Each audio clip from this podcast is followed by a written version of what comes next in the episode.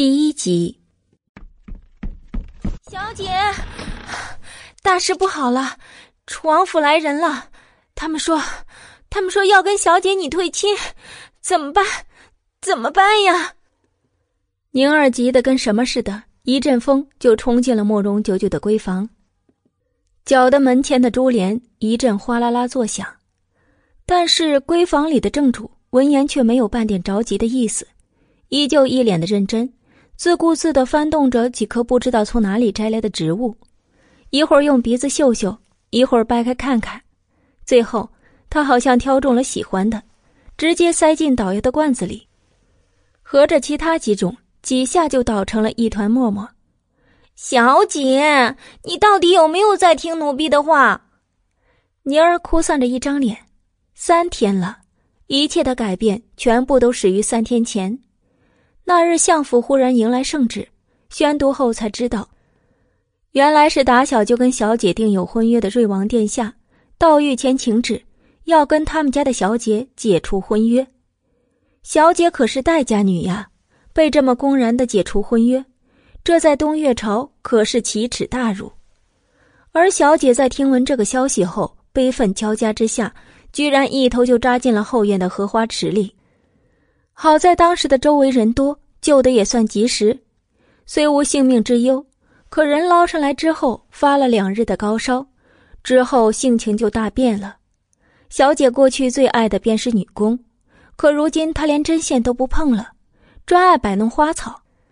但她这摆动跟旁人的摆动不同，旁人是惜花护花，可小姐若是有相中的花，直接连根就拔起来。为此惹了不少人的议论。啊！这时，一直沉浸在思考中的慕容九九，仿佛终于注意到眼前这个正急得满脸通红的大活人，有些懊恼的撇了撇嘴：“那个，你刚才说什么来着？什么？他居然没有听！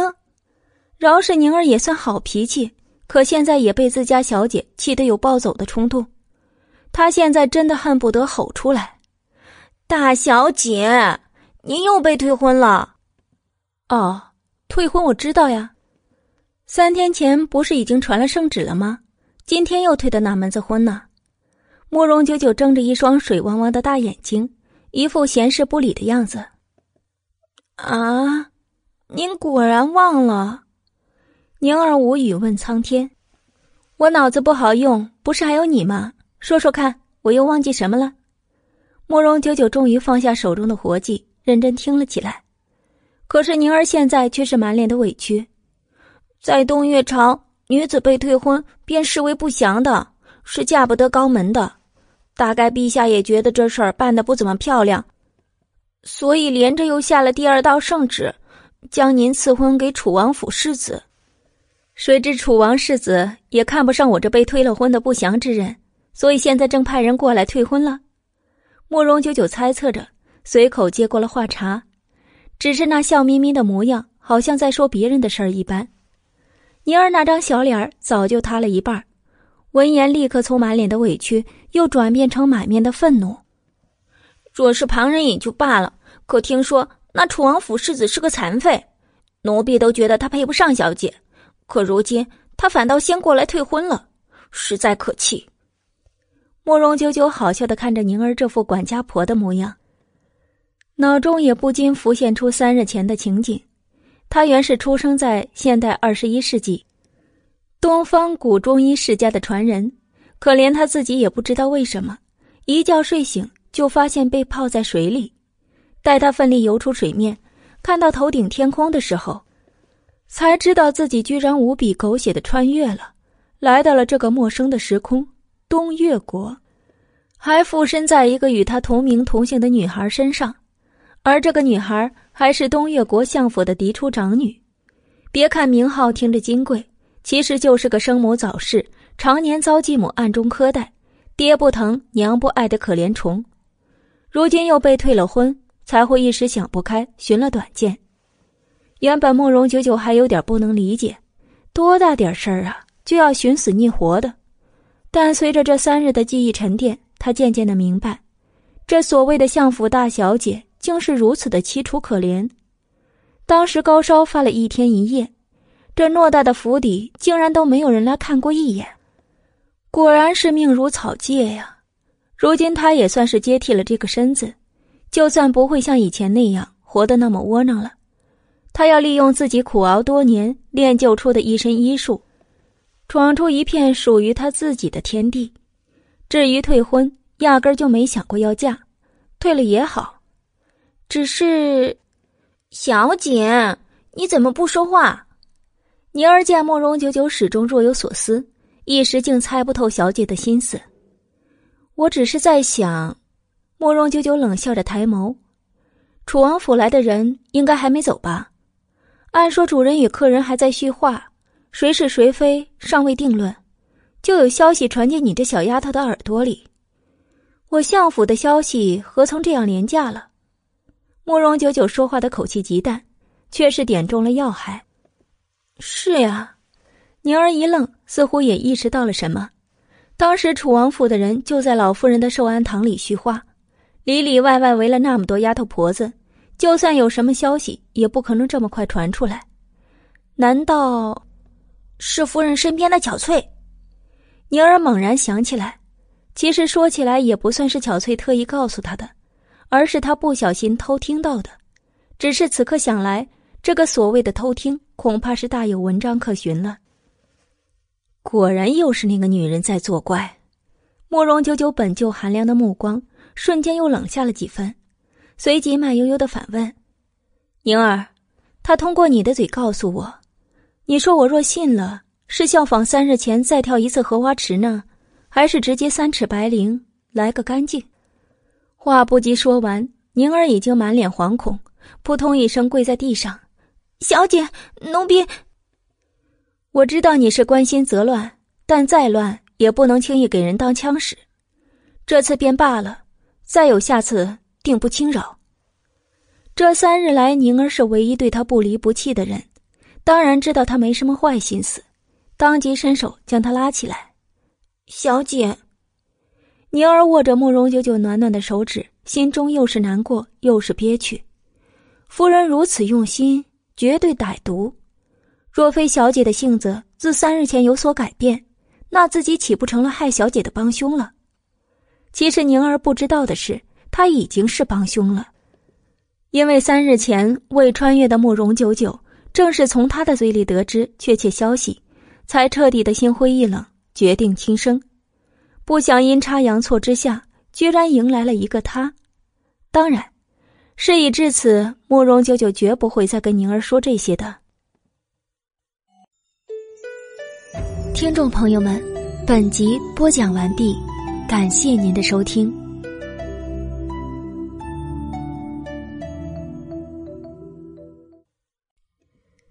第二集，宁儿是个单纯的孩子。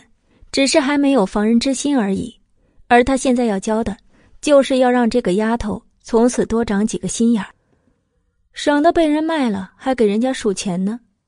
至于他那个继母苏氏，慕容九九眼底再次冷芒一闪，在没有足够的能力之前，他还不想太过出头，毕竟他现在还是个手无缚鸡之力的少女，在这个时代，以一家主母的身份，想无声无息的杀掉他。还是可以办到的，但随即转念一想，今日退婚又何尝不是一个契机？既然有人免费给我们这么好的消息，我们又怎么好意思不利用一下？走，去祖母的寿安堂看看。慕容九九忽然一语，宁儿一惊：“可是小姐，我们这会儿去恐怕不好吧？”慕容九九勾唇诡异一笑：“ 有什么不好？”刚才你路过园子的时候，什么都没有听到，回来也什么都没有禀报。我只是去寿安堂给祖母请安，仅此而已。宁儿听得似懂非懂，但她隐隐觉得小姐似乎不会吃亏，就点头赞同了。此时正值人间四月天，相府花红柳绿的院子里阳光正好。慕容九九主仆二人直接穿过花园的九曲回廊。朝着老夫人的寿安堂而去，而此刻的寿安堂内，因退婚的事儿自是高朋满座。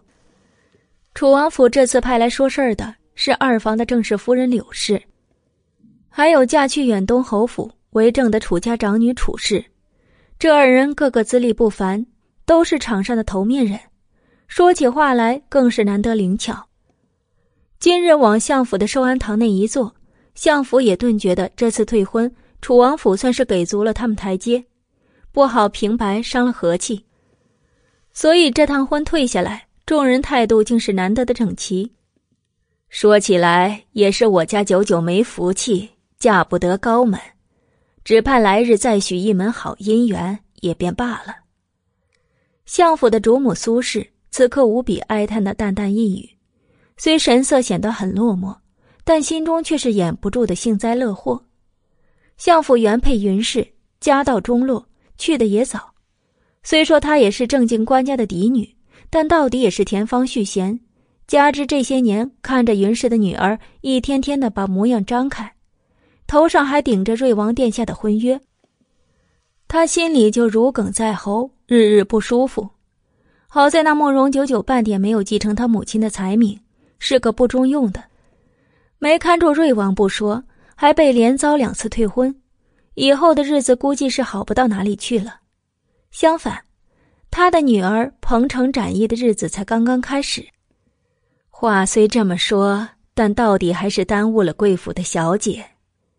这时，忽听远东侯夫人处事淡淡的道：“听说贵府的小姐也到了及笄之年，若夫人不嫌弃，如今我手上正好有几门不错的姻缘，倒是可以给夫人还有老夫人参详参详。”堂堂的远东侯夫人给出的姻缘，就算不是京城贵胄、高门大户，那也是人品德行上上的人选，别人就是求也求不来的。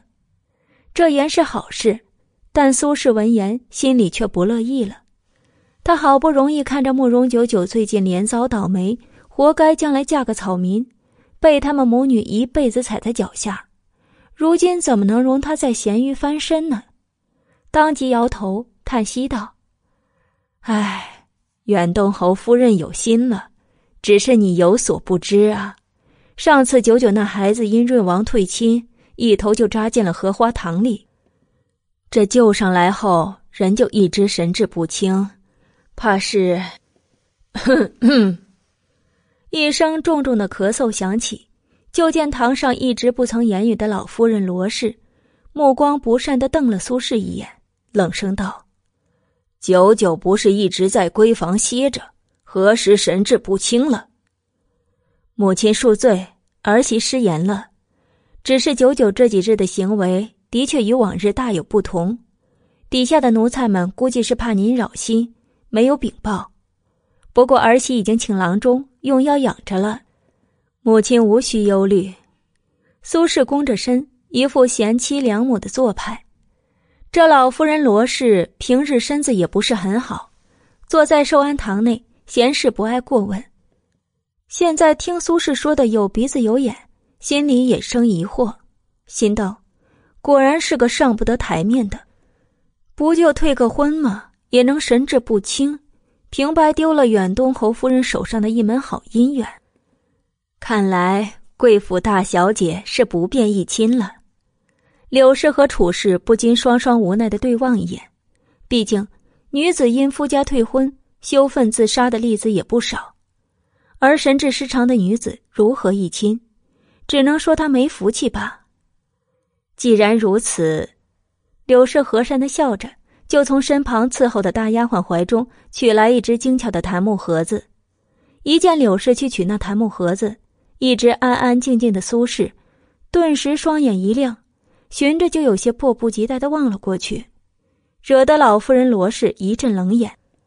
而也就在这个时候，寿安堂层层木帘之外，忽然响起一个清朗如风的声音：“孙女来给祖母请安。”这一嗓子喊来，立刻打断了屋里正在进行的事。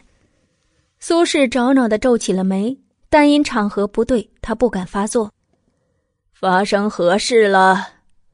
老夫人罗氏也不耐烦的道：“近身伺候的桂嬷嬷立刻打开帘子，出去查看了一下，回来道：‘禀老夫人，是大小姐来了，说是给您请安。’请安，请个什么安？苏轼一听，立刻暗自一喜，知道他交代下去的事儿定是办成了。那死丫头受不了两次退婚的打击，估计一闻讯就赶来闹腾了。殊不知他们这里早就一锤定了音。不过闹闹也好，女儿家闹得越大，就越是轻贱自己，到时候也不能怪他这个主母随便给他指个破落户嫁了。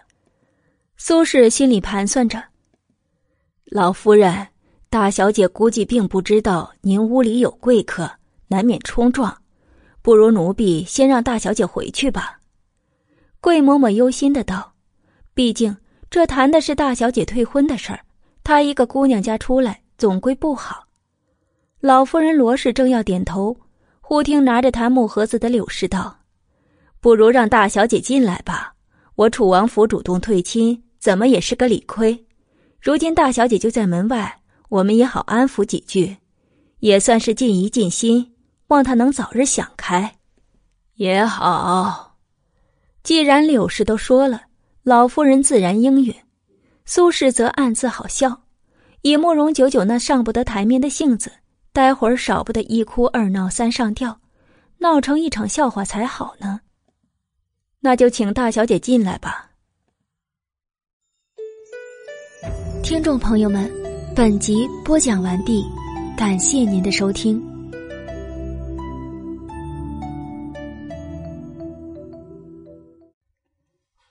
第三集，寿安堂木帘外，慕容九九听到传唤嬷嬷的话，想着自己此来寿安堂的目的，不觉得勾唇一笑，步履平缓的就踏进了门槛。待看清屋内琳琅满目坐着的妇人时，并没有惊慌。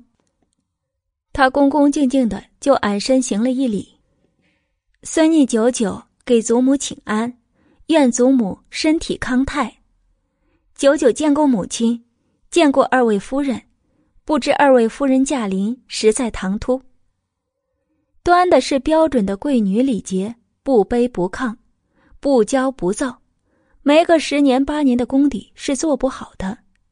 而这个时代看女子，看的便是体德品貌，无疑慕容久久的登场是合格的。但苏轼刚才却说他神志不清。这是神志不清的人能做的姿态吗？一时间，柳氏和楚氏皆面上一愣，目光下意识的就望向了苏轼本人。老夫人罗氏也瞬间冷下了脸，看向苏轼的目光恨不得飞出一对刀子。明明是个品貌皆宜的孙女，偏就被他说成了神志不清。苏轼当即变了脸色，有些不敢置信的望着堂前优雅从容的慕容九九。他平日从不曾让人教他这么标准的礼仪，他怎么可以做到？大小姐，快快起身吧！今日一见，端知大小姐蕙质兰心，原是我家世子没这福气啊！柳氏和楚氏上下打量着慕容九九，半天才赞赏的道，但心里却对苏轼充满了鄙夷。继母苛待嫡女的事，他们也不是没听过，但好好的闺女。平白给诬陷成神志不清，却是相当歹毒。只是不知慕容宰相何等的精明，竟娶了这么个不顾脸面的正妻。感受着二位夫人打量的目光，苏轼的脸上顿时火辣辣的厉害。他强忍着情绪，笑着起身，故作欣喜的道：“九九，我的好闺女，想不到你的病居然好了。”慕容九九的眼底有淡淡的冷芒闪过，望着跟前这张伪善的嘴脸，故作不解的道：“病，母亲说笑了。女儿何时染了病？母亲定是家中俗事缠身，记错了吧？”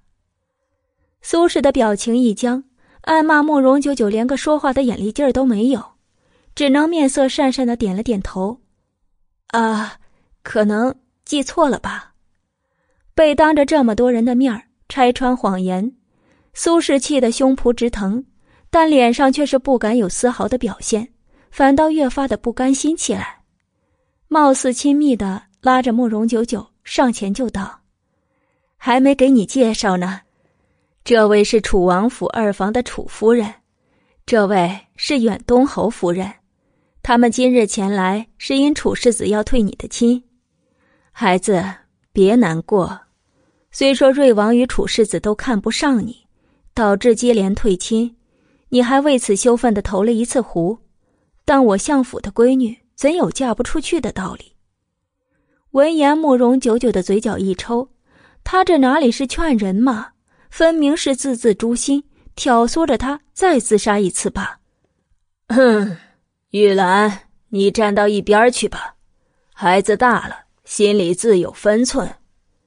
就连老夫人罗氏也看不下去了，阴着脸冷嗤一声。苏轼只好强笑着退下。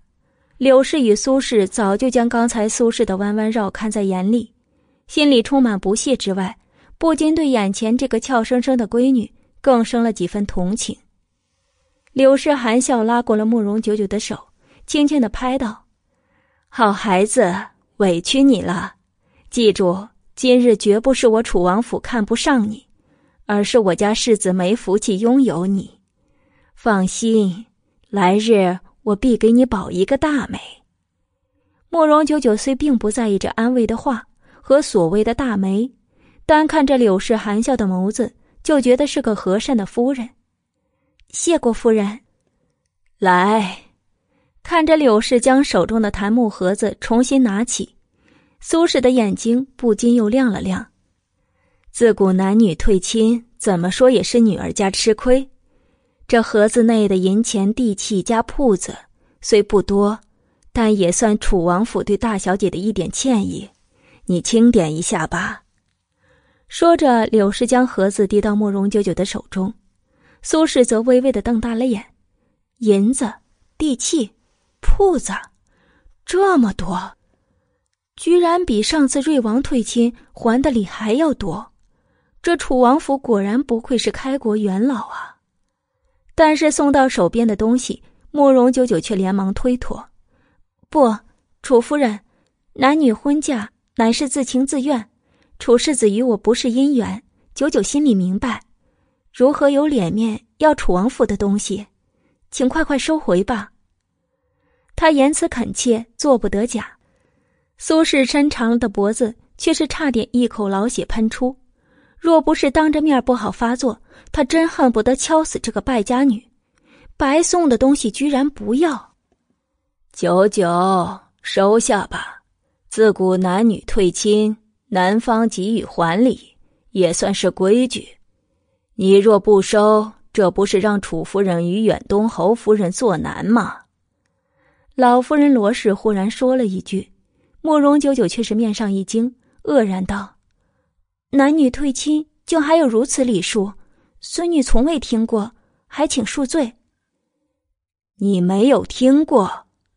老夫人罗氏一愣，一双阴冷的眸子就瞪向苏轼。上次瑞王退亲给的还礼，你没告诉九九吗？啊，这……苏轼一时语塞，他当然没有给慕容九九了。东西到了他的手里，如何能给出去？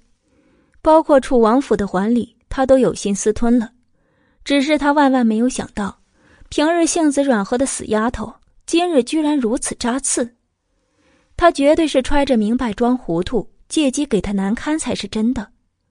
苏轼心里暗恨，但面上却是匆忙的做了解答：“啊，因为当日九九投湖，府上也是一团乱，儿媳。”儿媳一时忙糊涂了，还未告知，未告知，分明是想吞了九九的东西。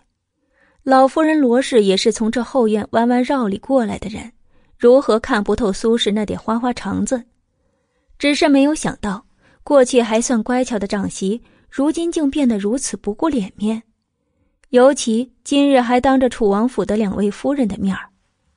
老夫人罗氏只觉得面子里子都让这个贱妇给丢光了，但当着人的面她又不好教训媳妇，只能冷着脸警告道：“既然忘了，那就尽快补上。那可是九九未来嫁娶的天妆，没的还以为我相府连自家闺女的东西都要贪墨呢。”是，苏轼低着头，背梁已经见汗。而他心里也知道，老夫人今日是真的生气了。他再不敢随意的阳奉阴违，同时心里更加后悔，他压根就不该让这个死丫头过来。他今天算是搬起石头砸了自己的脚啊！听众朋友，本集播讲完毕，感谢您的收听。第四集。柳氏与楚氏直直的将这一幕看在眼里，心里对苏轼又是讥讽又是不屑。良久，才将那檀木盒子稳稳的放进慕容九九的手中，朝苏轼冷冷一笑：“夫人果然是好手段呢，绝对是赤裸裸的讽刺。如今天儿也不早了，既然事情说定，那我们就先告辞了。”楚氏率先起身，论诰命，他是在场的品阶中最高的，所以连老夫人也得赶紧起身相送。二位夫人慢走。就算苏氏今天闹了个没脸，但作为相府的主母，她也必须得绷着笑脸，一路将柳氏跟楚氏送到了相府的大门口。而这两位夫人则再没给过苏氏一个正眼。苏氏今天丢了脸面不说。送走贵客，回到寿安堂，又得了老夫人好几句训斥，差点没气炸了肺。而这一切全都是因为慕容九九，只是他始终想不明白，过去胆小怕事的慕容九九为何变得如此奸猾伶俐。数年都未遭过挫折的苏轼，这次绝不会这么轻易的咽下这口气。慕容九九，你给本夫人等着！闺房内，小姐，你太能干了！才出去这么一会儿，就拿回这么一大箱子宝贝。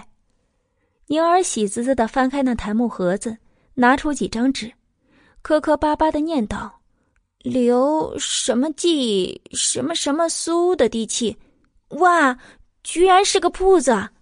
这是账目吗？这么厚，看不懂。哎。”这还有个不知道什么房契，还有郊外农庄田地，哇，小姐，咱们以后发达了。瞧你那点出息！慕容九九朝宁儿翻了个大白眼，走上前也看了一下，一个刘记陶仁苏的地契，应该是卖糕点的铺子；一个丝制房的铺子，估计是买布料的，不禁笑道。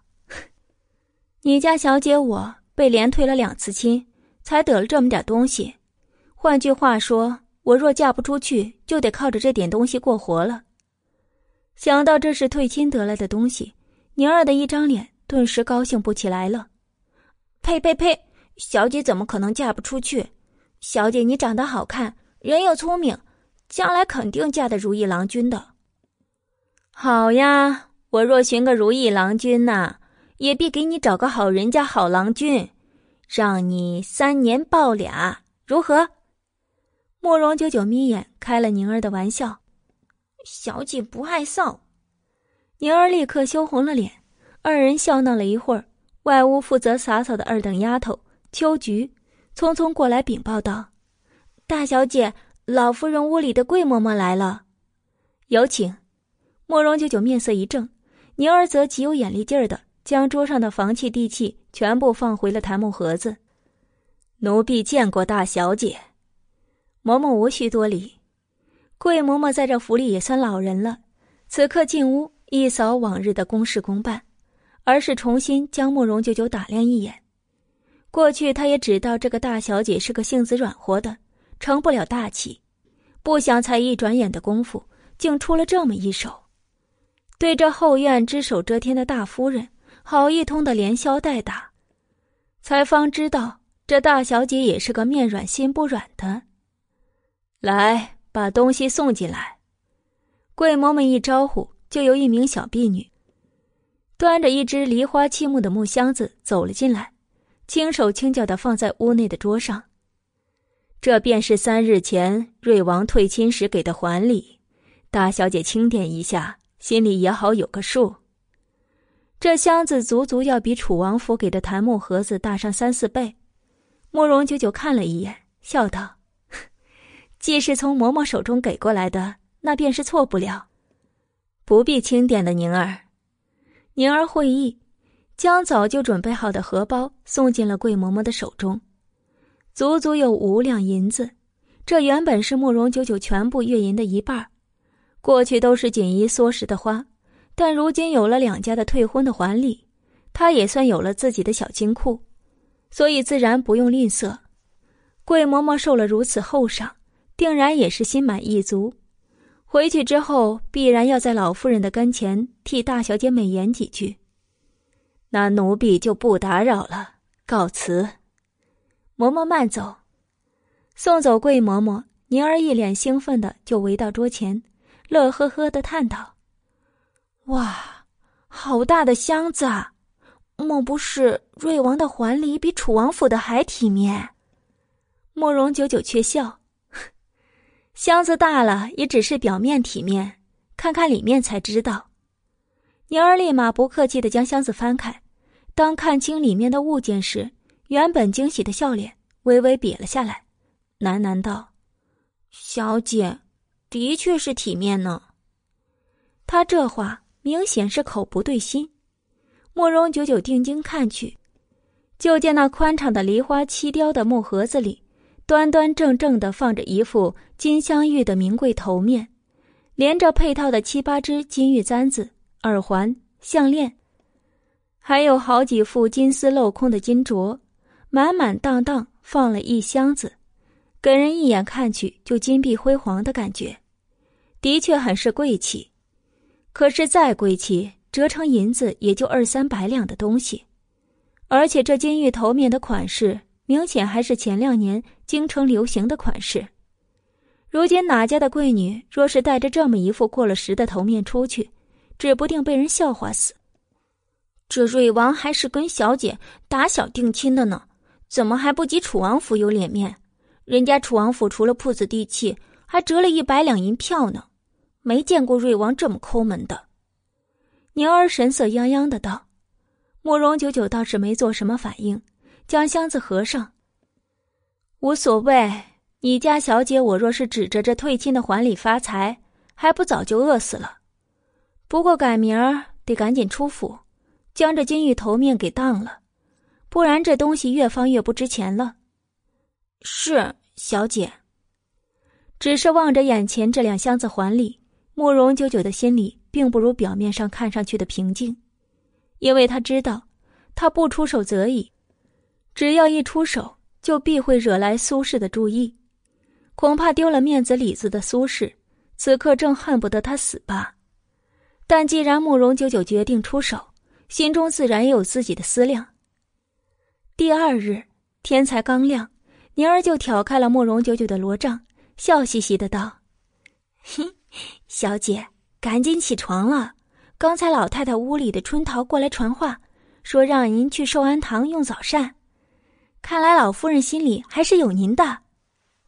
慕容九九睁开眼，懒懒的一笑：“有没有我不知道，我只知道我昨日揣进桂嬷嬷怀里的那五两银子，还真没白揣，今日就有回响了。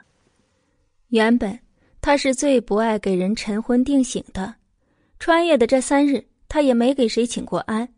但想着今日去寿安堂的目的，慕容九九还是乖乖起了身。屋外洒扫的二等丫头陆续端来了镜面的铜盆，洗过脸、漱过口之后，慕容九九又被按到妆台前，好一番打扮，才算完事儿。这玉钗就不戴了，累赘，不觉得这样清清爽爽就很好吗？慕容九九婉拒了宁儿给他推荐的首饰，笑着就起了身。宁儿则撅着嘴：“小姐，您都快及笄了，总这么素面朝天的，可怎么好？您瞧瞧二小姐、三小姐他们，个个恨不得珠花插满头呢。”慕容九九笑得不置可否。听众朋友，本集播讲完毕，感谢您的收听。第五集，进到寿安堂的时候，屋里还没有什么人，老夫人罗氏也刚刚起来，给祖母请安。来了，老夫人也只是淡淡一应。过去这对祖孙就不怎么亲近，如今慕容九九又换了副新灵魂，就更是亲近不起来了，却也不别扭。那边早膳已经被鱼罐端上了桌，老夫人罗氏也在搀扶下率先入了座。随口道：“也没什么稀罕的，你随便用些吧。”是祖母。这时，老夫人不着痕迹的淡淡打量了慕容九九一眼，说道：“过去啊，总以为你是个没出息的，不想如今脑子竟也伶俐了。既然伶俐了，以后就该知道要做什么了吧？”慕容九九闻言一愣，这老妇人说话有点不留情面。但若细细推敲，还是有点意思的。当即故作苦笑道：“ 孙女自然明白，只是孙女已经被两家退。”行了，前事不提，吃饭。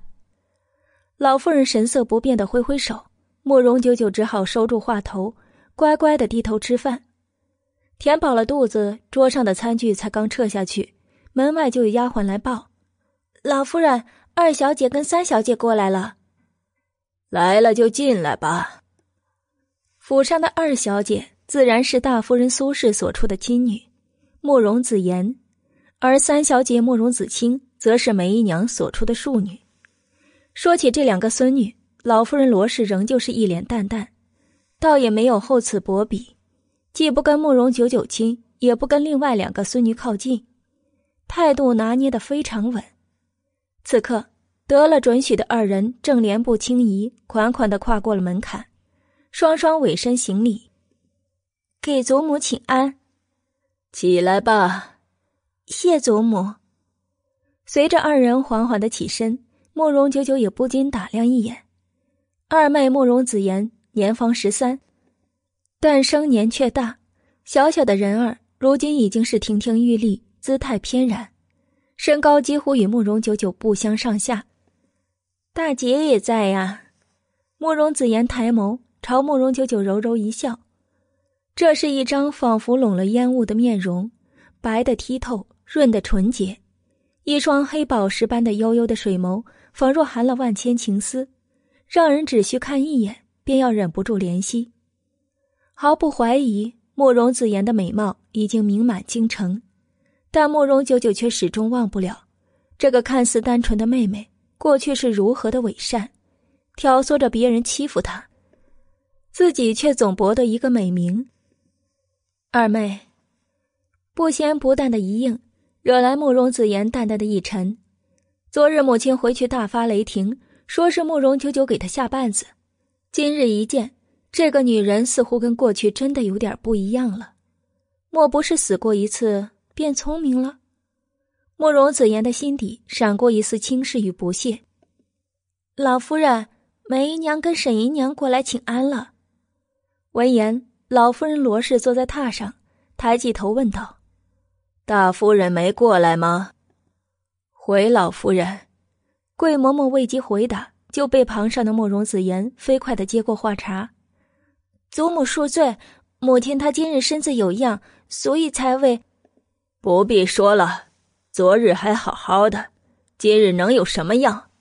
分明是看我这老太婆不顺眼，便不来了。哼，我老太婆也不求她能晨昏定省，好生安分守己，少做些丢人现眼的事才是真的。老妇人微沉的面容，冷声一语，明显带着昨日的火气。慕容子言被噎得面上一僵。但也不能服逆，只能独自生着闷气，坐回了原位。这祖孙三人本就心不挨着心，坐在一块也没什么聊的。加之老夫人罗氏素来喜静，这请安很快就散了场。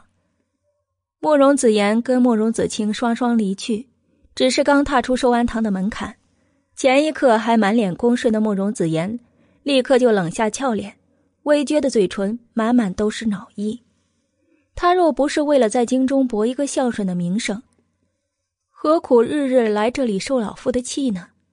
慕容子清知道他为何而怒，表情讨好的道：“二姐无需放在心上，祖母素来就是个冷口的，见着谁不都是那副脸孔吗？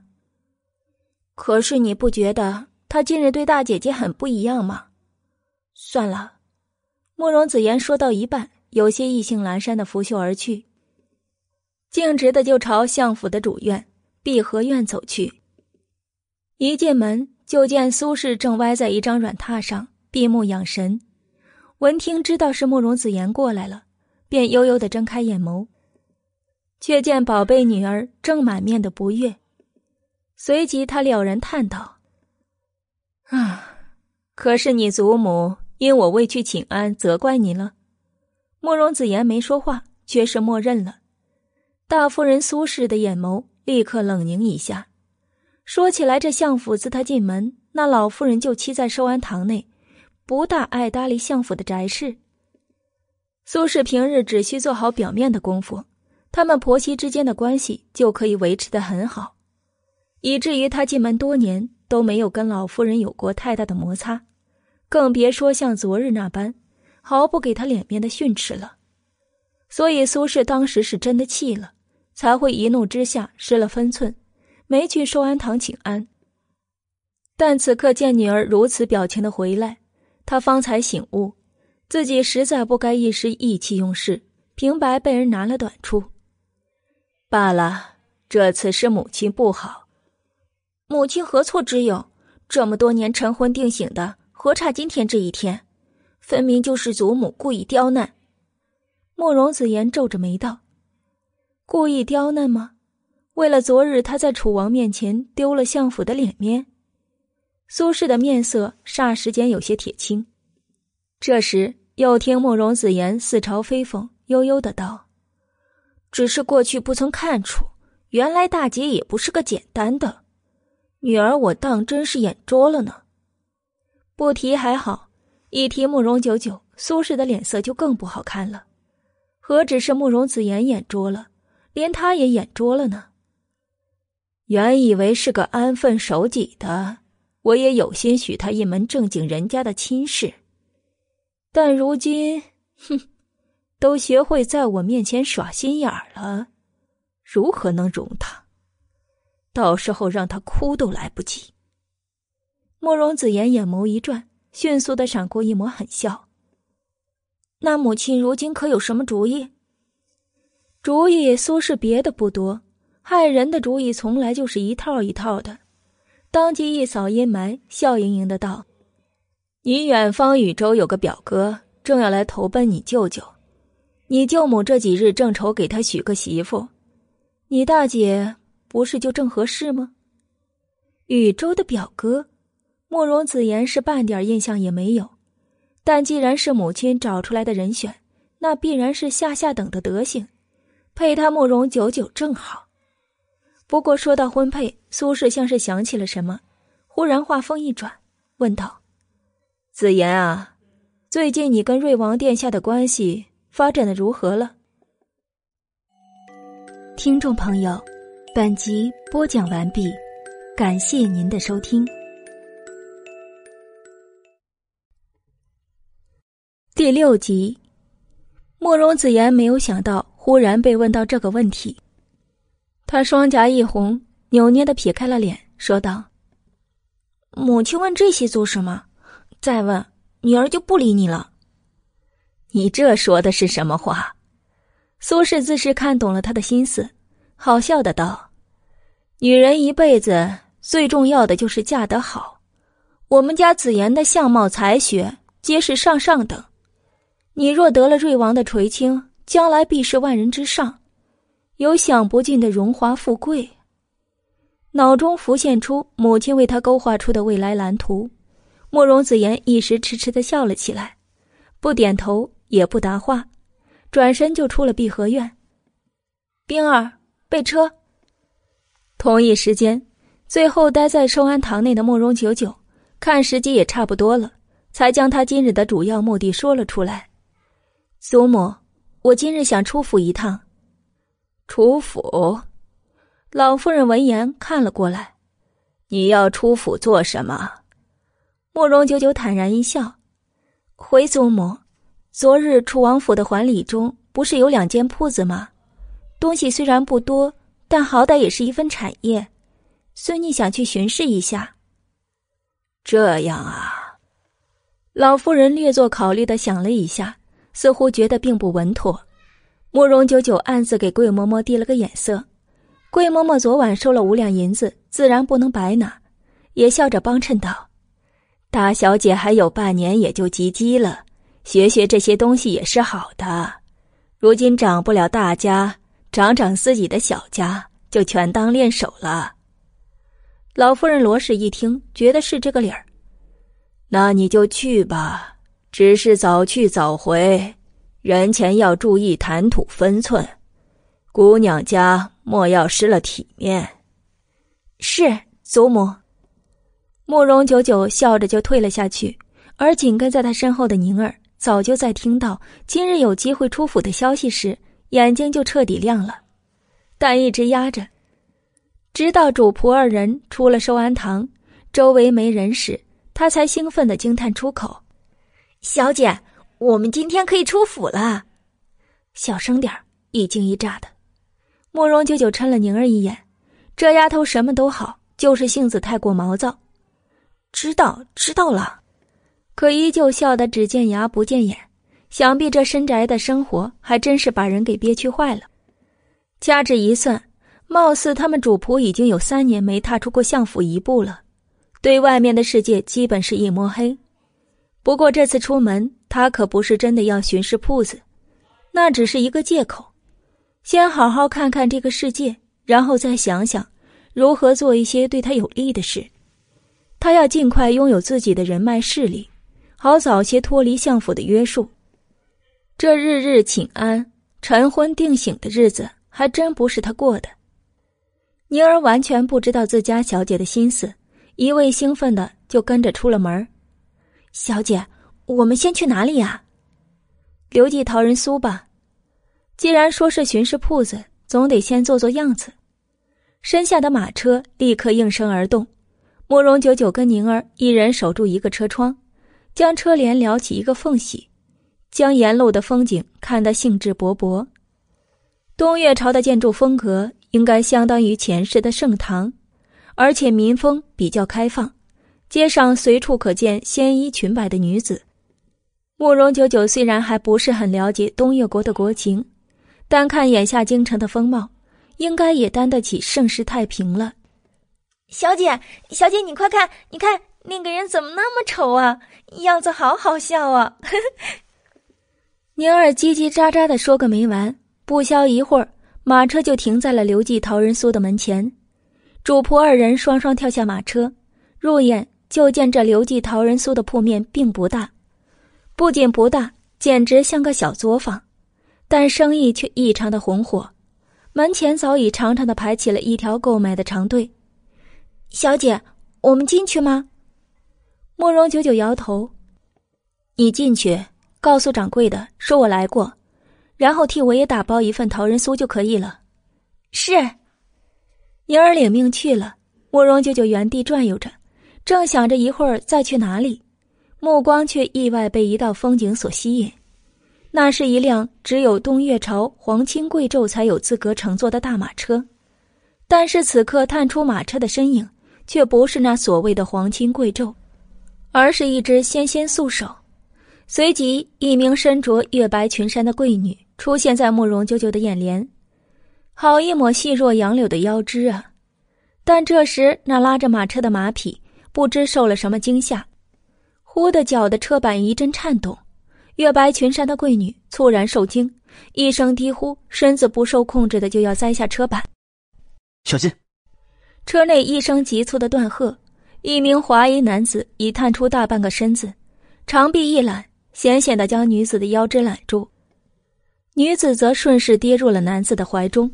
远远望去，男子生得非凡俊逸，女子生得貌若天仙，真真是一对郎才女貌的璧人。只是当慕容九九看向马车前那标注着主人身份的木牌时，嘴角却忍不住扯出一抹讽刺的笑。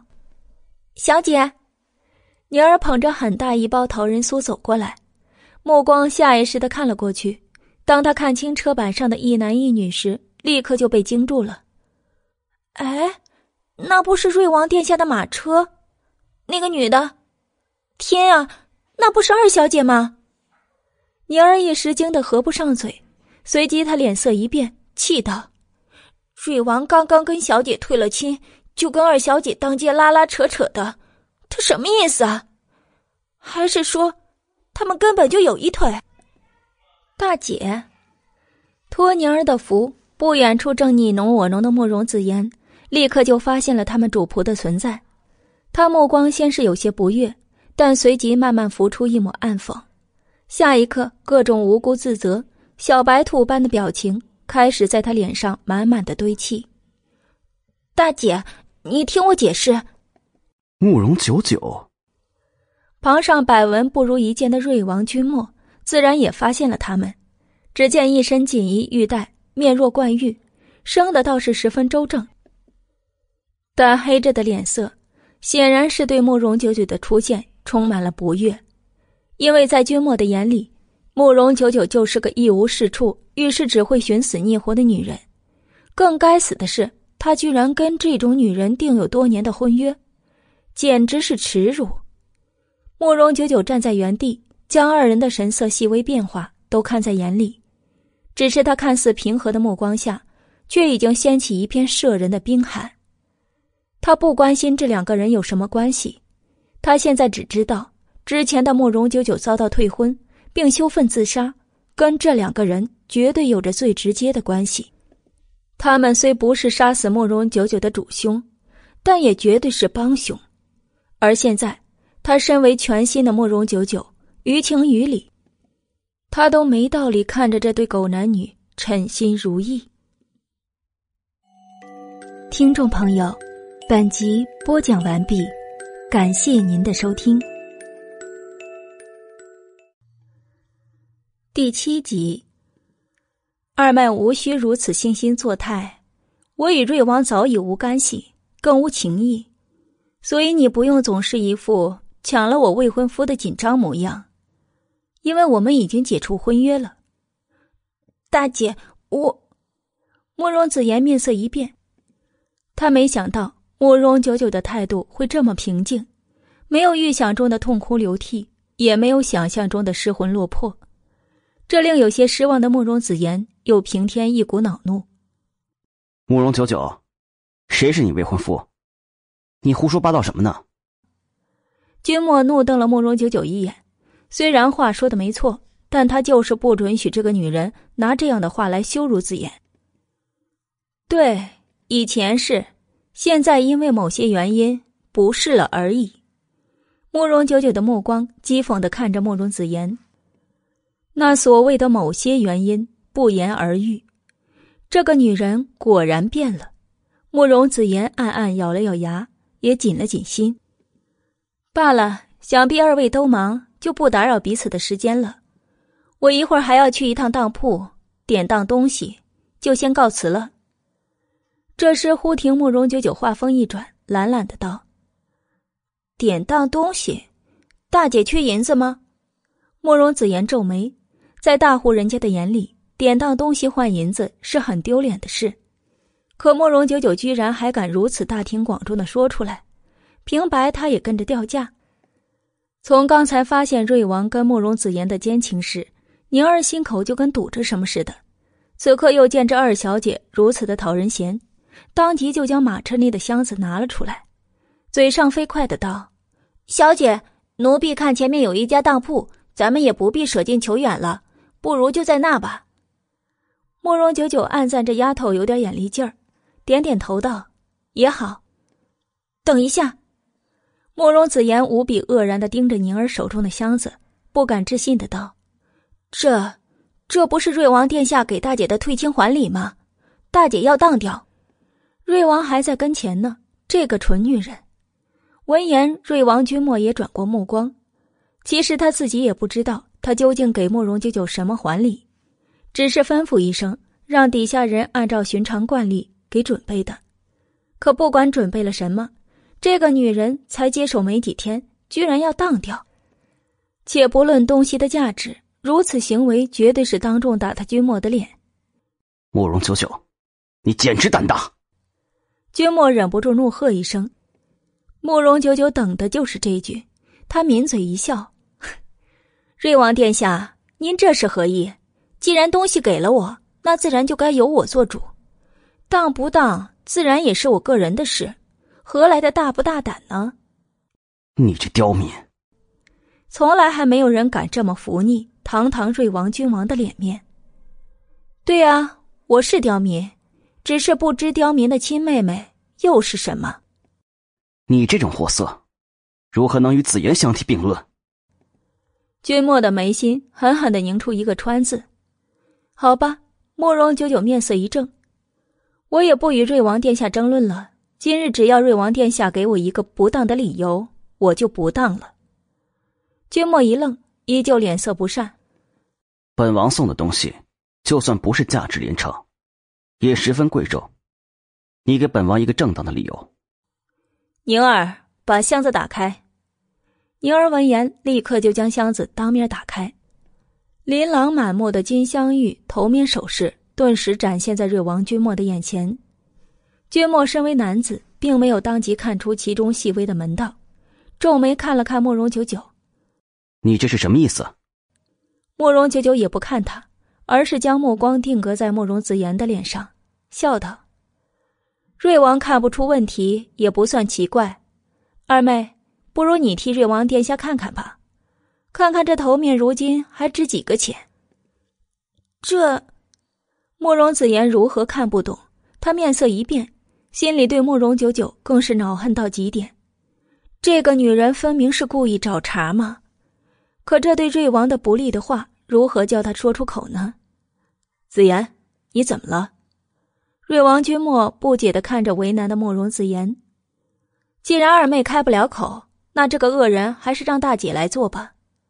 慕容九九很合时宜的接过话茬：“瑞王殿下，实不相瞒，您送的这套头面金子和玉都是好的，但款式却已经是京城几年前流行过的。”如今已经没有官家女子愿意穿戴了，您说，您让九九守着这么一副穿不得、戴不得的东西做什么？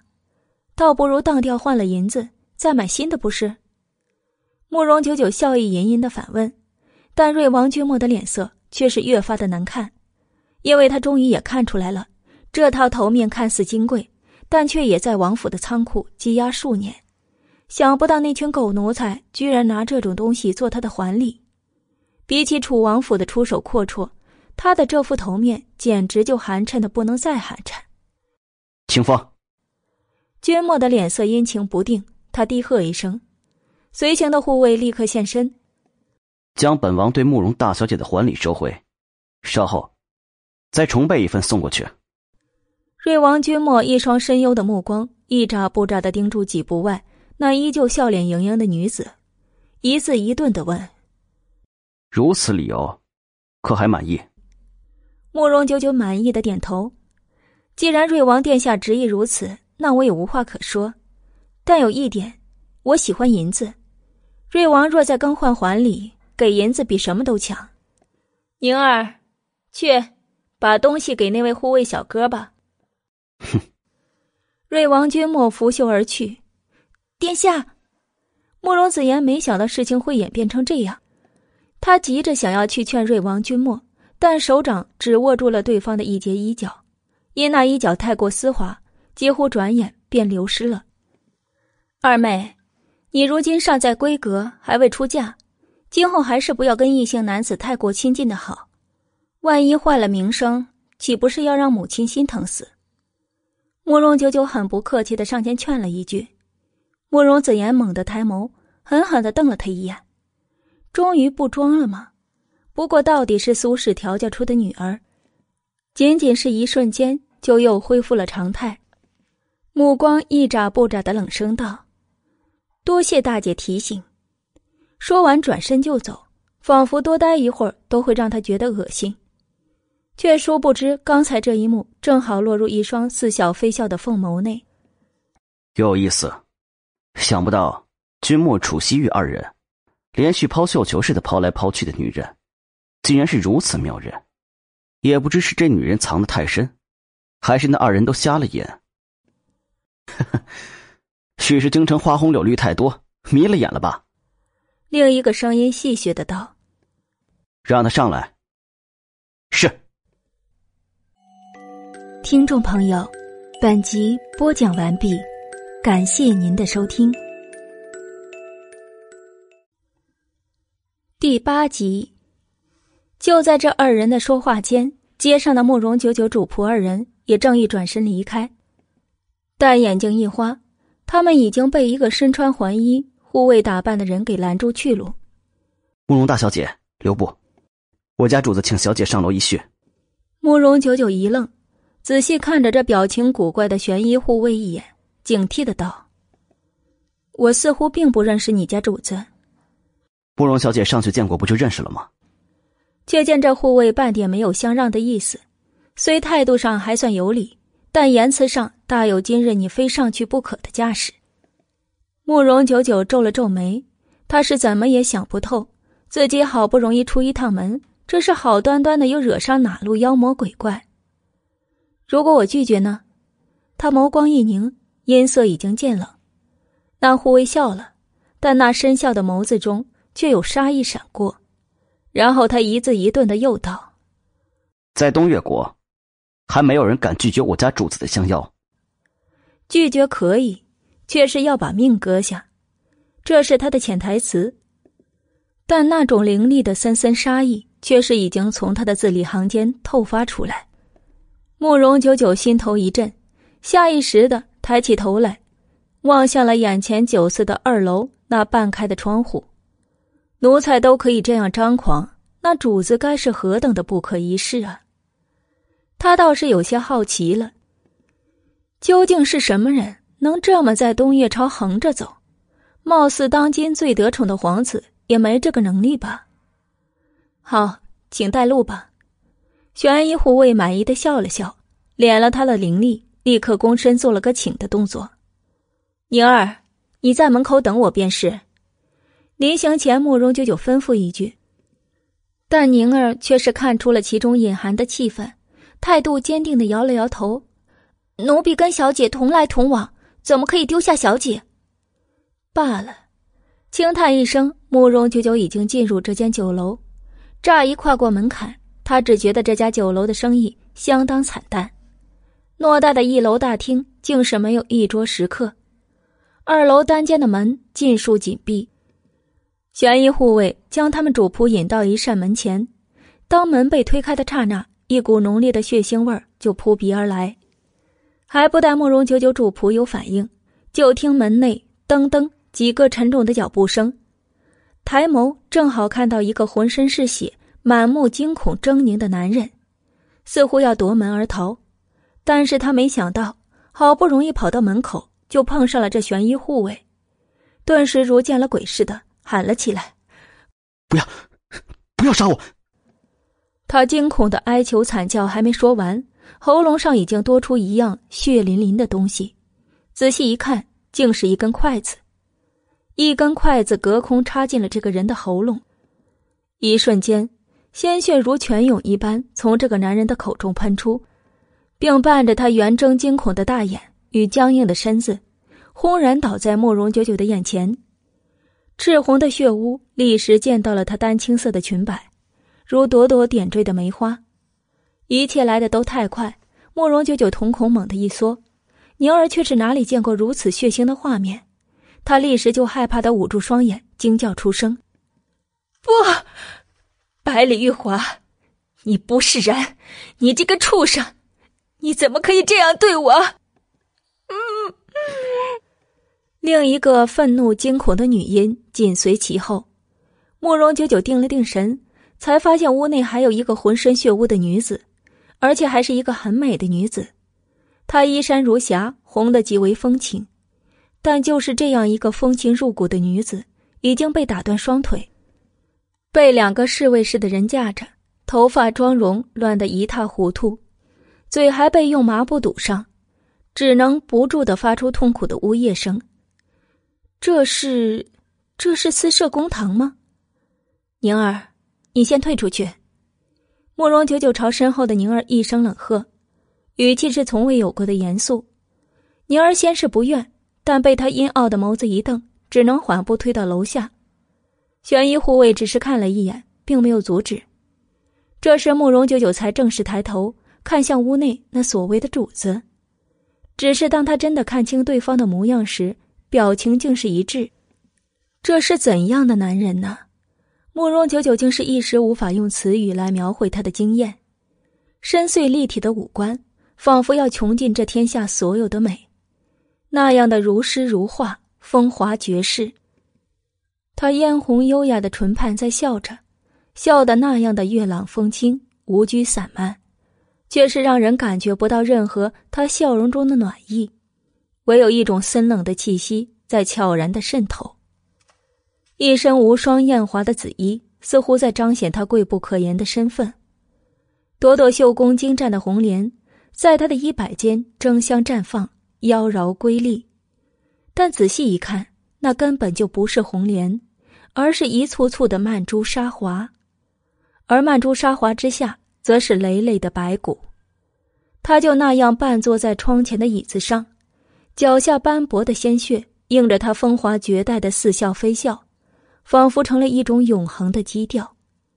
他并没有理会自己新的客人，而是慢条斯理的望着脚下那凄惨的红衣女子，问道：“红山，我待你不够好吗？为何要连同旁人对付我？”嗯嗯嗯。红衣女子连连的摇头，大滴大滴的眼泪从她的眼中夺眶而出，也不知道是怕的还是悔的。你以为你做的天衣无缝吗？可惜，还是被我发现了。该怎么办呢？男子悠悠的问，像是在跟他的情人征求某些意见。不过片刻，他却已经决定了什么。我曾经很喜欢你的眼睛，大而有神。就割掉你的双眼吧。至于你的身子，卖去最低等的娼妓馆。既然你自甘堕落。那我倒不介意送你一程。旁上的护卫立刻领命，而他们的剑似乎经常干这种营生，几乎瞬间就轻巧的挑下那红衣女人的双眼。麻布下那声嘶力竭的惨叫，呜咽着，竟是那样的惊心动魄。很快，那女子便疼晕了过去，然后如拖死狗一般，连同地上男子的尸体一并都给拖了下去。小小的房间里。恢复了安静。过来。站在窗前犹如闲庭散步的男子，终于缓缓的朝他伸出了手。这个男人是他从未见过的极美极艳，但慕容久久就是有种后背发凉的感觉。但他还是一步步的走了过去。你叫慕容久久？他语气非常的慢，但含着摄人的磁性。小女正是。听众朋友，本集播讲完毕，感谢您的收听。第九集，看着慕容九九静若秋水的面容，男子忽然开怀笑了，霎时间有种杨花初绽、春回大地之感，美的实在让人心动。我很喜欢你的舌头，伶牙俐齿，连墨君那个蠢货的脸都敢打，哈哈哈。记住我的名字，我叫百里玉华。喜欢他的舌头，慕容九九听在耳中，瞬间有种舌头打结的感觉，然后笑得很苦的道：“ 小女子荣幸之至。”真的荣幸吗？我最不喜欢撒谎的女人。下巴忽然一紧，慕容九九已经被强迫的抬起了头，入目。就是这个男人挑剔的目光，真瘦，模样还凑合，养活几日估计能有点姿色，不知牙口好不好？他喃喃一语，慕容九九心上一抽，您老这是挑人还是挑骡子呀？小女从不撒谎。哦，你既然是真的荣幸，那以后做我的眼中人如何？百里玉华松开他的下巴，眯着眼。懒洋洋的问道：“眼中人。”慕容九九立时有种不好的预感，何为眼中人？呼来则知，挥之则去。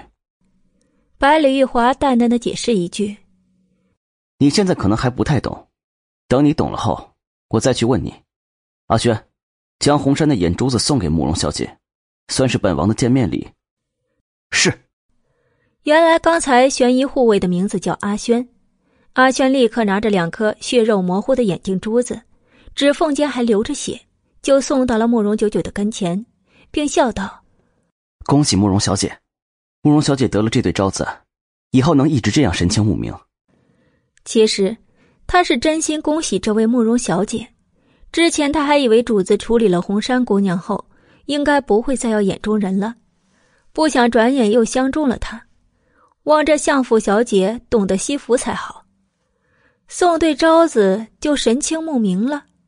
慕容九九给眼前这对主仆毫不犹豫的加了一个标签不过心里虽这么想着，但面上却知道这个人他惹不起，当即拿出自己贴身的帕子，就将这对眼睛珠子包了起来，然后毫不犹豫的揣进怀里。多谢赏赐。这等胆识，就连侍卫阿轩也微微动了眉峰，百里玉华更是发出一声肆无忌惮的大笑。如这俗世的妖孽，我果然没有看错，有意思，真有意思，哈哈哈哈！他笑着转身就走。小姐，待所有人走后，宁儿才跌跌撞撞冲上了楼。看着这满地的血迹，他真有种快虚脱的感觉。慕容九九反倒搀他一把，一步步走出这间酒楼。直到感受到外面暖暖的阳光，他才有种松口气的感觉。此人虽心狠手辣，但却还没有到让他诚惶诚恐的地步。只是不知这百里玉华究竟是什么人。坐在回府的马车上，慕容九九忍不住问了一句：“百里玉华，那个人居然是传说中的玉郡王百里玉华？”却见宁儿闻言。刚恢复些的脸色又瞬间白了下来，慕容九九一愣：“你知道此人？”宁儿蠕动着嘴唇，半天才苦着脸道：“何止奴婢知道，恐怕整个京城就没有不知道百里玉华这四个字的人。看来此人的名声还不小，就他孤陋寡闻了。那他到底是谁？”这时才听宁儿心有余悸的道：“他是当朝溧阳长公主之子。”为人十分乖张，而且手段狠辣，经常以杀人为乐。听说他最大的癖好就是喜欢用年轻女子的皮做人皮灯笼，说这样点起来才活色生香、有滋有味。所以很多人私下都给他取了个外号，叫“笑面阎罗”。笑面阎罗，这名字倒也衬他，因为那个人似乎一直在笑。还笑得那么月朗风清，人畜无害，但偏偏做出来的事儿凶狠毒辣，而且无比嚣张。只是他这么横无忌惮，就没有人管吗？这是慕容九九最大的疑惑。长公主之子又如何？再贵，贵得过皇子吗？宁儿摇头，小姐有所不知，溧阳长公主府不仅权势滔天，玉君王还是个商业天才。这天下至少一半的生意都姓了百里，就连皇上也要对溧阳长公主府礼让三分呢。因为惹恼了玉郡王，咱东越国的国库至少就要空一半。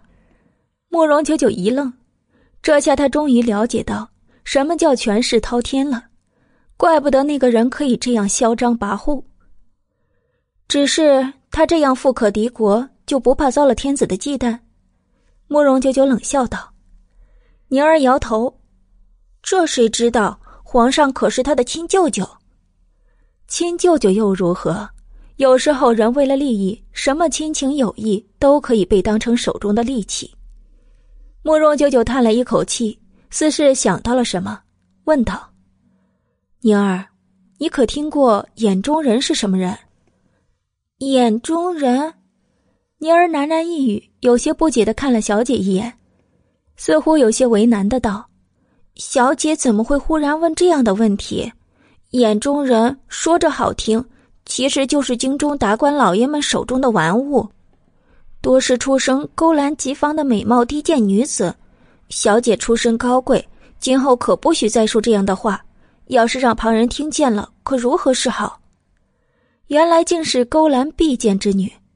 慕容九九清丽的眼眸立时一沉，不问这个问题了。那我再问另一个，你可听过一个叫红山的女子？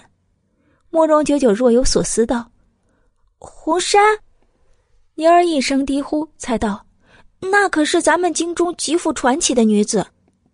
听说她只是出生普通富户家的女儿，但却是极会做生意，手中的产业明月坊所出的首饰，渐渐价值连城，受到很多朝中闺女的追捧。而且还听说这位红山姑娘不仅才情过人，容貌也是堪为绝色。”所以惹来很多朝中新贵的求娶，但他对谁都不加辞色。为此还得罪了一家权贵，那权贵曾当场扬言，不出半年要让美貌的红山姑娘在他床上任他骑压。当时还有不少人为此扼腕叹息，却不想没过多久，红山姑娘没事儿，那权贵却是夜里被人摘了脑袋。当时这事儿在京中传得神乎其神呢。小姐，你怎么又忽然问上这些问题？宁儿歪着头，总觉得小姐今天的神色有些奇怪。难道刚才被玉郡王给吓的？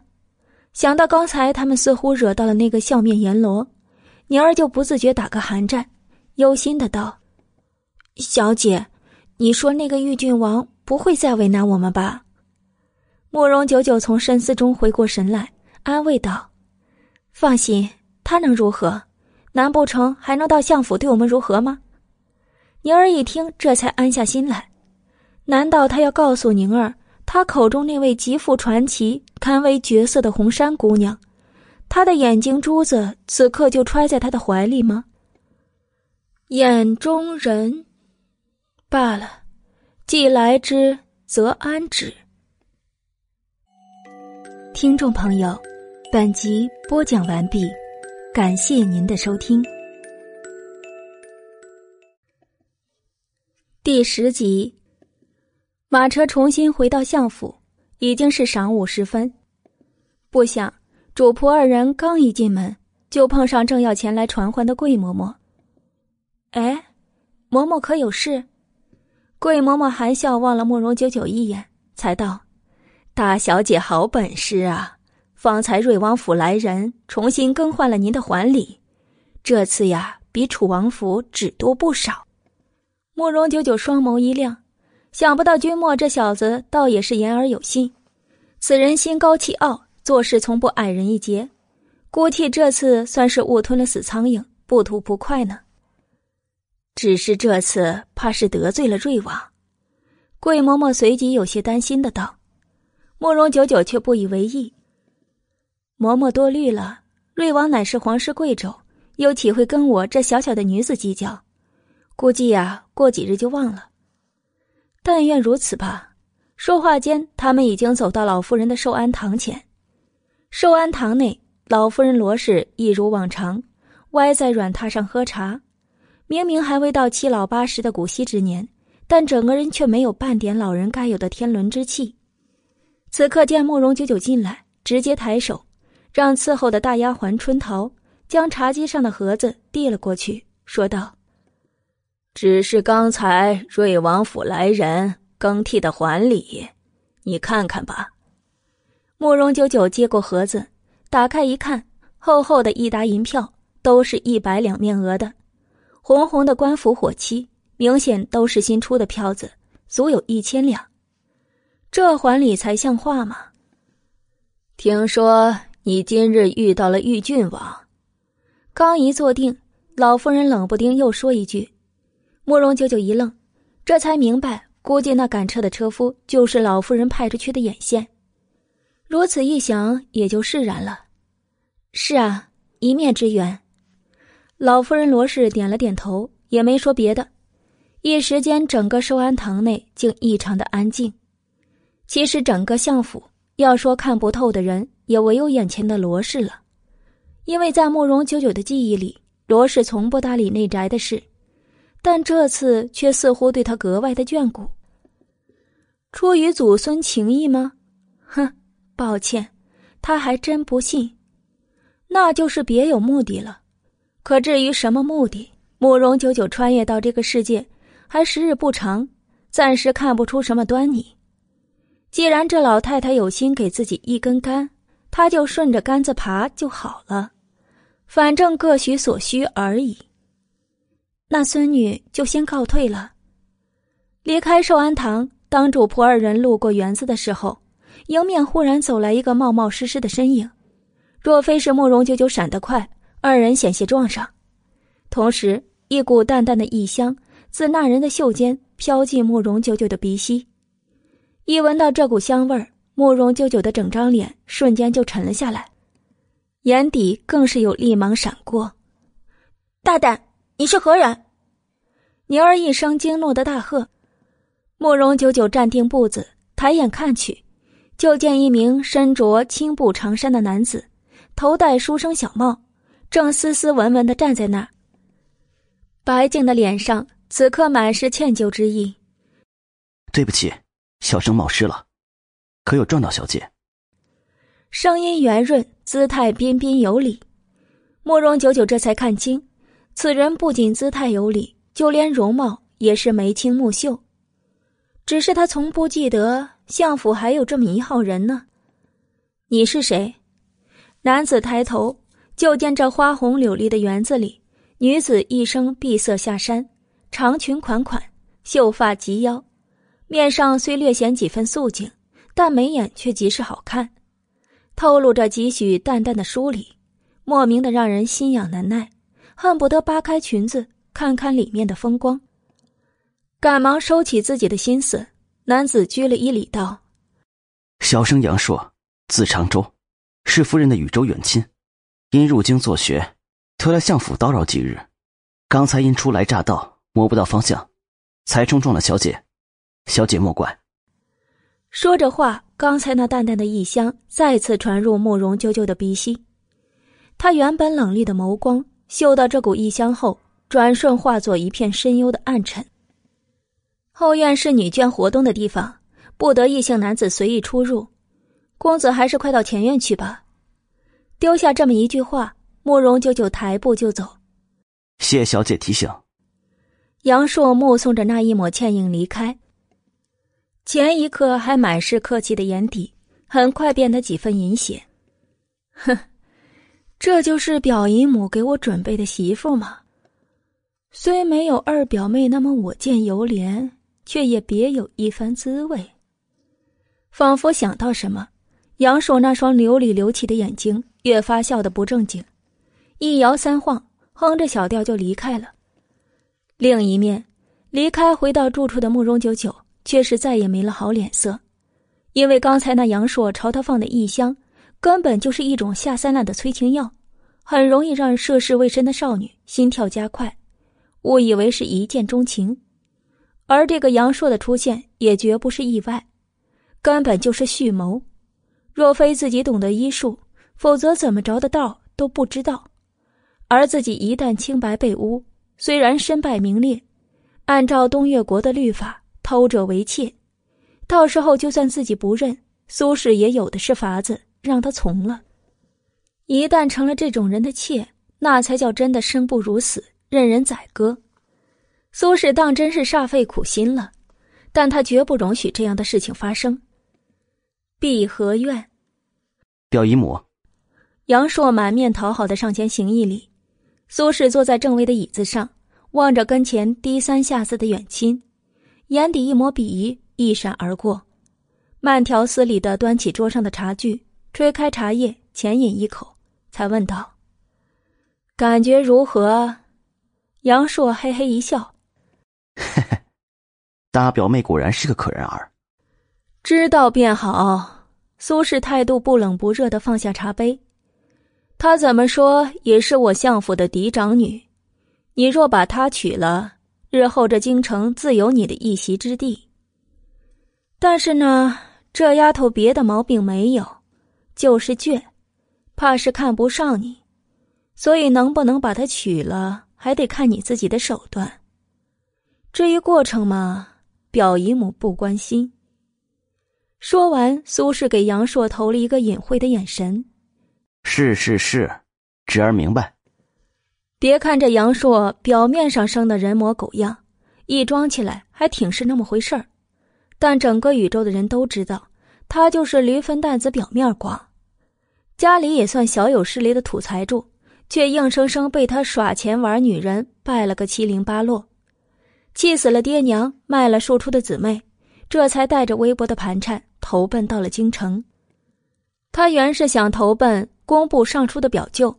但表姨母却突然来话，说要给他说个媳妇，而且还是相府的嫡出长女。他如何能不乐意呢？听众朋友，本集播讲完毕，感谢您的收听。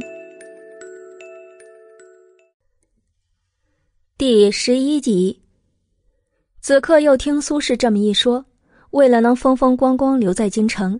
他对慕容九九更加志在必得了，同时脑子一转，一道阿扎的计策顿时就在脑子里成型了。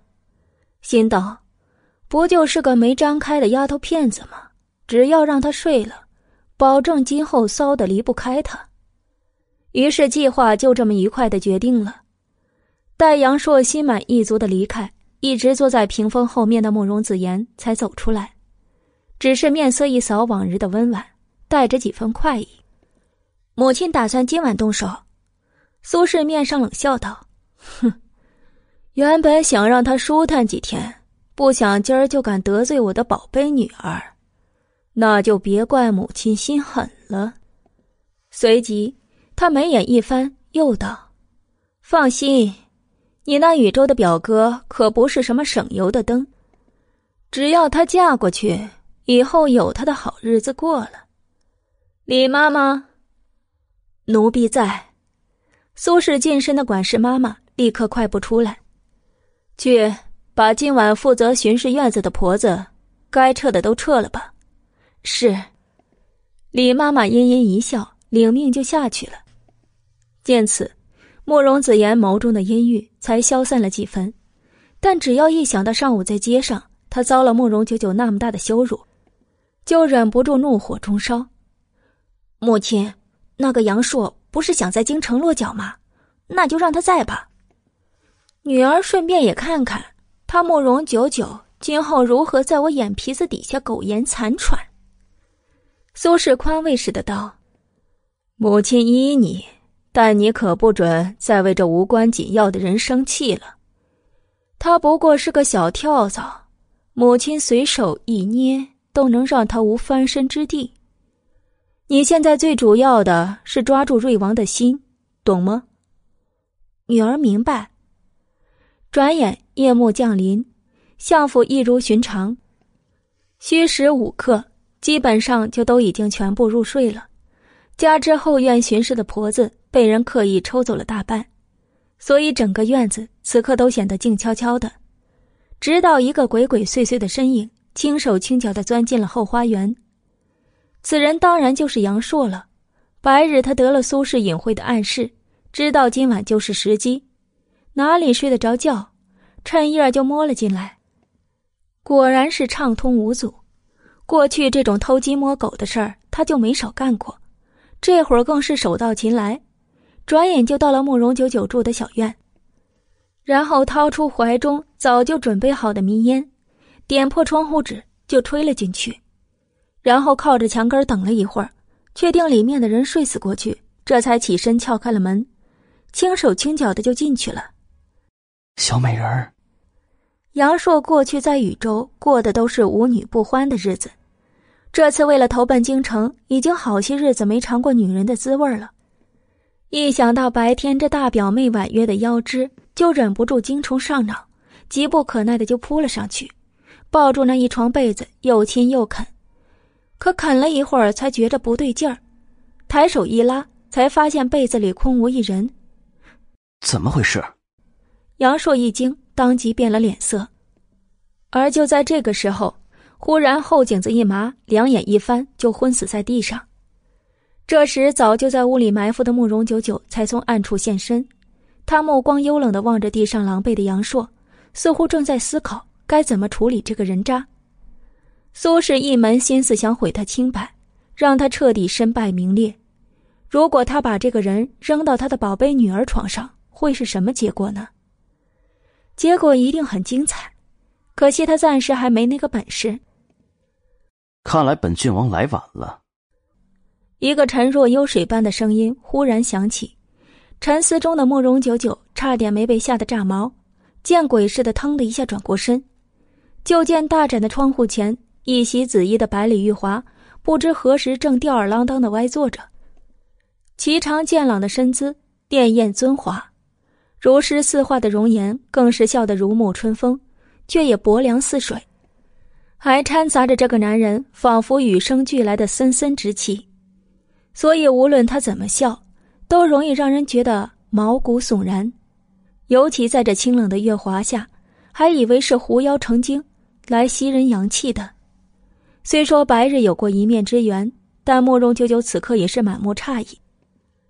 堂堂京城中人人忌惮的笑面阎罗玉郡王，怎么会出现在他的闺房里？这感觉上真是有点荒谬。玉郡王，深夜闯入小女子的闺室，恐怕不妥吧？不妥吗？白里玉华邪魅一笑，觉得不妥，那你就叫啊！慕容九九嘴角一抽，瞅着地上还躺着的奸夫，他要是敢叫。第一个身败名裂的就是他。看着慕容九九这好似受了天大委屈的样子，百里玉华嗓音婉转的又道：“我今夜可不是来为难你的。听说你们家牛鬼蛇神多，所以本郡王大发慈悲，专程过来搭救你的。如何？本王待你可好？”不知为什么，听到这样的话，慕容九九总有一种无比恶寒的感觉。这个人绝不会存什么好心。张口正要说什么，院子外面忽然响起了大片杂乱的脚步声，还有几声婆子的呼喝声。不用猜也知道是苏轼准备捉奸的人马来了。这个女人还真是半点喘息的机会也不给他。正跟他僵持的百里玉华似乎看出了他的为难之处，一双灼灼的凤眸一瞬不瞬的盯住他，如盯住了猎物的猎人。幽暗的嗓音一字一顿的问。需要帮忙吗？慕容九九皱了皱眉，他想说不用，因为这个男人他真心招惹不起。可话到嘴边，他知道已经来不及了。明明刚才就是最好的时机，却偏偏因为百里玉华的出现给流失了。此刻再看到他似笑非笑的模样，慕容九九方才醒悟：可恶，他竟然被这个男人给算计了。现在他是需要也得需要。不需要也得需要，顿时一股无名之火在他的胸中窜起。看着慕容九九这无比憋屈的表情，百里玉华志得意满的笑了起来。你到底要不要本郡王帮你？不要的话，我可就走了。要。外面的声音越来越近，根本容不得慕容九九推辞，但清澈的眸中已经染上了怒色。如此可教。百里玉华满意的点点头。阿轩，他淡淡一声命令，黑暗中立刻有一道快如闪电的身影急掠而过。刚才还死猪似的躺在地上的杨硕，转眼就被带了出去，无影无踪。难道这就是传说中的轻功？慕容九九双眸暗自一亮。大小姐，您在屋里吗？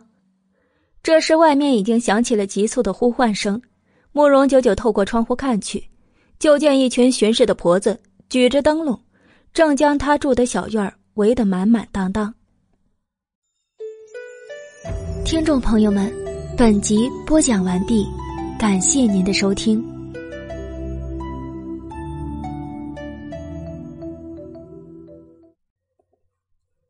第十二集，宁儿跟两个二等丫鬟秋菊、秋雪，从这些人一来。就都被惊醒了，正着急忙慌的穿着衣服，掌着灯出来看。刚才婆子们巡视，看到一个可疑的贼人，一路追赶，追到大小姐的院子里就没了踪影。可别让那贼人伤了大小姐，赶紧的，搜！一个巡视的粗用婆子一进门就扯开嗓子喊，将宁儿吓得够呛。钱嬷嬷，你可不行胡说呀！我们都在这院子里住着，都好端端的，怎么可能会有贼人？你这小蹄子懂什么？要是真有贼人进来，伤了主子们，你就是十条命也赔不起。让开！相爷跟夫人来了。也不知谁喊了一句，无数的火光缭绕下，苏轼和宰相慕容正都披着夜用的斗篷，散着发髻，明显是从床上赶过来的，面色一阵不耐。奴婢见过相爷，见过夫人。之前那嗓门最高的钱嬷嬷赶紧上前将事情禀报一遍。慕容正一听，可能有贼人混入后院，而且还摸进了小姐的屋里，当即变了脸色。指挥着宁儿道：“还不快把大小姐叫起来！若是真有贼人在里面，岂不是污了清白？本就被连退了两次婚，这样的女儿他是万万容不得的。”是，宁儿白着脸不得不从。钱婆子，这丫头年轻识浅，你也跟着进去照应照应。苏轼飞快的朝钱嬷嬷吩咐了一句，但他心里几乎已经笃定。杨硕肯定是得手了，不然外头这么大动静，怎么也不见出来，多半是没脸出来了。苏氏贵气的凤眼里迅速闪过一抹凶狠，感觉门外之人步步临近，屋里的慕容九九拢了拢头上散下来的乌发，就主动推门走了出去。不用看了，女儿这不是出来了吗？嗓音清丽圆润，不急不缓，半点不似出了什么事儿的样子。慕容九九就这样淡淡然的出现在众人的跟前，慕容正闻声也抬眸看去，就见自己这许久未见的大女儿，一袭素色斗篷，长发披散，但一张瘦瘦的小脸儿却是眉眼精致，从容大方，隐约间仿佛令他看到了多年前的原配云氏，也如他这般貌不惊人，却有一种内在的精致，总是不急不缓，进退得宜。女儿见过父亲。一个恍神的功夫，慕容九九已经站在了慕容正的近前。慕容正一下惊醒，想起原配云氏虽然好，却并不真得他的心。加之十年前齐王府覆灭，云家举族遭到牵连，身为云家女婿的相府也是如履薄冰，他就打心眼里对那个温婉的原配再也没什么好感。这些年，无论在官场上还是别的场合，他都刻意对与云家有关的人和事划清了界限。这个女儿也不例外。九九，你在屋里没什么事吧？外头这么大动静，怎么不见出来？刚才钱婆子说有贼人摸进你的院子，别是……苏轼咬着牙，皮笑肉不笑的紧紧盯着慕容九九。原本的志在必得，此刻一见如此气定神闲的慕容九九，也不禁生出几分狐疑。可是不应该呀，后院巡视的婆子都被他抽走了大半，杨硕一个大男人不可能得不了手啊！难道是这小贱人在唱空城计？但不管是什么原因，今天既然闹开了，他就一定要搜上一遍，因为比起慕容九九的淡然。他更信得过今晚的安排。母亲多虑了，这大半夜的，就算出了天大的事儿，女儿家也得穿上衣服再出来见人呢。哪里有母亲这般耳聪目明的本事？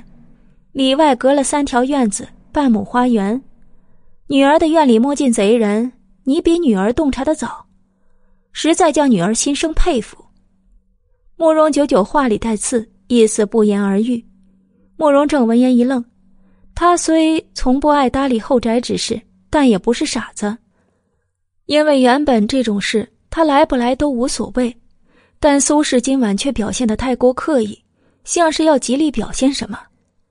一时他暗沉的眸中闪过几分探究，苏轼心头一跳，嘴上连忙苦口婆心的劝道：“相爷，不管怎么说，后院里摸进了贼人，这关系重大，为了九九的声誉。”今晚也得彻查清楚，否则人心惶惶，谁也无法安睡呀。是啊，是啊，夫人说的对。周围一圈奴婢婆子们都纷纷附和。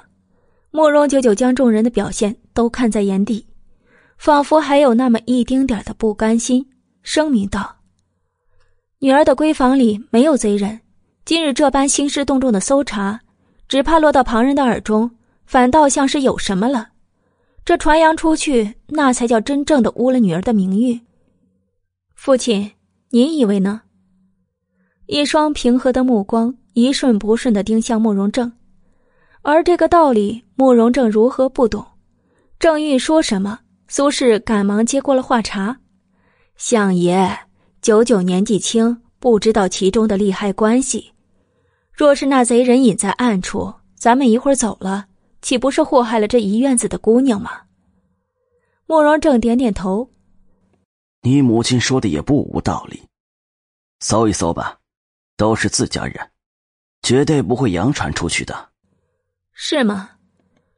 慕容九九面容渐沉，终于不再抱任何希望，认命似的摆摆手：“搜便搜吧，只是女儿的房间年久未修，实在简陋，倒要请嬷嬷们手脚轻点儿。”搜，一声令下，几路的婆子如狼似虎的就冲了进去，看这架势，哪里是搜查贼人，分明是抄家嘛！但作为父亲的慕容正始终未露出过丝毫的异色，一直与苏轼并肩而战，看上去是那样的富有官威，高不可攀。于是脑子里一些模糊的记忆开始逐渐清晰。自他母亲云氏不在了，云家败落之后，儿时的慕容九九无论怎么被人欺负、被人辱骂，只要敢还手、敢还嘴，都会遭到这个父亲偏袒的训斥。身为当家嫡女，既然不知爱护宽容妹妹，实在过分。面壁思过三日，只准喝水，不准吃饭。哼，他终于知道杀死慕容九九的元凶是谁了，原来是这位威严的父亲呀！如果不是他不问青红皂白的百般打压，慕容九九就不会有那么胆小怯懦的性子，在遭遇人生最大的羞辱时。也不会想到一死了之，而不去求自己的生身父亲做主，真是可怜呐！夫人，没有，没有贼人。搜查的婆子很快都退了回来。听众朋友，本集播讲完毕，感谢您的收听。第十三集。真的没有，你们可搜查仔细了，这可事关我相府嫡女的声誉。苏轼面色阴郁，有些不甘心的重复问了一遍。钱嬷嬷无奈的摇头：“上上下下奴婢都找了，真的藏不下人呐。这个杨硕，竟是关键时刻掉链子，当真是抬举了他。只恨这次兴师动众，竟扑了个空。”苏轼恼恨的不行，但嘴上也不得不给自己圆场，满脸的自责道：“相爷，都是妾身思虑不周，这大半夜的，哎，不过只要九九的院子里无事，妾身也就安心了。”慕容正只是讳莫如深的看了他一眼，严肃的道：“这种事情，今后还是要查清楚好。”妾身记住了。见被撺掇着同来的慕容正。没有要怪责他的意思，苏轼这才放了心，又吩咐一句：“钱婆子，既然大小姐这里没有，你就带着人到别处搜查，绝不能让那贼人祸害我相府。”奴婢明白。一群人来得快，去得也快。小姐，奴婢送您回屋吧。宁儿有些担忧的软声道。慕容九九摇摇头：“不必了，我自己就行。”你们大半夜的被这么折腾，也累了，都早点歇着吧。摆了摆手，他自顾自的进了屋，关了门。只是当他掌起灯，看清屋里的状况时，却是一股子恼火，腾的一下从胸中冒出来。这哪里是搜查，分明是土匪肆虐。原本就简陋的闺房，被那干婆子搜的简直没法下脚，帐子被扯得一地都是。甚至连抽屉也被拉出来，里面的玩意儿被携了一地。抽屉里能藏人吗？可恶！但慕容九九也无可奈何，先这么着吧。随便拉了一下被褥，他就四仰八叉的躺了上去，像是累极了。就这么算了。暗处，百里玉华并没有走，而是含着随性冰凉的笑意，笔直的立在他的床头，深邃的瞳孔悠悠的凝望着榻上闭目的女子。慕容九九眼皮也没睁，就道：“怎么可能算了？”那杨硕是苏氏的远亲，身上又带着迷药这些证据。刚才我若将他推出去，苏氏的歹毒心机必然暴露。那你为什么没那么做？百里玉华问。慕容九九原不想回答，但想了想，还是回答道：“因为就在刚才，我忽然明白一个道理。别说苏轼那贱妇要毁我清白，就是苏轼买凶杀我，估计我那黑心烂肺的父亲。”也不会为我做主，更不会为我将苏轼如何了。只因他的母亲是尚书府，而我的母族已经败落，早已无分毫立锥之地。一股悲凉油然而生。或许很早的时候，他就该认清楚，没有权势，很多事就是空谈。那你气吗？百里华歪着头问。慕容九九苦笑：“ 要气。”早就气死了，那你就忍了这口气？自然不可能。慕容九九悠悠的睁开眼，那里面已经氤氲起点点的诡秘。是个有趣的，却也是个人微言轻的。百里玉华微微昂了昂首，目光扫视过脚下一片狼藉与这所谓闺房的简陋，他音色暗沉的道：“慕容九九，小女在。”做本王的眼中人吧，我许你一场荣华，可好？慕容九九缓缓的从床榻上坐起来，床前的灯已经熄灭，淡淡的月华下，他们彼此只能看到彼此模糊的轮廓，却看不到他眼底那一抹深幽。脑中不禁想起白日宁儿的话，他曾问宁儿：“可知这玉郡王百里玉华有什么特殊的好恶？”宁儿答。这玉郡王要说最不喜的，就要数不识抬举的人了。记得几年前，玉郡王还是少年时期，看上一个官家女子，让他抬起头来。但那官家女子因慑于玉郡王的气势，不敢抬头，抖手就被玉郡王一巴掌拍死，就当着那官家女子父母的面儿。此刻同样的情况，慕容九九不敢保证，他敢说一句违逆的话。会不会也会被眼前这个喜怒无常的男人毫无预兆的一巴掌拍死？这便是权势的力量。任你出生再怎么好，人家也能像碾死一只蚂蚁一样碾死你，甚至无需多余的手段。其实就在前一刻，慕容九九还曾有过后悔，后悔今日压根就不该出门，这样就不会惹上这霸道阎罗似的男人。但这样的想法。紧接着，在后一刻就被他彻底颠覆性改变了。眼中人又如何？眼前这个男人，无论是相貌，还是身份，还是权势，都可以说是百里挑一，人中龙凤。与这样一个人发生一段露水情缘，似乎也不算亏。反正他也没打算要嫁人，只要他能守住自己的心，那眼前之人就是他的一架登天长梯。有了他的帮助，他至少可以少去很多谋算，将自己余下的时光游历天下，何不快哉？他可不想一辈子守着一座院子过日子，但跟这样的男人打交道，也无异于是刀尖上跳舞。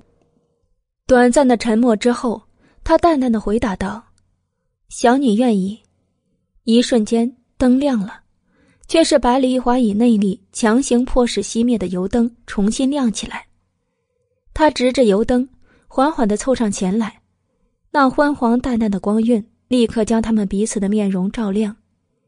这个男人美得如妖似魔，暗沉优雅。慕容九九的容色虽不及他，但重在从容娴静，荣辱不动。百里玉华满意的笑了。看来本郡王白日的那对招子果然没有白送，你是个识抬举的人，望你今后一直这样识抬举。小女必然谨遵教诲。油灯骤然熄灭，周围再次重新化作一片黑暗。转眼天明，慕容九九正睡得迷糊，就被一声惊叫搅醒。睁开眼，就见宁儿一脸震惊的站在门前，不敢置信的望着屋内的遍地狼藉。小姐，放心，没进贼。昨晚搜查过，就这样了。慕容九九懒洋洋的从榻上坐起来，提醒道。闻言，宁儿狠狠的倒抽一口凉气，随即大怒道：“他们实在太过分了，哪有这么搜查的？分明就是土匪！他们何时对我良善过了？行了，别收拾了，先扶着我起身吧。”慕容九九跟没事人似的，从凌乱的被褥间站了起来，但心里却是早已经有了思量：这口恶气不出怎么行？听众朋友，本集播讲完毕，感谢您的收听。第十四集，宁儿见慕容九九如此，纵然憋着一肚子火，也没再说什么，上前就侍奉着慕容九九穿衣服，穿戴整齐后，随便洗了一把脸。慕容九九就带着宁儿出门了。寿安堂内，今日请安的人。竟是难得的齐整，就连平日极少露脸的梅姨娘和沈姨娘也在坐着。大夫人连续装病几日，今日也不得不来请一声安。慕容子言和慕容子清这两个孙女，自然是都没有缺席，反倒显得慕容九九来的最晚。孙女给祖母请安，见过母亲。起来吧，老夫人似乎永远都是那副样子，不温不火。淡淡的扫视着众人，咦，大姐的脸色似乎不是很好啊。慕容子清年纪最小，状似不懂，满脸关切的问了一句。慕容九九勉强一笑：“ 昨晚上院子里闹贼，自是没睡好，也辛苦了母亲，连夜亲自带着人搜查院子。三妹可以受了惊吓？”慕容子清摇头：“听是听到了。”不过并没有受到惊扰，原来如此，看来就我是个操心的命啊！有点风吹草动就惶惶不可终日，哪里及得上两位妹妹？搜查的婆子都进到了屋，还能心如止水？他今日似乎分外的健谈。慕容子言冷眼看着这两个人，一问一答，眸光看似平静，但在望向慕容舅舅那张睡眠不足。却平和的脸时，还是会有几分不甘。想必昨日计划失算，他心里也是不甘心的。嗯，苏轼故作无意的清了清嗓子，伪善的安抚道：“九九啊，我也正跟你祖母说到此事呢。昨日你受了委屈了，母亲失察，对不起你了。母亲言重了。”慕容九九赶忙推辞。说起来，九九今日还有一件事，请求母亲做主，还望母亲准许。闻言，苏轼眉毛一挑，莫名有种不好的预感，自己刚为昨夜的事暂且放低了姿态，他就有事相求，还没完没了了。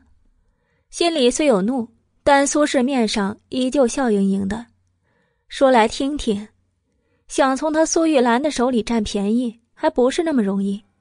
慕容九九一笑，九九昨夜半夜没睡好，思来想去，觉得母亲昨夜说的话确实有道理。九九是相府的嫡长女，也是相府对外的脸面，所以绝不容有失。但是昨夜我相府却摸进了贼人，而偏偏还摸进了九九的院子。于是九九就想啊，那贼人为何不摸二妹的院子，不摸三妹的院子？偏偏就进了九九的院子。后来九九想明白了，原来是九九的院子太偏僻。也幸好昨日母亲洞察的及时，将那贼人惊走，否则后果真真是不堪设想。所以今日九九斗胆，希望母亲给九九准备一个不偏僻的院子，否则九九改日再遇到昨夜的事，怕是没这么好的运气了。到时候若污了我相府的名誉。那母亲岂不是也要跟着被连累？您说是这个理儿吗？洋洋洒洒这么一番话说下来，一屋子里的人不自觉的都愣了一下，暗暗赞赏这一直默默无闻的大小姐，今日竟有如此的口才，如此的胆量。苏轼虽然一直在笑，却笑得不达眼底，心中更是冷嗤：哼，换一座院子，你也配？嘴上正欲回答，就见桂嬷嬷提着瓷质的小壶，正上前给座上的老夫人续上新茶，却不知怎么的，脚下一个没走好，竟是跌了一跤。慕容九九距离桂嬷嬷最近，匆忙之下随手就扶了一把，可不扶还好，一扶，刺啦，好好的衣衫瞬间就从腋下扯出一道长长的口子，露出里面的内衫。桂嬷嬷提着瓷质的小壶，堪堪站稳，可却是被慕容九九这突然撕裂的衣袖给吓了一大跳。哎呦，大小姐，您的衣服！慕容九九似乎也没有想到这衣服这么不结实，吓得赶忙就收回了胳膊，手脚忙乱的要遮羞。怎么回事？成何体统？堂上一直不咋言语的老夫人罗氏冷冷一语。似是极为不悦慕容九九的人前失态，孙女该死。慕容九九自责的低下了头，却是沈姨娘狐疑的看着慕容九九，低声道：“大小姐这衣服似是不合身吧？而且这料子也是几年前的了。”其实从刚才慕容九九一进门，所有人就都看出来了，只是事不关己，心照不宣而已。不然，堂堂相府大小姐。穿这么一身不值钱的衣裳，传出去也没人信呢。闻言，老夫人罗氏便是冷下脸，责怪道：“九九，你今日是怎么回事？好好的穿这么一身旧衣做什么？平白的丢人现眼来了吗？”慕容九九赶忙从小凳上坐起来，面有慌色的解释道：“祖母息怒，还请孙女解释。”那你便好好解释解释。到底是怎么回事？没的，还当我相府苛待你这嫡出的闺女？老夫人口气不善的道，而这话看似随意，但听在苏轼的耳中，却陡然变了脸色。祖母息怒，不是孙女故意穿这种衣服的，实在是今年刚裁的衣服，连着穿了三日，送去清洗，而去年裁的又被昨夜搜查的婆子们从衣橱里扯出来，慌乱中。踩了好几个鞋印子，孙女实在是羞于穿出门，才挑了两年前的旧衣，也是九九唯一还能穿得上身的衣服。胡说八道！老夫人的脸色无疑更黑了几分。我老婆子虽多年不长家，但也知道，知道这院子里的规矩。嫡出女儿每季都能分到五套新裁的衣裳，庶女是四套。就连体面点的丫鬟也有两套，你却说你没得穿，难不成今年新裁的五套衣衫都送去洗了不成？老夫人疾言厉色的一骂，不见慕容九九变色，苏轼却是面色大变，扶在膝上的手都不禁打起颤来。嫡女有五套新裁的衣裳，孙女怎么不知道？每年每季不都只有一套吗？慕容九九揣着明白装糊涂，一脸惊骇的反问。桂嬷嬷闻言，似是不忍，提醒道：“大小姐，老夫人没说错，是五套。”慕容九九依旧保持一脸的惊骇，似乎并不相信，睁着茫然的双眼，求救似的就转向了一身绫罗的慕容子言：“二妹，大姐最信你了，你我同为嫡出，每年每季，当真是分得五套新衣吗？”慕容子言被问的一愣，他实在没有想到，慕容九九居然会用这样的表情、这样的眼神来问他，而他自己当着这么多人的面能说没有吗？一时间，他一张白皙的小脸硬是憋成了绿色。听众朋友，本集播讲完毕，感谢您的收听。第十五集，三妹，你是庶出，每年每季可都分得了四套新裁的衣裳，慕容九九仿佛还是不甘心，又问下了慕容子清。慕容子清虽年幼，但也是小人精啊，如何感知不到周围的气氛？一时也被问住了。九九，你这是什么意思？难不成你没有分得五套新裁的衣衫吗？老夫人面色逐渐拢上了寒意，慕容九九整个人仿佛心灰意冷一般，跌坐在地上，眼底硬是挤出了一层水雾，哽咽道。九九每年每季只有一套新衣可换，原以为妹妹们那么多漂亮的衣裳都是由亲生母亲贴补的，九九没有亲生母亲，所以没有贴补。不想，竟是母亲不待见九九，不愿意给九九。这话说的可怜巴巴，好不孤苦，但苏轼闻言却是险些一口老血喷出。母亲，此事儿儿媳实在疏忽，定是那群吃里扒外的狗奴才，见九九平日不爱出来见人，才故意克扣了。回去之后，儿媳必定重重的惩罚，再不敢怠慢九九。再说，也怪九九这孩子，有了委屈都不懂得告诉我这主母，才被那帮狗奴才骑在了脖子上呀。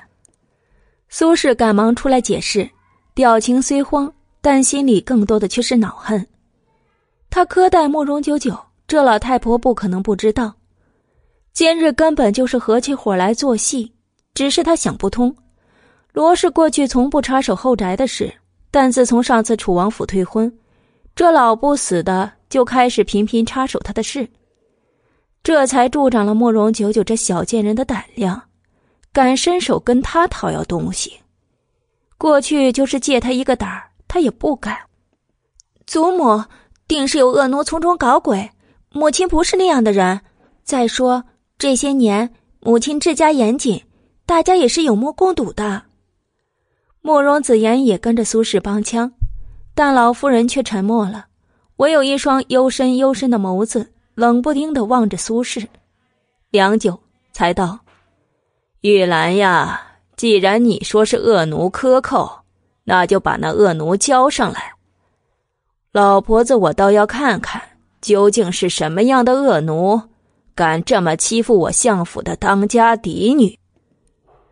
老夫人是真的动怒了，苏轼也不得不先退其锋芒，只好差人将府里负责分发新衣的管事婆子叫了来。老夫人的脸色这才稍稍回暖，并伸手将慕容舅舅拉到跟前，说道。祖母错怪你了，阿贵还不快取我今年新做的连云斗篷给大小姐披上。原本我就觉得那颜色清嫩，如今配九九正好。桂嬷嬷那边已经取出了新做的一套薄斗篷，暂且披在了慕容九九的身上。同时，刚才还有说有笑的寿安堂内，气氛俨然冷淡了很多。众人各怀心思，都保持沉默。也趁着这个空档，慕容九九第一次打量了后院唯一的两位姨娘，梅姨娘艳丽，沈姨娘平淡。虽不知他们过去是什么作为，但在相府，明显早就被苏轼这悍妇打压的安分守己了，不然也难活到今日啊。尤其是梅姨娘，生的美貌动人。还能在苏轼的眼皮子底下生下了慕容子清，着实的不容易呢。不消一会儿，寿安堂的门帘动了一动，一名外貌颇为白净体面的婆子躬身走了进来。这花婆子也算是相府的老人了，几乎一进门就觉察到屋里的气氛不对，当即就小心翼翼的偷看了苏轼一眼，因为在府里无论做什么事，他都是看苏轼的脸色。苏轼对谁好，他便费尽心机的溜须讨好；若是苏轼对谁不好，反过来他们私底下就会百般的压榨作践。这些年，慕容九九便是他们主要压榨的对象，加之慕容九九性子又是个软弱可欺的，受了委屈也无人撑腰，这样无疑越发助长了底下奴才的气焰，恨不得将他这大小姐当成使唤丫头的待。而从慕容九九身上克扣下来的东西，要么变卖补贴了自己，要么拿来讨好各自的主子。这些年下来，他们一个个心黑手黑，装聋作哑，日子竟也就这么过来了。久而久之，他们得惯了克扣来的东西，竟就开始觉得那东西原就该属于他们，半点没有愧疚之心。但今日这花婆子昂首就看到了老夫人下手。端坐着的大小姐慕容九九，心头莫名的跟着一紧，真觉得这大小姐变了好多。那端正平稳的姿态，淡漠从容的眉眼，竟是有了一股子正经主子该有的做派。奴婢，大胆花婆子，本夫人委你重任，你却利用职务之便，连年的私下克扣嫡出长女的用度，究竟谁借你的胆子？你可知罪？苏轼第一个拍案而起，怒斥一声，不知道的还以为是个慈母，想要辩驳的嘴微张了张，但心里却是已经明白了，今儿定是有人要替大小姐做主了，事情是捂不住了，而就是借他一个胆子，也是绝技不敢供出苏轼的，不然他们一家十几口子就得去喝西北风了。当即，花嬷嬷咣的往地上一跪，惊呼道。夫人饶命啊！老奴知罪，老奴是一时想不开，朱由蒙了心，才干了这种肮脏的事儿。老夫对不起大小姐，对不起夫人，对不起老夫人，只求夫人看在老奴多年还算忠心的份上，饶老奴一次，老奴愿将这些年的克扣全部补齐。顶罪，典型的顶罪啊！慕容九九眼底有讽刺闪过，但心里却是早有预料。小小的克扣是撼动不了苏轼分毫的，但他今天的目的可不是为了撼动苏轼，而是狗奴才还敢求饶！来人呐，如此恶奴，推出去，杖责五十大板。老夫人罗氏冷冷一语。将“铁面无私”四个字发挥到淋漓尽致，五十大板，这可是夏日，重打五十大板，就是打不死也得疼死啊！花婆子立时有些惊慌的瞪大了眼，求救似的望向了苏轼。他们一家子为夫人当牛做马，夫人可不能见死不救啊！这花婆子虽不是苏轼的近前心腹，但也是院子里掌家的左膀右臂。若是让他就这么轻易的遭到惩罚丧命，必寒了这一院子奴才的心。孰轻孰重，苏轼心里明白。只是他正欲开口为花婆子求饶，就见慕容九九已经率先起身。如今这死丫头鬼的跟人精似的，他这一起身定没好事儿。苏轼恨得只能咬牙。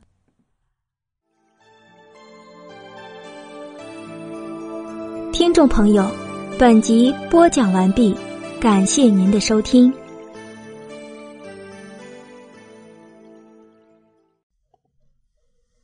第十六集，就见慕容九九已经率先起身，如今这死丫头鬼的跟人精似的，她这一起身定没有好事儿。苏轼恨得只能咬牙。祖母息怒。这花婆子这些年虽对孙女不住，但也全然不是恶人。去年寒冬腊月，孙女屋里没有煤炭了，还亏了这花婆子帮了一把，给了些碎煤渣子，才勉强过了冬。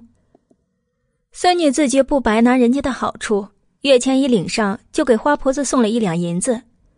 可惜花婆子似乎看不上孙女的一两银子，也只叹孙女囊中羞涩，一个月。也就五两月钱，若是全给了，可怎么活呀？慕容九九颇为哀叹的道。但此言一出，苏轼的整张脸都黑了。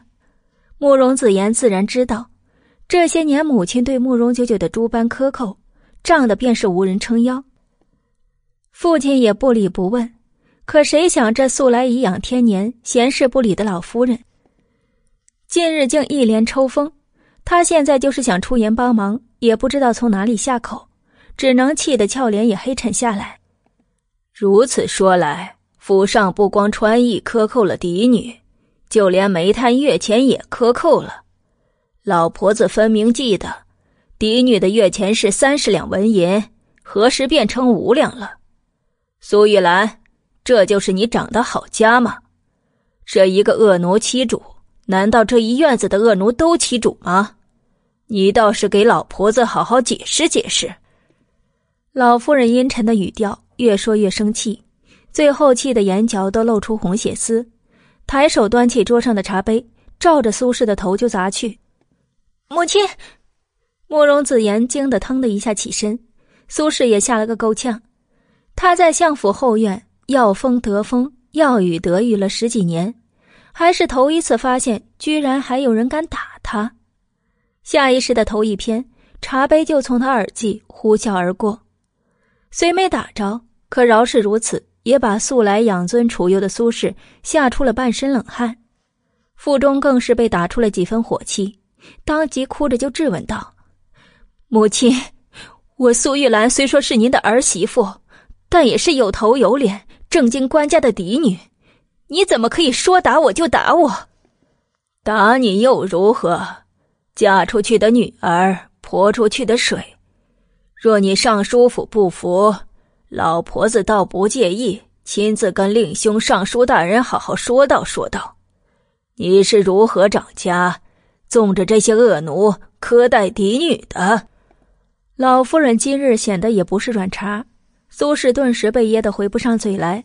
到底还是他理亏，而老夫人和慕容九九却是有备而来。不得不暂时的忍下这口恶气。祖母息怒。慕容子清见老夫人动了大怒，忙上前去给顺气儿，卖着好。慕容九九见那句的火候也差不多了，也赶忙做起了好人，伏在了罗氏的膝下，劝道：“祖母，您可千万别生气。您若是气着了，岂不是九九的罪过？母亲虽有错，但咱们相府这么大的家业。”里里外外这么些口子人，难免也是有所疏漏的。是啊，是啊，大小姐说的是。一干人等都纷纷帮腔，老夫人罗氏这才收起了脾气。桂嬷嬷赶忙将晾好的新茶送到了嘴边，罗氏喝了一口茶，顺了顺嗓子，这才恢复了常态，但面色依旧不好。许久，抬手道：“罢了。”到底是老了，这个家即是媳妇长，我老婆子也不便插手。咱们言归正传，今后是绝技不能再慢待九九的。她怎么说也是我相府的当家嫡女。老夫人说的是。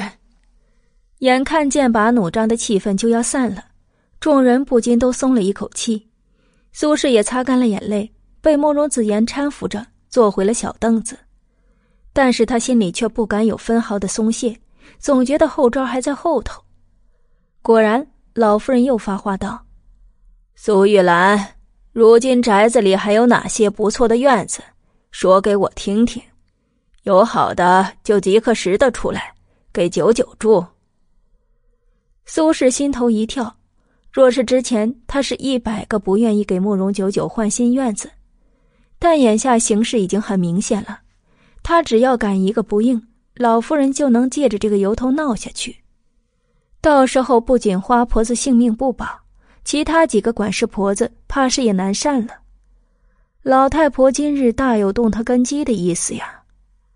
苏轼明白其中的利害关系，头上就好比悬着一把刀，不得不强行挤出一抹和善的笑意，说道：“母亲，我看那芙蓉院不错，跟您的寿安堂临近。”要不，芙蓉院三年前不是有个没眼力劲的姨娘在那吊死了吗？你让我这未出阁的孙女住一个死过姨娘的院子，你什么意思？老夫人冷眼一翻，苏轼赶忙收住话头。慕容九九站在一旁看着苏轼吃瘪，慕容子言敢怒不敢言，他心里别提多舒畅了。苏轼则气得又咬了咬牙，本着来日方长，今日先忍一口气的打算，又说道：“既然老夫人看不上芙蓉院，那就酱紫院吧，干干净净的。酱紫院，慕容九九当然知道了。那院子虽不及慕容紫言住的兰芷院好，但也是如今相府唯一能拿得出手的院子了。所以他心里还是很满意的，也不亏得一大早饭也没吃就来此辛苦的扎刺。而他一早也知道，苏氏在相府根深蒂固，今日之事顶多给他添点堵，想要以此撼动他的地位，根本不可能。所以慕容九九准备见好就收。想来老夫人也该松口了，但是没想到，堂上的老夫人罗氏依旧还是一张脸冷着，挑剔道：“江子院是不错，但是多年控制，里面的家具难买旧了，替九九再打一套新的吧。”什么？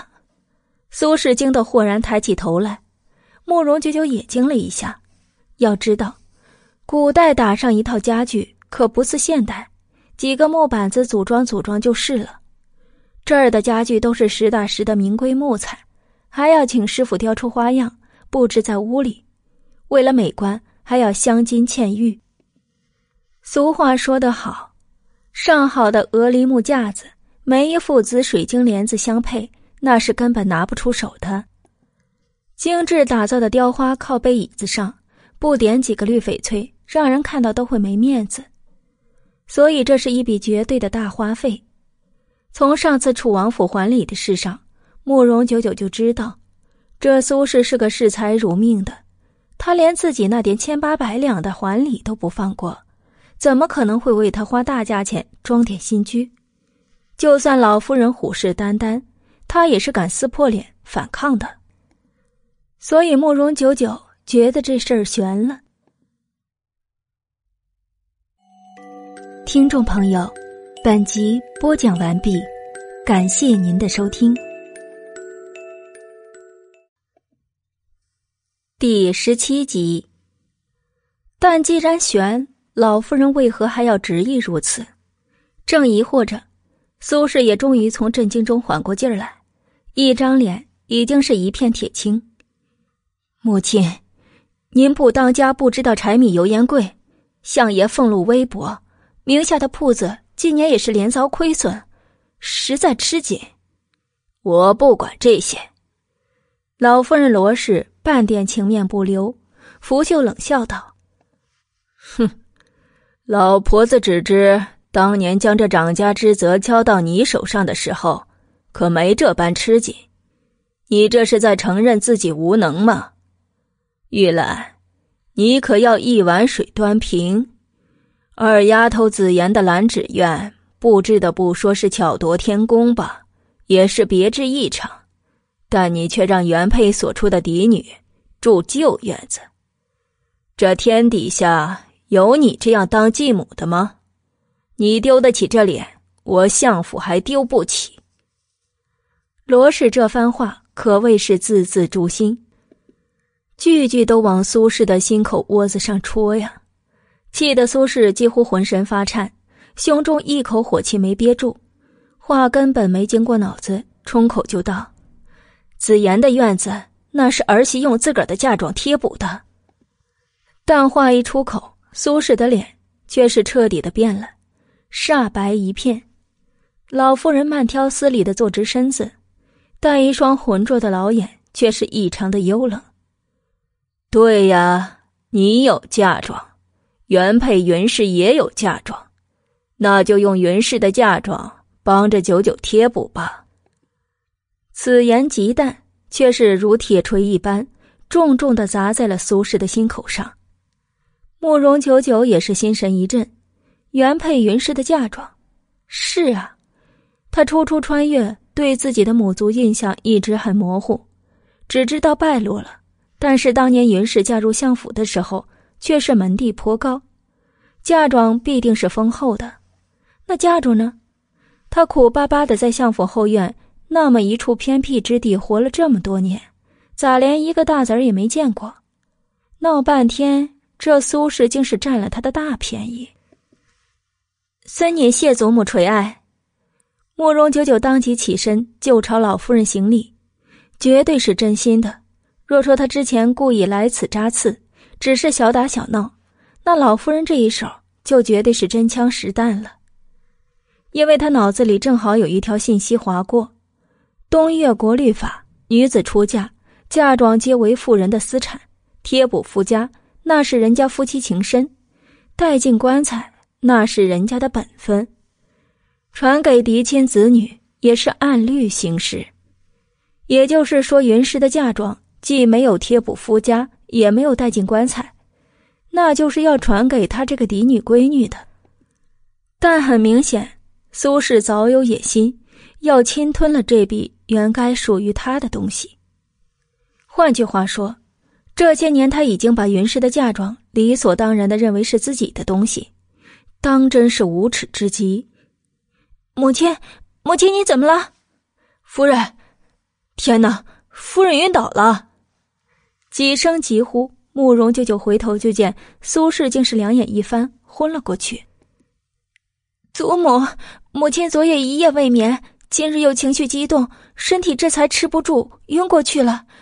求祖母开恩，先让母亲回去看郎中吧。慕容子言泪眼朦胧的跪地求情道：“老夫人似乎也没想到，关键时刻，苏轼这个女人居然会用晕倒这种下三滥的计策，只好冷着脸挥手道：‘哭哭啼啼的做什么？’”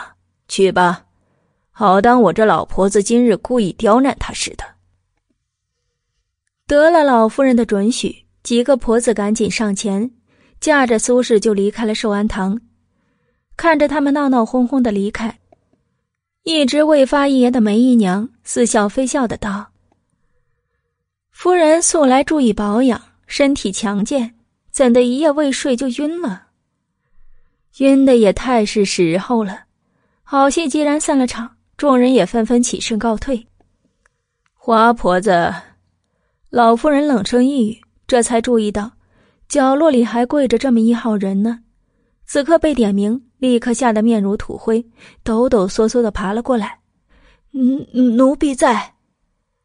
既然主母晕了，那你的命就先搁这儿，且先去好生打点大小姐入住绛子院的事。若办好了。我相府也不是不通情达理的地方。老夫人森然一语，花婆子立刻听出了弦外之音，再不敢玩半点花样。出了寿安堂，慕容九九总算将积压了一肚子的郁气一口吐了出来。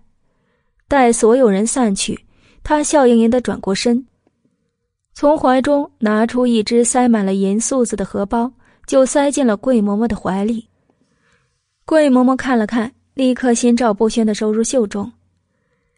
今日多谢嬷嬷帮衬了，慕容九九笑道：“是大小姐自己的本事，您若没有如此的手段，奴婢就是想为您出把子力气，也出不上啊。”桂嬷嬷也笑道：“桂嬷嬷打小就是老夫人的陪嫁丫鬟，端着茶递个水什么的，怎么可能没分寸？刚才那一半根本就是商量好的。”不然今天的事儿也不能这么顺畅啊。行了，那就不打扰嬷嬷了。一会儿乔迁将子院还有我们主仆忙的呢。慕容九九笑道。桂嬷嬷立刻矮身打了个签。那奴婢先给大小姐道喜了。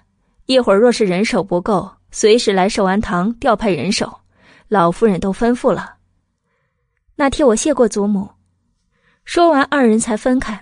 目送慕容舅舅离开，桂嬷嬷扭身打开帘子就进了屋，朝屋内静下来的老夫人罗氏笑道：“大小姐果然是个机灵的，也不枉您老人家今日抬举她一回。”闻言，老夫人没说话，依旧那么坐着，许久才道：“灵城那边最近可有书信来？”桂嬷嬷摇摇头：“还没，不过算着日子。”也就这两天了，小姐，你怎么笑得这么开心呢？宁儿一直守在寿安堂外，一见大小姐出来，在门口跟桂嬷嬷说了两句话，就笑得这么开心。自然开心了。刚才祖母开恩说我们住的那小院太偏矮了，所以让我们搬去酱子院，怎么样？开心不？慕容九九笑着瞪了宁儿一眼，宁儿表情一呆，一时间竟是没反应过来，半天才张大了嘴巴，惊呼道：“真的？酱子院那可是咱们相府后院除了主院外唯一最好的院子了。老夫人居然让咱们住，那夫人，夫人同意了？”最后，宁儿小心翼翼压低了嗓子问。毕竟相府可一直是夫人做主。慕容九九不屑一笑，他都晕得不省人事了，哪里还能管我的事？想起刚才夫人是被嬷嬷给架着出去的，宁儿忍不住满面的狐疑，问道：“小姐，刚才夫人究竟出了什么事了？”听众朋友，本集播讲完毕，感谢您的收听。第十八章，他呀，慕容九九沉吟一下，想起昨夜闯进他屋里的那个杨硕，不觉得笑得几分诡异。哼，他的好戏一会儿还长着呢。宁儿没听懂什么意思，就听慕容九九已经催促起来：“快走吧，今儿负责给我们乔迁的是花婆子，一会儿有什么缺的短的，只管跟他要就行。”奴婢知道了。主仆二人欢欢喜喜的就去准备乔迁了，但另一方面，碧荷院，苏轼一被抬回来就苏醒过来，他二话没说，抖手就掀翻了桌上的一套牡丹词汇的茶具，顿时叮叮咣咣，碎片子摔了一地。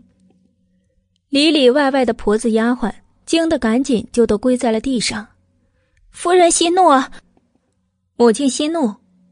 慕容子言提着裙摆也快步进来，却见苏轼整张脸已经铁青一片，气得满目狰狞，恨不得吃人的心都有了，一字一顿的恨声道：“我苏玉兰自嫁入他相府这么多年，还未遭受过如此的羞辱，今日此仇不报，绝不罢休。”说完，抬腿踢翻了脚边的原木小凳，这才算稍稍出了一口气。慕容子言的一张俏脸也是满目的阴郁，从小到大，他压根就没有将慕容九九那个小贱人看在眼里，却没想到这才几日，就一连吃了他好几次亏，如今更是要大张旗鼓的搬进酱子院，当真是草鸡要变凤凰了不成？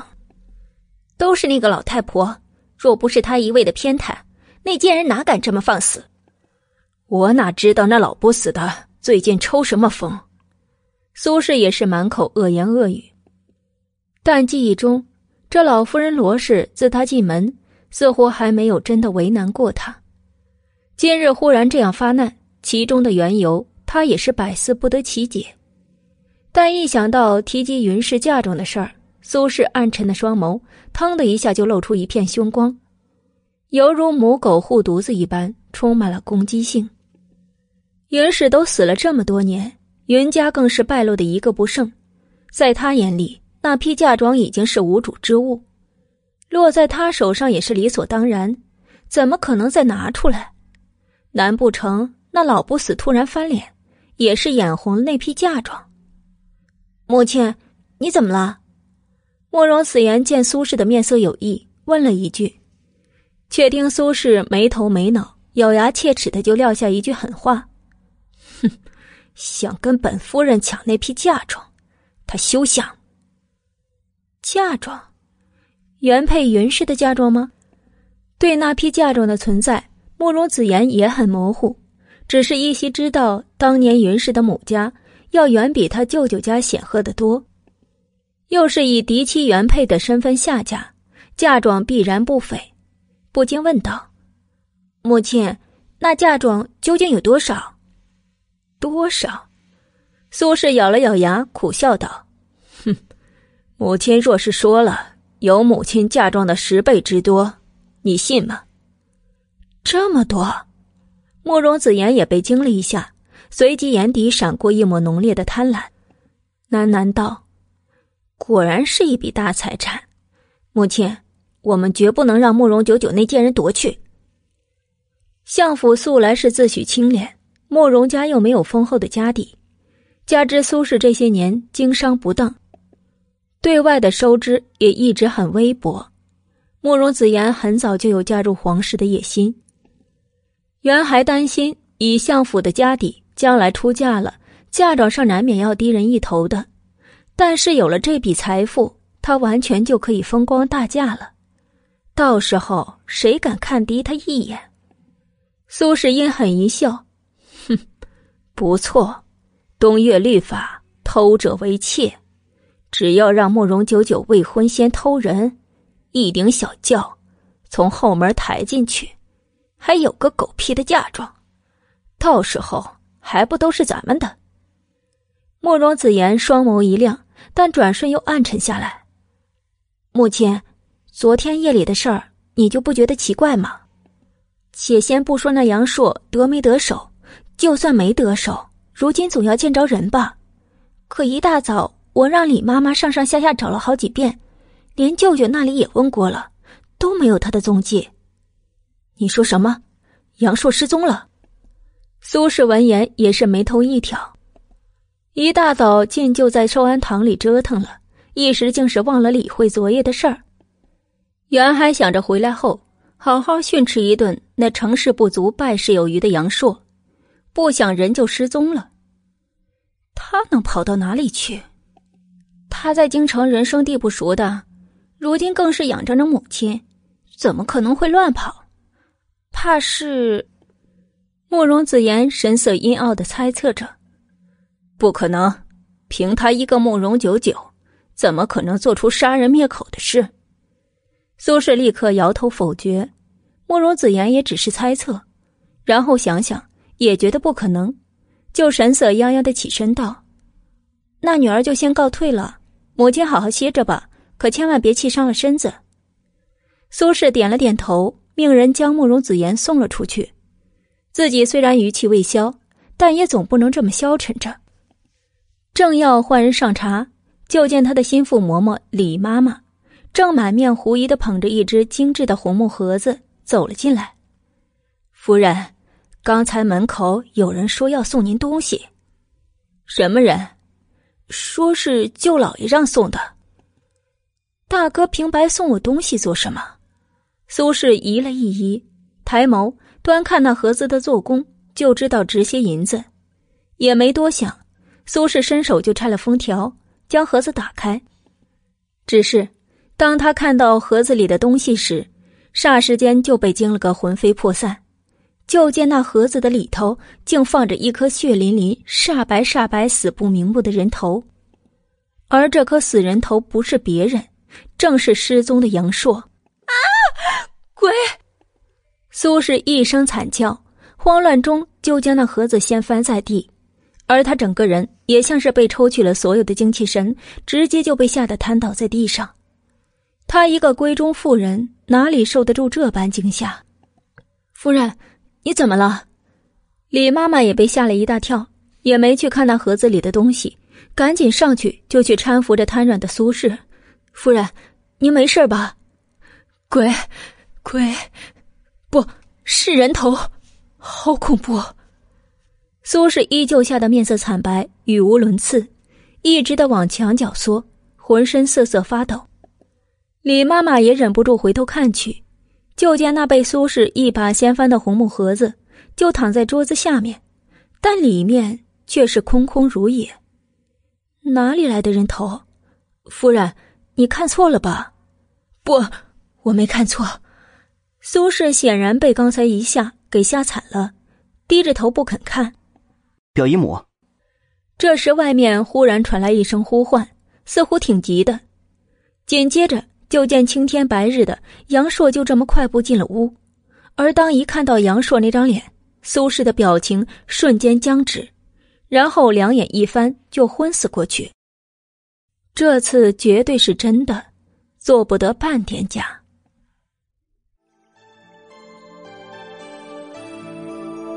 听众朋友，本集播讲完毕，感谢您的收听。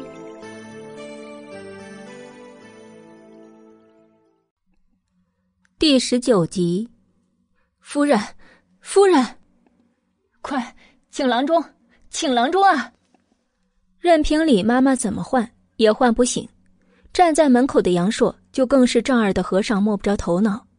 本来昨天的计划是定好的，他也记得自己已经摸进了慕容九九的闺房，可不知怎么的，稀里糊涂就晕了。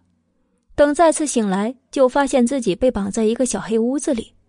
叫天天不应，叫地地不灵。好不容易挣脱束缚跑出来，赶着就来见苏轼了，但不成想，才一见面就这样了。小姐，听说夫人的碧荷院刚才闹鬼了。宁儿满面稀罕的跑过来给慕容九九通风报信。那一手本来就是慕容九九安排的，自然早就有预料，只是面上故作惊异的笑道。闹鬼，哼，缺德事做多了，难免会有冤鬼敲门，这有什么奇怪的？冤鬼敲门，宁儿却是吓得一激灵。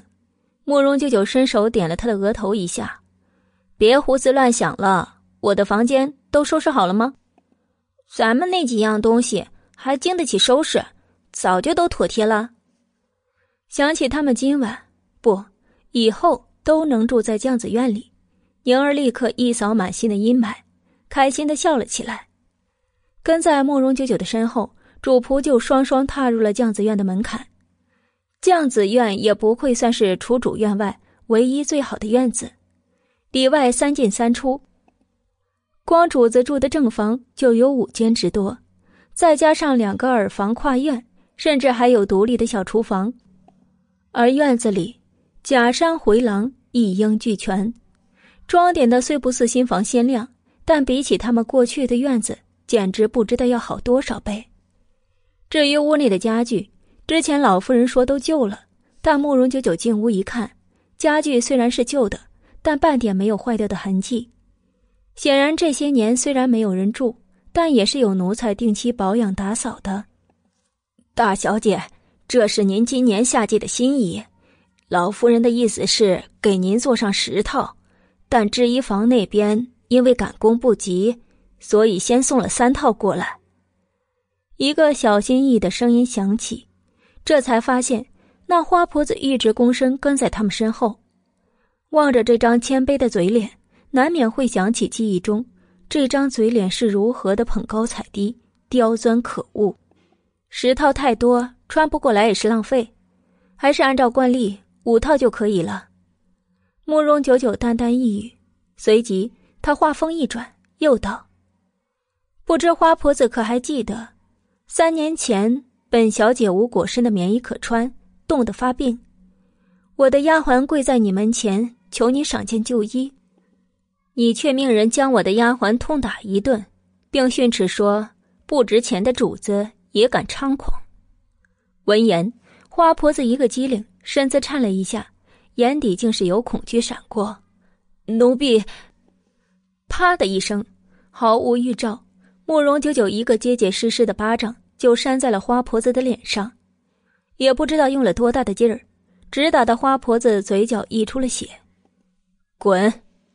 一声冷喝，花婆子单手捂着脸，半天才反应过来，眼底一抹怨毒之色一闪而过，应声道：“谢大小姐赏打。”说完，捂着脸就跑了。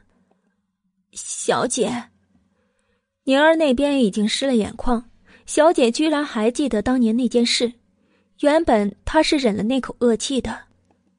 过去那花婆子总是有事没事就作践我们，如今咱们今非昔比，可她到底是夫人的人，怕是要怀恨在心了。慕容九九嘴角诡异一笑，无妨，他没机会了。刚才手上沾的那点化毒粉，算是对他这些年辛苦欺负他们主仆的还礼了。说完，慕容九九又将悠悠的目光定格在两个二等丫鬟秋雪和秋菊的身上。记忆中，这两个小丫头还是安分守己的，都是穷苦人家的孩子，他也不想为难。大小姐，两个二等丫鬟被他盯着，不禁齐齐低下了头。慕容九九失笑：“怕什么？我又不吃了你们。我待宁儿如姐妹，自然也不会薄待你们。但是有一点，要是以后谁拎不清轻重，干出点对不起本小姐的事儿，那就别怪本小姐心狠了。奴婢不敢。宁儿，每人赏他们五两银子。以后家里有什么难处，尽管跟我说，我能帮的自然会帮你们一把。慕容九九恢复了一贯的和颜悦色，谢大小姐。二人拿了银子，立刻满面欢喜的道谢。慕容九九。这时门外突然一声斥喝，慕容九九回身，就见慕容子言一袭月色长裙，带着丫鬟，正面有怒气，似是气势汹汹而来。而他上前的第一句话就是：“那个盒子，是不是你派人送的？”刚才慕容子言一回到自己的兰芷院，脚跟还没站稳，就有人来报说夫人撞邪了，已经昏迷不醒。当他赶过去的时候，郎中已经将母亲救了过来，但醒来后的苏氏情况更糟，披头散发，神志不清，满口喊着鬼。尤其是在看到杨硕的时候，就更像是老鼠见了猫一般。后来他盘问了一下李妈妈，才知道。母亲就是因为看了一个盒子，而那个盒子已经空了。虽然没有证据，但是慕容子言就是觉得此事肯定跟慕容九九脱不了干系。他这就是要报昨夜的仇。我问你话呢，你怎么不说？你这是心虚了吗？慕容子言满心愤愤，骤然拔高了音调，怒瞪着近在咫尺的慕容九九。慕容九九却满面似笑非笑。二妹呀，二妹，原本以为你是个不错的，闹半天也不过如此。慕容子言没听懂，但隐隐觉得慕容九九这是在瞧不起他。这个什么都不懂的贱人，凭什么瞧不起他？基于之前的怒火，两火相交，慕容子言扬手就要往慕容九九的脸上打，但是他还没打着，手腕就被慕容九九一把捏住，并继续不屑的笑道。哼，二妹，说你不过如此，你还就越发上不得台面。打人可不是淑女所为啊！手掌故意一收，慕容子言这身娇体贵的，哪里被人捏过？立刻吃痛的皱了皱眉头，眼底恨不得喷出火来。二妹，如果今日是来打人的，那就请回吧。至于其他的，没有证据，你就是诬告。那我便要让父亲跟祖母来评评这个理儿了。听众朋友，本集播讲完毕，感谢您的收听。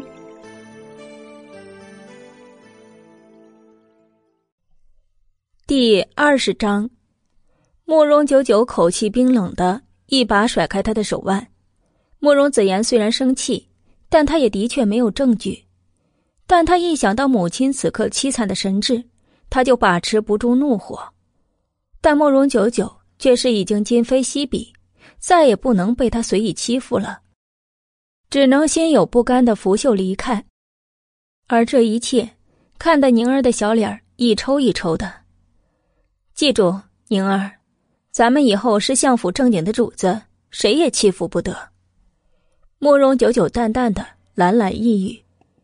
宁儿心领神会的抬起了头。碧荷院的闹鬼事件一直到晚上才稍稍的平息了，但大夫人苏氏却是为此染了大病，高烧不退。各路郎中神医来来回回的开始在碧荷院里转悠起来。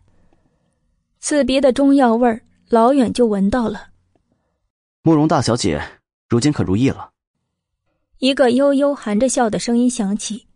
慕容九九此刻正心满意足的坐在院子里的石墩上，闻言转过身来，就见一个身着玄色衣袍、个头高挑、面容冷清的男子，正站在他的身后不远处。为何说此人清冷呢？因为此人的眼睛真的很清冷，但他的嘴角却含着笑。这种表情就像是以鼻子为分界线，人格分裂了一般，相当怪异。但都说什么人养什么奴才，百里华纳斯既然有笑面阎罗之称，那他的奴才自然也有同样的潜质。今天多谢你了，慕容九九笑了一句。今天他能一举把苏轼给吓出病来，这侍卫阿轩可谓是功不可没。阿轩的表情不置可否。不过奉命行事，我家主子说了，若小姐满意，便邀小姐过府一叙。可是现在已经是晚上了。慕容九九抬头看了看日暮西垂，转眼就归为一片漆黑的天空。大晚上的叫他过去，纳斯不会这么色急吧？慕容大小姐这是不愿意吗？阿轩一笑，虽一如刚才的笑，但清冷的眸中却是比刚才又冷了几分。但冷意褪去，剩下的却是一种若有若无的同情。是的，是同情。因为在这个天底下，没有人无缘无故的能受得起主子的两次好，但偏这慕容大小姐却是受了，还受得如此心安理得。若她当真如主子所言是个不同的，那就该放下她所谓的相府嫡女的骄傲，当明白她此刻的身份。若是个糊涂的，也只当是主子看错了人罢了。就是可怜了这位聪明的慕容大小姐。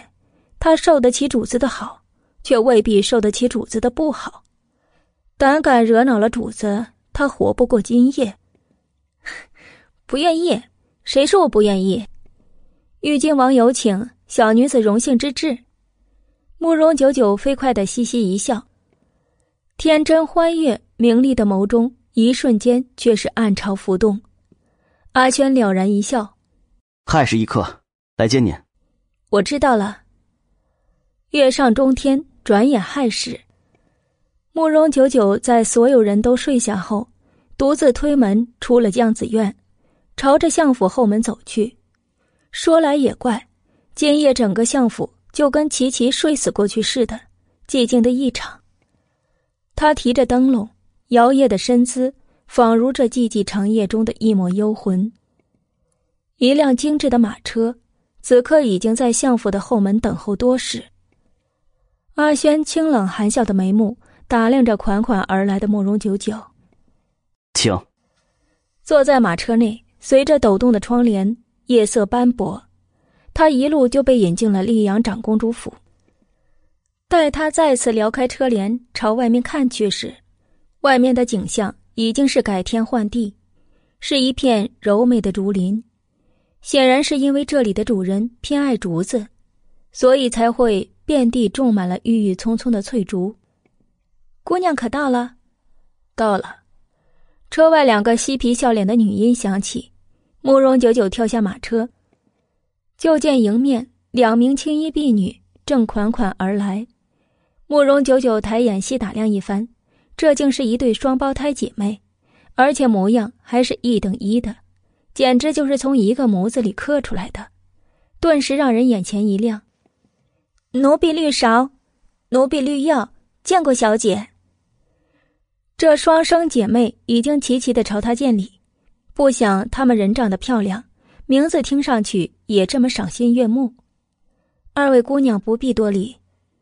绿芍、绿药两个姐妹笑着又打量一眼慕容九九，就跟打量什么稀罕物似的。想他们家主子素来就对京城中的女子不加辞色，也唯有一个红衫入了眼。但几乎转瞬间就又遭了厌弃。不想才又一转脸的功夫，主子竟又领回一个姑娘来。他们倒要看看，这位姑娘到底有何过人之处。却见慕容九九容色一般，举止也说不上有多么出众，是个放进人堆里绝对不会多看第二眼的主。一时倒让绿芍、绿药这个姐妹二人摸不着头绪了。想着想着，不管这小姐有何过人之处，能被主子入了眼，便就是她几世修来的福气。小姐里边请。感受完这对婢女赤裸裸的打量之后，慕容久久颇有些无语的被他们引进了这竹林的深处。脚下的青石台阶蔓延而行，耳侧竹影婆娑，直到他们步入一座精致的庭院内，他才看到漂亮的八宝琉璃亭内。独自把旗对弈的百里玉华。此刻周围华灯初上，点点摇曳的光影下，他周身锦衣如雪，白皙俊美的容颜，长眉入鬓，越发的如诗似画，艳华无双。尤其是专注安静时的样子，褪去他一贯的阴沉桀骜，竟是颇为的柔和舒服。你还要盯着本王看多长时间？低头看着棋盘的百里玉华，忽然淡淡一语，幽沉幽沉的眸子似笑非笑的看着几步外的慕容九九。你好看，我自然就看你了。慕容九九忽然笑得理所当然。百里玉华一愣。似乎一时间还真有点消化不了，于是他眸中一沉，便道：“你可知，若是旁人说的这句话，此刻已经没有命在了。”慕容九九摊了摊手，继续笑道：“义郡王既将小女看作眼中人，想必定是看中了小女的脾性。若是小女一味的诚惶诚恐、小心谨慎。”那岂不是无了心意？转眼间也要遭了厌弃吗？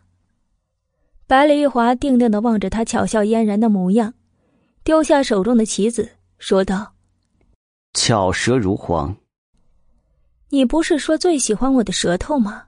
慕容九九暗腹。不过你的确也是个聪明的。说完，白丽华弃了他面前的棋盘，招手就令人送来一叠宣纸。递到了慕容九九的跟前。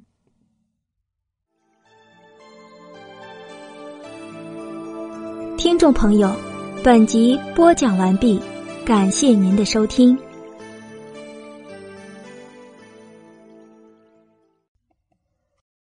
第二十一章，这是什么？慕容九九拿起来一看，发现竟是一篇篇的食谱，抬眸。又见百里华纳斯正满是挑剔、满是厌弃的望着他，说道：“你太瘦了，浑身上下摸不到一把好肉，皮肤也没光泽，眉眼间更没有风情，总之一塌糊涂。回去之后，你就按照这个食谱上的东西吃，我会派专门的婆子过去帮你调养。所需的东西，只管从我这里拿便是。”果然，这食谱上的东西。不敢说山珍海味，但也都是极其贵重的东西，关键都是调养身子的宝物，千金难得。都是给我的，慕容九九的心上一喜，可是他的喜色还没蔓延开来，就听头顶又传来一个悠悠隐含冰冷的声音：“一个月，最多一个月，若是还养不出这个样子，我就把你送去青楼卖身。”总得把本郡王在你身上下的本收回来，不是？送去青楼卖身，慕容九九面上一僵。此人虽然没有用特别严厉的口气，但他知道，笑面阎罗言出必见，当即笑呵呵着保证：“ 我一定保证好好吃，争取早日把自己吃成一个千娇百媚的大美人儿，日日与君好。”临了。慕容九九颇为高兴的为他抛了个媚眼即使眼中人，总得守点眼中人的本分，但至少有一点，他可以肯定：以自己现在稀烂的资质，估计风华绝代的玉郡王暂时是无法下咽的。百里玉华看他自得意满的样子，又一本正经的补了一句：“也不能吃得太撑，若吃胖了，我会把你饿半个月，再卖入青楼。”慕容九九的笑脸再次一僵，好吧，总之一定要匀称。对了，有一点我要声明：琴棋书画我一样不通。听房间传闻，能做到达官老爷们眼中人的女子，皆是色艺双绝之辈。他如今色沾不上边靠后期养活，亦可真心不是一日两日就能学会的。却见百里玉华这次倒是不以为意。这世间最婀娜的舞姿，最动人的琴曲，最优雅的簪花小字，多的简直不胜列举。我百里玉华的眼中人，无需会那些。那我需要会什么？百里玉华挑眉。那你想会什么？慕容九九想了一下，很自然的道：“比如宽衣解带。”你很期待？嗯，也不是。你不是嫌弃我太瘦吗？其实正好养几个月，我就及笄了。那个时候，我想会更好一点。慕容九九满面淡定的规划了起来，反正她也不打算嫁人，及笄后跟这样好看的男人谈一场风花雪月的露水情缘。等他腻歪了自己，到时候彼此留个好，从此一拍两散，再见面还是朋友，似乎也不错。但百里玉华却开始用一种十分怪异的目光打量起了他。你这是在自荐枕席吗？当然不是。小女如今是玉郡王您的人，一切自然是以玉郡王的意愿为先。我只是提前做好充分的准备而已。百里玉华眉梢一抽：“你倒是收放自如。放也得放，不放也得放。我自然会选择舒服一点的收放自如了。”慕容九九笑了笑，所以说，本郡王很喜欢你识抬举。不易察觉的白梨玉华琉璃般纯粹深幽的眸中闪过一丝轻笑。抓贼了！有贼人潜进来了。正说着，远方忽然隐隐传来几声捉贼的声音。慕容九九下意识的伸长脖子问道：“怎么了？”绿芍、绿药两个姐妹不知从哪钻了出来，笑道。无事，咱们溧阳长公主府和誉王府相邻，最近不知怎么的，最近誉王府总是遭贼，估计啊，这会儿又闹起来了。堂堂誉王府日日遭贼，慕容久久的眉峰一抽，不过见大家都一副见怪不怪的样子，他也就从善如流了。主子，估计冰面美人醉还需要点火候。不如先上菜吧，先品菜再品酒也不错。绿芍笑着又道：“白丽华点了点头，也好。你要请我喝酒？”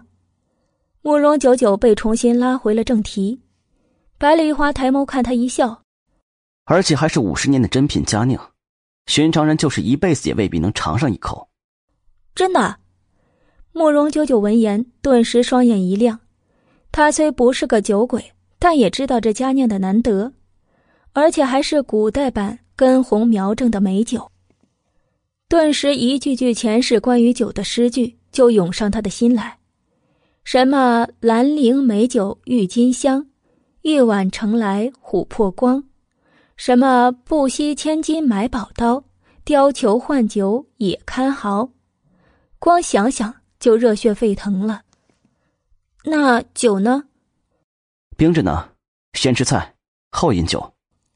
百里玉华似乎很满意对方的猴急样，悠悠的又道：“今天你也算是有福的，原本这就是红山喜欢的，央求让我取来，不想酒被取来了，他却不在了，正好便宜了你。”红山，不提还好，一提慕容九九的笑就有些不自然了。百里玉华自是发现了他突然的几分拘束，慵懒优雅的笑了起来，动人的声色仿佛带着某种诱人的蛊惑。你不必如此，只要你一直乖乖的，本郡王就会一直对你好的。直到腻歪了、厌弃了吗？慕容久久没有问，却是迅速摆正了姿态。这是一场看似华美的情缘，更是一场权衡心计的较量，而他。绝不想落得跟红山一样的下场。很快，绿芍、绿药两个姐妹端着各种菜色婀娜而来。看着桌上荤素相宜的三道菜，慕容九九这才想起来，此刻距离他吃完饭的时间已经过了将近两个时辰，腹中早就是空空了。百里玉华不喜欢他拘束的样子，那他也就不矫情了，捏起筷子就吃起了菜。想着能入百里玉华这厮嘴里的东西，铁定差不了。果然，看似普普通通的一道烧鸡，皮脆肉烂，险些没香掉了他的牙齿。哇，真好吃！好吃就多吃点。百里玉华今日的心情不错，竟还伸手往慕容九九的碗碟里夹了一口鱼肉。而这一动作，无意引发了旁上绿芍绿药的满面惊异。谢谢，待人接物都会礼貌性的道谢，这是慕容九九前世就养成的习惯，几乎都是下意识的行为。但二人这种相处却显得格外的融洽和谐。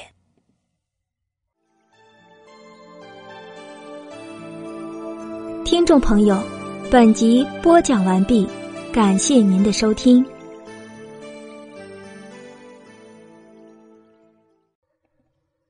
第二十二集。不久后，就见绿芍、绿药两个姐妹，人手端着一只托盘托盘上均放着一壶杨枝白玉般的酒壶，款款而来。精美的薄瓷。晃动间，仿佛就能看到里面琥珀色的琼浆玉液，十分美丽。这就是被封存了五十年才被取出来的美酒吗？慕容九九当即好奇的问道。百里玉华单手托着腮，愉悦的介绍道：“此酒名为美人醉，因放冰块中镇着，可以令酒的甘醇度提升两成，所以又名为冰面美人醉。据说在酿酒之初。”里面融合了不下十种的珍贵药材，包括一株天山雪莲，如今整整尘封了五十年之久。乍一开封，酒劲正浓，所以我命人备了两壶，一壶是原来的美人醉，一壶则是掺了水的美人醉。慕容九九，你要喝哪个？掺水？慕容九九闻言却是一愣，皱眉道：“干嘛要掺水？简直是暴殄天物！”既然是来喝美酒的，自然是要喝不掺水的了。你确定？百里一华挑眉，确定。慕容九九坚定的道。绿药不禁好心劝道：“小姐还是喝掺水的吧，这美人醉被一封就封了五十年，酒劲儿正大，怕是您受不住。”慕容九九撇撇嘴，即使世间绝品美酒，就是扛着命也要受一次。好歹说起来，这条舌头也算尝过绝顶的美人醉。若是喝了这掺水的，倒不如不喝。好一个不如不喝！那我就今天让你尝尝这真正的绝顶美人醉。百里玉华笑开了眉眼，已经执壶为他倒了一杯。周围的灯色朦胧，百里玉华长袖款款，如玉般的容色，生生的将这周围的华灯尽数给夺了颜色。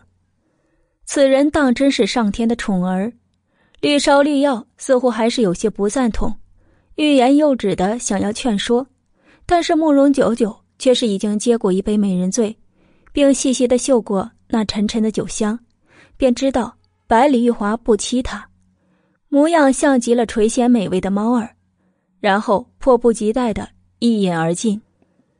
霎时间，一股仿佛被封存多年的甘醇。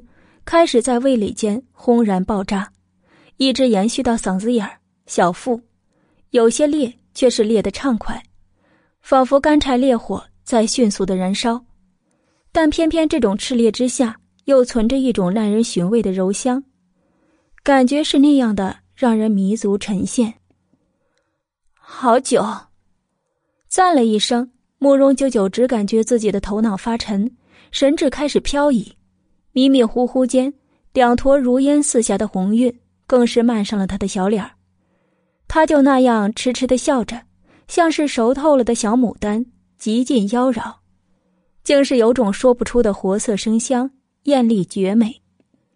然后他笑着笑着，咚的一下，一头栽到了桌上，醉死了过去。绿芍见此，不禁掩嘴轻笑：“哼，刚才那般豪言壮语，雄赳赳、气昂昂的。”还以为是个酒量好的，竟是一杯也盛不下。绿药纠正道：“小姐没有功夫底子，自是受不住一杯美人醉了。但好歹也算是尝过，也不算枉费了主子的一番心意。”百里华看着醉死过去的慕容九九，眼底也是一阵阵无奈又好笑。随即他抬眸道：“今日得了这绝顶的美人醉，大家都有功劳。”自是人人有份，现在该你们选了。奴婢不敢。绿芍绿药推辞的恭敬一礼，百里玉华却笑了。你可要想好了，本郡王难得今日心情不错，往后就是你们想唱，可就过了这村没这店了。绿芍绿药不禁对望一眼，赶忙笑开了眉眼。奴婢谢过主子，只是我们可没有这位小姐的胆识，奴婢们选着掺水的便可。说完，在百里玉华的示意下，姐妹二人款款上前，各自倒了一杯掺了水的冰面美人醉，就一饮而下。可饶是如此，这姐妹二人还是红了粉面，羞羞答答的模样，当真如一对羞涩摇曳的绿芍药，脚步竟也跟着摇晃起来。阿轩，该你了。百里玉华淡淡一语，阿轩这才从暗处走出来。他虽也是满面的恭敬，但眼底已然暴露了他对这绝顶美人醉的几分热切。属下斗胆，想试一试不掺水的美人醉。百里玉华一摆手，他便自己上前倒了一杯不掺水的冰面美人醉，顿了顿神色，然后毫不犹豫的一饮而尽。霎时间，酒气便上了头，但阿轩自诩内力醇厚，硬生生的将这炽烈如火的酒气给压了下去，但通红的脸却如烧旺的炉子一般，几分滑稽。哇，阿轩大哥，你好厉害！绿芍、绿药两个姐妹立刻满脸惊异、羡慕的低呼出声。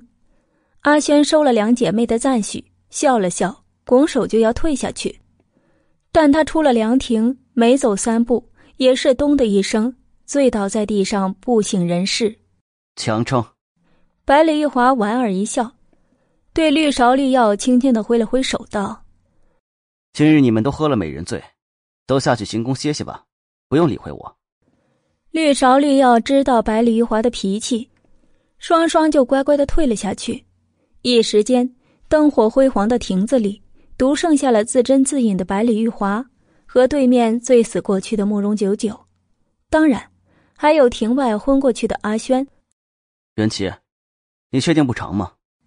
良久，百里玉华悠悠对着空气说了一句，空气中立刻传来几声轻纵。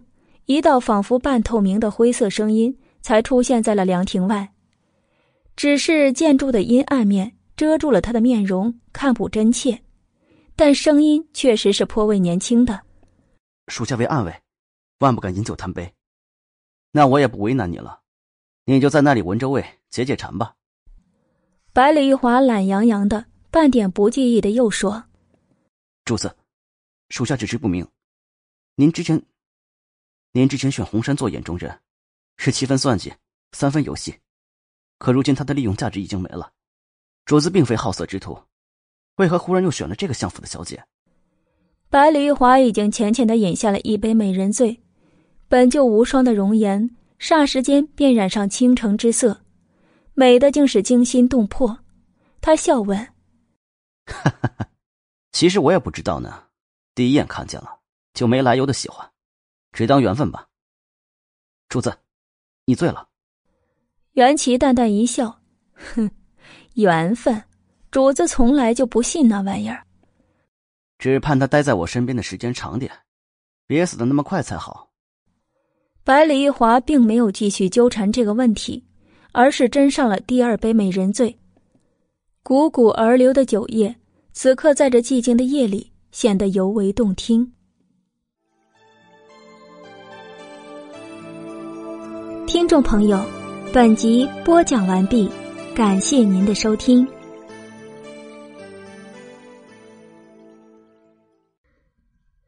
第二十三集。阿切，慕容九九根本不知道自己是怎么睡着的，只知道在一片炽烈与柔香的美酒下失去了意识，然后整个身子就像采棉花似的，一直踩呀踩呀。不知道踩了多久。小姐，你可算醒了？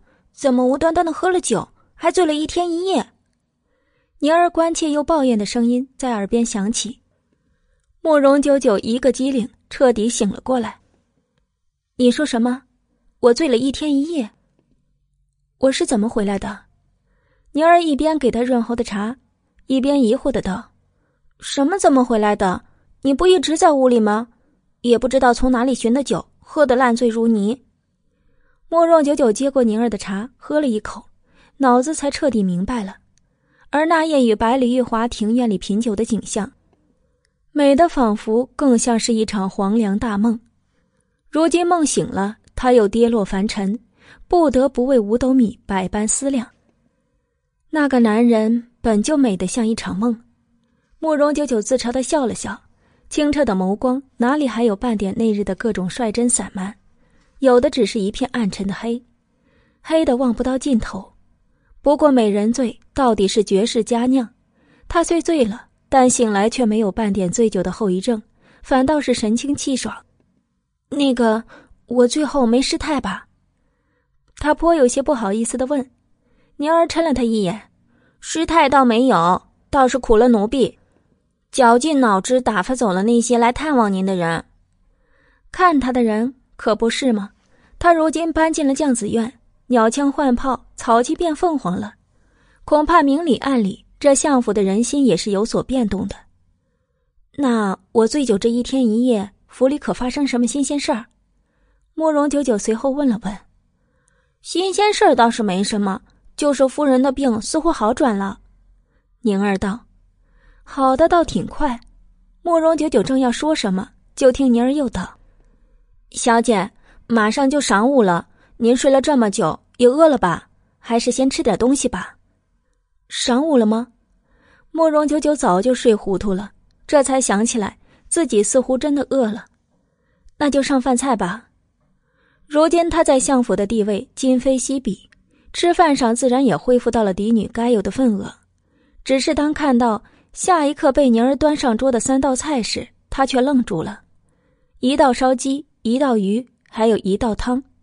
原是没什么稀奇的，但奇的是，这道菜分明就是那日在百里玉华那里吃过的。相府可没有厨子能做出这样的菜品。宁儿，这菜是谁做的？宁儿答道：“是一个新来的管事嬷嬷。说来也怪，是指派他来管事儿的。”但这嬷嬷非要往小厨房里，说是自己厨艺好，定是能博得小姐的喜欢。哦，慕容九九眉目一动，就想到了那日百里玉华的确说过，要派专门的婆子来给他调养身子。想来这嬷嬷就是他安排进来的。宁儿，让他进来一下。是。很快，一个中年微胖、为是很体面的婆子。就被缓缓的引了进来，从她不卑不亢的眉宇间就能看出来，这是个见过世面的奴婢徐氏见过大小姐。嬷嬷无需多礼，宁儿，你先下去，我有几句话想跟徐嬷嬷单独说说。宁儿虽不知道小姐为何支开她，但她也乖巧，扶了扶身就出去了。门刚一关上，慕容九九就口气亲切的笑道。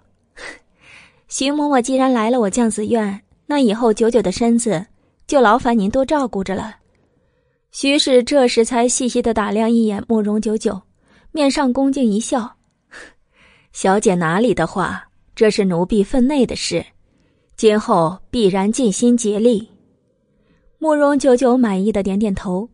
这嬷嬷虽只是派来给他养身子的，但暂时也是不敢小觑，当即说了几句客套话。就将人送了出去，同时他也正式有了当百里玉华地下情人的觉悟，同时也不得不开始盘算起他今后要走的路。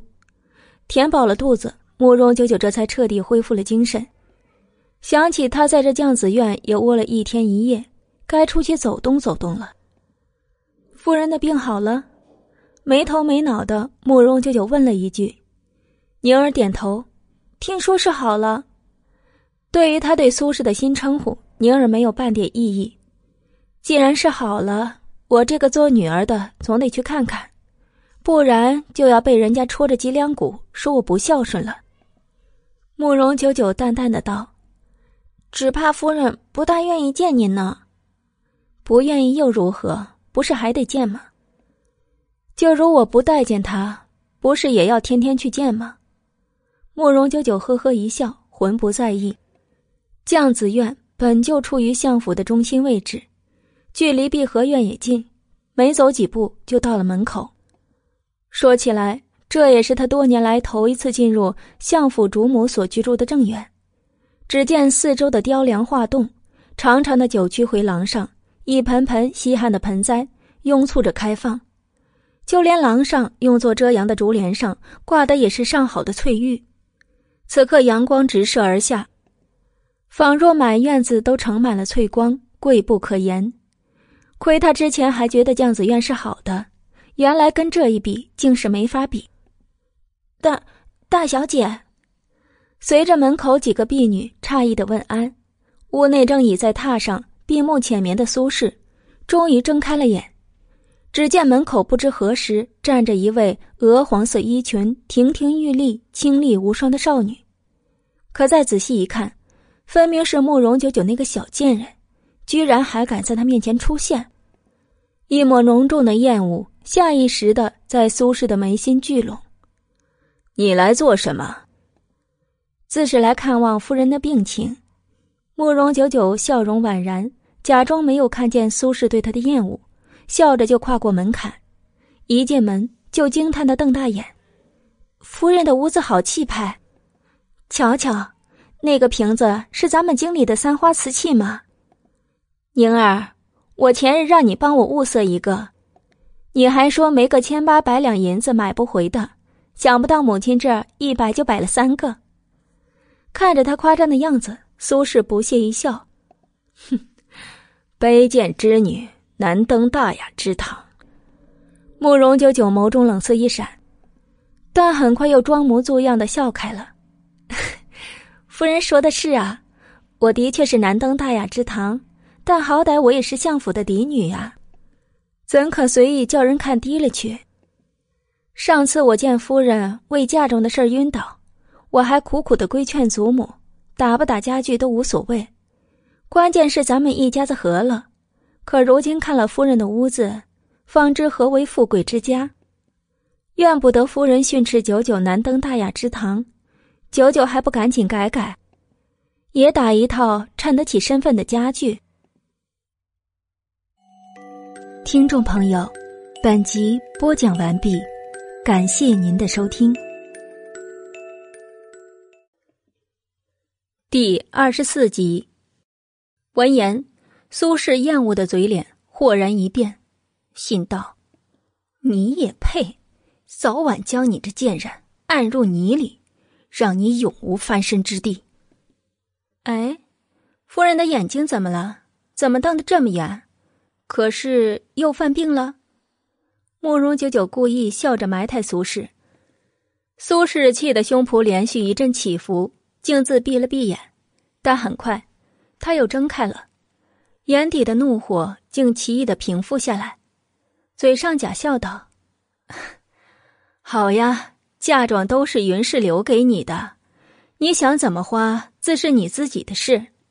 既然要打家具，那便打吧。”诡异，慕容九九不动声色的望着苏轼，这副略带病容却故作姿态的样子，他心中就已经有了猜测：依这个女人对那批嫁妆的重视度，怎么可能这样轻易出口呢？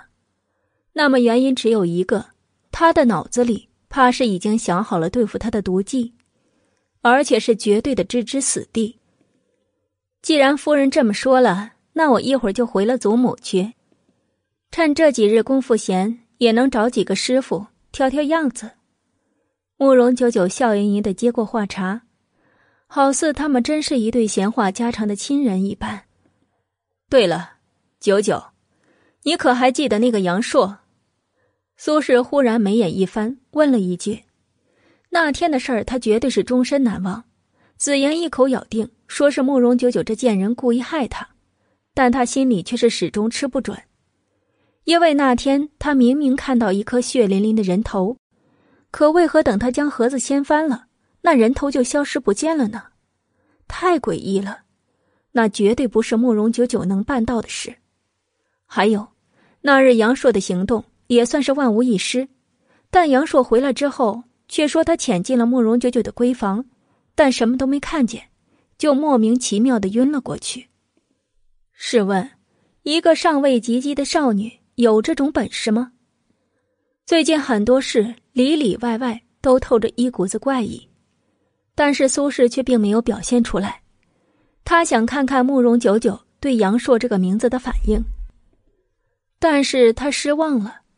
慕容九九毫无反应。杨硕，杨硕是谁？哦，我想起来了，那个，那个什么。从什么地方来的表哥是吧？他猜测着道，好像只是那日花园碰过一面，就再也没有见过似的。苏轼有些狐疑的皱了皱眉头。这时，忽听慕容九九笑着又道：“ 说来也怪，我那日见过那个杨硕后，晚上就做了一个怪梦，梦见一个胸口戴着圆形玉佩的女人，说是我的母亲云氏，还斥责我说。”瞧我这个嫡女当的，饿狼都爬到床边了还睡，还说留着我的一条命，平白也是丢人现眼，不如勾了我的魂算了。我在梦里一听，别呀，我可不想死。后来苦苦央求我娘，我那个娘就心软了，说会帮我。后来我就醒了。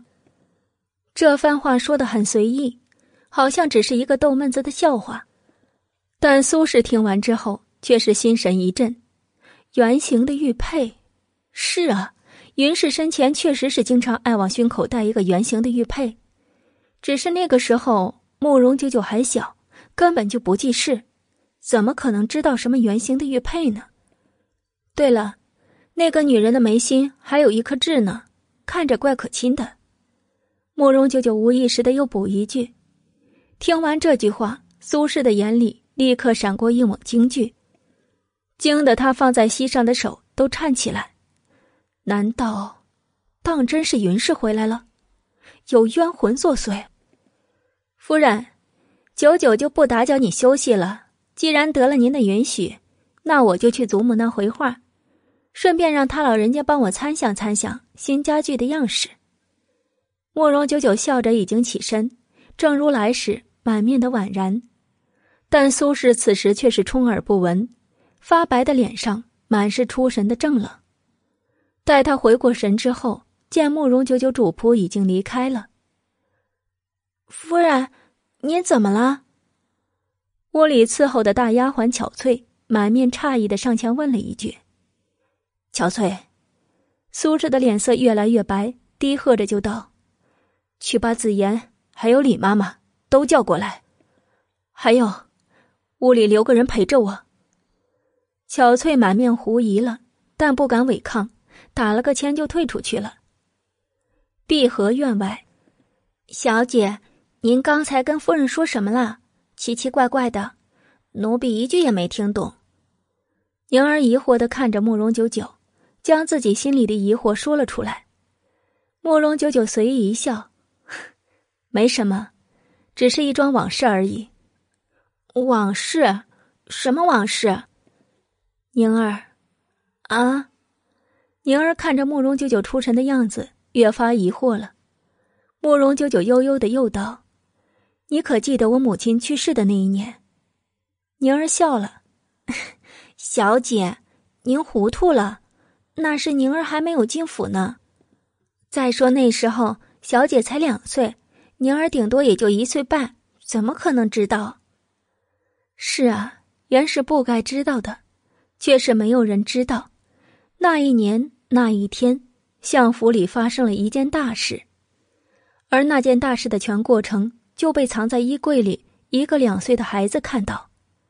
也是从那一年那一天，他开始记事。不过，也是从那一年的那一天，他记住的事基本都是悲惨的。走吧，估计祖母在等我们了。寿安堂内，老妇人罗氏似乎早就料到慕容九九会来，淡淡问了一句：“听说你前日病了，小病，这不是好了吗？”慕容九九同样面色淡淡，只是比起过去，气度上多了一份从容淡雅和光彩照人。老妇人眯眼打量他一眼，悠悠的道：“果然是个美人胚子。”假以时日，这京中又要多一位美人了，是吗？祖母抬举九九了。慕容九九只是淡笑，半点没有因罗氏的称赞而得意忘形。为此，罗氏的眼底闪过几分暗沉。刚才去看过你母亲了。慕容九九点头，看过了，夫人的病情已经大好，而且还允许了酱子院打家具的事儿，说我母亲留下来的嫁妆想怎么花就怎么花，反正是我的。闻言，老夫人浑浊的眼眸又暗沉了几分。打家具的事儿，不如先放放吧。慕容九九自是将老夫人的神色变化都看进眼里。面上故作疑惑的问：“为何？你还有小半年及笄，说不定这小半年就有可能议亲了。若是你嫁出去，那将子院打的再好，与你又有何用呢？”原来如此，多谢祖母提点。慕容九九一副受教的样子，点了点头。老夫人也满意的点点头。好好学着点儿，别总是计较过去。女子只有积攒上才德，才能嫁个好人家。孙女记下了。有一搭没一搭的聊了几句，慕容九九就起身告辞了。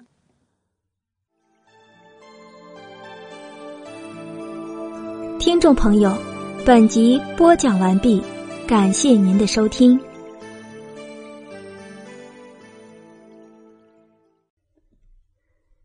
第二十五集，小姐，怎么了？宁儿见慕容九九从寿安堂里一出来，面色就有点不好，遂问了一句。慕容九九苦笑道：“之前夫人允了我往酱子院打家具的事儿，但刚才祖母却又给否了。怎么会这样？”宁儿皱了皱眉，当初分明还是老夫人挑的头。说要拿先夫人留下的嫁妆给小姐您补贴打家具，怎么又不用了？祖母说我快及笄了，说不定哪日就会议亲。若是我嫁出去，酱子院打的再好，与我也无用。宁儿闻言，立刻由衷的点了点头。老夫人说的有道理，打的再好，咱们也带不走，不如存着银子。看着宁儿也一脸赞同的样子。慕容九九却笑了，果然呐，我这个祖母果然是个滴水不漏的。恐怕当初他挑头的时候就没想过真的给我打什么家具，一切不过是为了打压苏氏而已。还存着银子，哼，那银子指不定是给谁存的。通过刚才他对老夫人罗氏的试探，慕容九九基本上已经确定，老夫人跟苏氏。无论怎么抬，到底还是婆媳，到底还是相府的女人，他们都不会让那批价值不菲的嫁妆离开相府的。但是那批嫁妆却是他的。碧荷院，当慕容子言跟李妈妈进屋的时候，就见苏轼正面色苍白的坐在榻上，一副失魂落魄的样子。母亲，你怎么了？慕容子言被惊了一下。苏轼闻言，后知后觉的抬起头来，愣愣的道：“子言啊，这次真的是冤魂作祟，是云氏的鬼魂回来了。”母亲，你胡说什么？慕容子言大惊，之前是因为苏轼病糊涂了才胡言乱语，可他现在分明很正常，却还说这样的话。母亲，你清醒一点那都是慕容九九那小贱人的算计。根本就没有鬼。慕容子言苦口婆心的劝解起来：“是啊，夫人。”李妈妈也点头，但苏轼却是连连的摇头：“不，子言，你还小，你不知道，当年云氏根本不是病死的，他是，他是被，被下令活活给勒死的。我还记得，当时他临死前。”眼睛都凸出来了，他死的不甘。刚才慕容舅舅过来，说梦里有个带圆形玉佩，眉心有痣的女人，说要帮他，那分明就是云氏生前的样子。苏轼非常肯定，因为这两个特征实在是太深入人心了。慕容子言或许不知道，但李妈妈却是清楚的很。云氏死的时候，大小姐只有两岁，根本就不可能记事。但是她始终不相信是鬼魂。夫人，可是旁的什么人告诉大小姐，大小姐才来吓唬您的？毕竟大小姐如今可变了许多。连奴婢见了都有着深不可测之感。苏轼摇头：“不可能，当年云氏死的不光彩，相爷跟老夫人早就命人将所有知情者都给处理了。就算是有人还知道，也已经不在京城了。此事宁可信其有，不可信其无。李妈妈，你尽快出府去找那个驱邪的大师来。”慕容子言皱着眉，始终有些不赞成母亲的做法，但看着母亲担惊受怕的样子，也有些不忍。母亲，若他不是鬼，是人呢？人。苏轼沉思了一下，随即眼底狠色一闪：不管是人是鬼，都不能让他好活。刚才他居然还有胆子跟我讨要嫁妆。那批嫁妆可是他这么多年的命根子，哼，那我就让他有命讨，没命享。对了，李妈妈，杨硕呢？这几日怎么没听到他的消息？本夫人说不定还用得着他。可这不问还好，一问，原本面色正常的李妈妈忽然一抖，似是想到了什么，紧蹙着眉，不知道要如何开口。苏轼见李妈妈不说话，顿时没了好气。怎么不说？李妈妈咽了口口水，低头道：“回夫人，杨硕死了，死了。”苏轼的面色一白，刚稳定下来的心神又紧绷起来。怎么死的？李妈妈似乎不想细说，但出于奴才的本分，她这个时候不能欺骗主子。只好硬着头皮道：“死因不明，身上也没有什么致命的外伤，只是死状有些诡异，像是，像是活活吓死的。”咯噔一下，一瞬间，苏轼仿佛被抽掉了全身所有的力气，软绵绵的瘫软在小榻上。活活吓死的，怎么会这么巧？回到将子院。谁知刚才还明丽的天空，转眼间就阴郁下来，然后狂风大作，将院子里转眼吹了个七零八落。宁儿跟着秋菊、秋雪忙着关紧窗户，并且一边抱怨道：“这老天爷的脾气还真是摸不着，说起风就起风，说下雨就下雨。”慕容九九坐在小榻上笑道：“人的脾气不也这样吗？”说发作就发作，刚才还对着你笑，说不定下一刻就能对你捅刀子。说着话，外面已经哗哗啦啦的下起了豆大的雨滴，噼里啪啦的打在窗户上。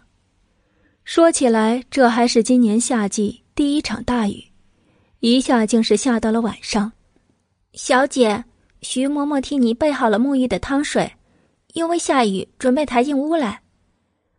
门外响起了宁儿的声音，慕容九九倚在榻上看着书，闻言抬头道：“那就抬进来吧。”这徐嬷嬷既然是百里玉华的人，她做什么自然也都是百里玉华的意思，她不会忤逆，也不敢违逆。很快，在几个粗使婆子的合力下，一个沐浴用的大木桶，连带着里面的汤水一并都给抬了进来。只是那木桶盖着盖子，但老远慕容九九还是闻到了里面的药味儿。这竟还是个药浴。宁儿，你也下去歇着吧，今晚有徐嬷嬷伺候就好。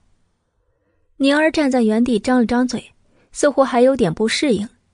小姐就这样让她出去，反而让一个新来的婆子贴身伺候。乖了，我这么做自有我的道理。慕容九九看出宁儿的小委屈。安慰的捏了捏她的脸蛋儿，宁儿立刻便觉得小姐的心里是有她的。那奴婢告退了。若是徐嬷嬷有什么不顺手的，您只管叫奴婢。奴婢这会儿肯定睡不着，醒着呢。嗯。送走了宁儿，徐嬷嬷依旧是白日那般恭敬的模样，关起门窗道：“请小姐宽衣。”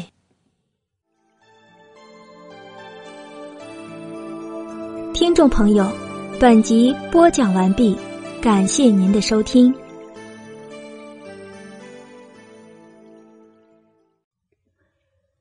第二十六集，慕容九九想都不想就开始脱起了衣服，转眼脱了个一丝不挂。徐嬷嬷看着他这副干干瘦瘦的身子板，则是一连的摇头。内虚外空，小姐以后可要多多进补，否则再过两年可就耽搁了。慕容九九也是学医的，对自己的身子骨自然是了如指掌。但俗话说得好，一口吃不成胖子，这事儿急不来。嬷嬷在公主府是厨娘吗？泡在温热的药浴中，慕容九九见徐嬷嬷也不说话，便试着聊起了天儿，顺便看看能不能打探一点有用的信息。算是吧。徐嬷嬷模棱两可的点点头，显然并不愿意多透露。慕容九九也只好见好就收。整整在大木桶里泡了有多半个时辰，就在他快要昏昏欲睡的时候，才听到徐嬷嬷的指示，出了木桶，并示意让他趴在一个事先准备好的小榻上。这才发现，徐嬷嬷已经捧着一些香料和精油走过来。小姐这些年受苦不少，底子太薄了，但好在正是长身体发育的时候，只要好好的素体。今后的身段必然差不了。徐嬷嬷悠悠的道：“素体。”慕容九九听着，却是面上一移，不及细想，徐嬷嬷沾满精油的双手已经开始在她身体上游走起来，这才恍然大悟，竟是古代的素体。不过显然，徐嬷嬷这种素体是专门给没有长开的少女准备的，而刚才药浴中的各种药材。她虽然不全认识，但也知道那么一桶价值不菲，都是百里玉华下在他身上的本钱。慕容九九是个彻头彻尾的务实主义者，跟这相比，自己那一泡处子血也算是物超所值了。迷迷糊糊间，也不知坐了多久，慕容九九实在是挡不住一波一波袭来的困意，就要睡过去。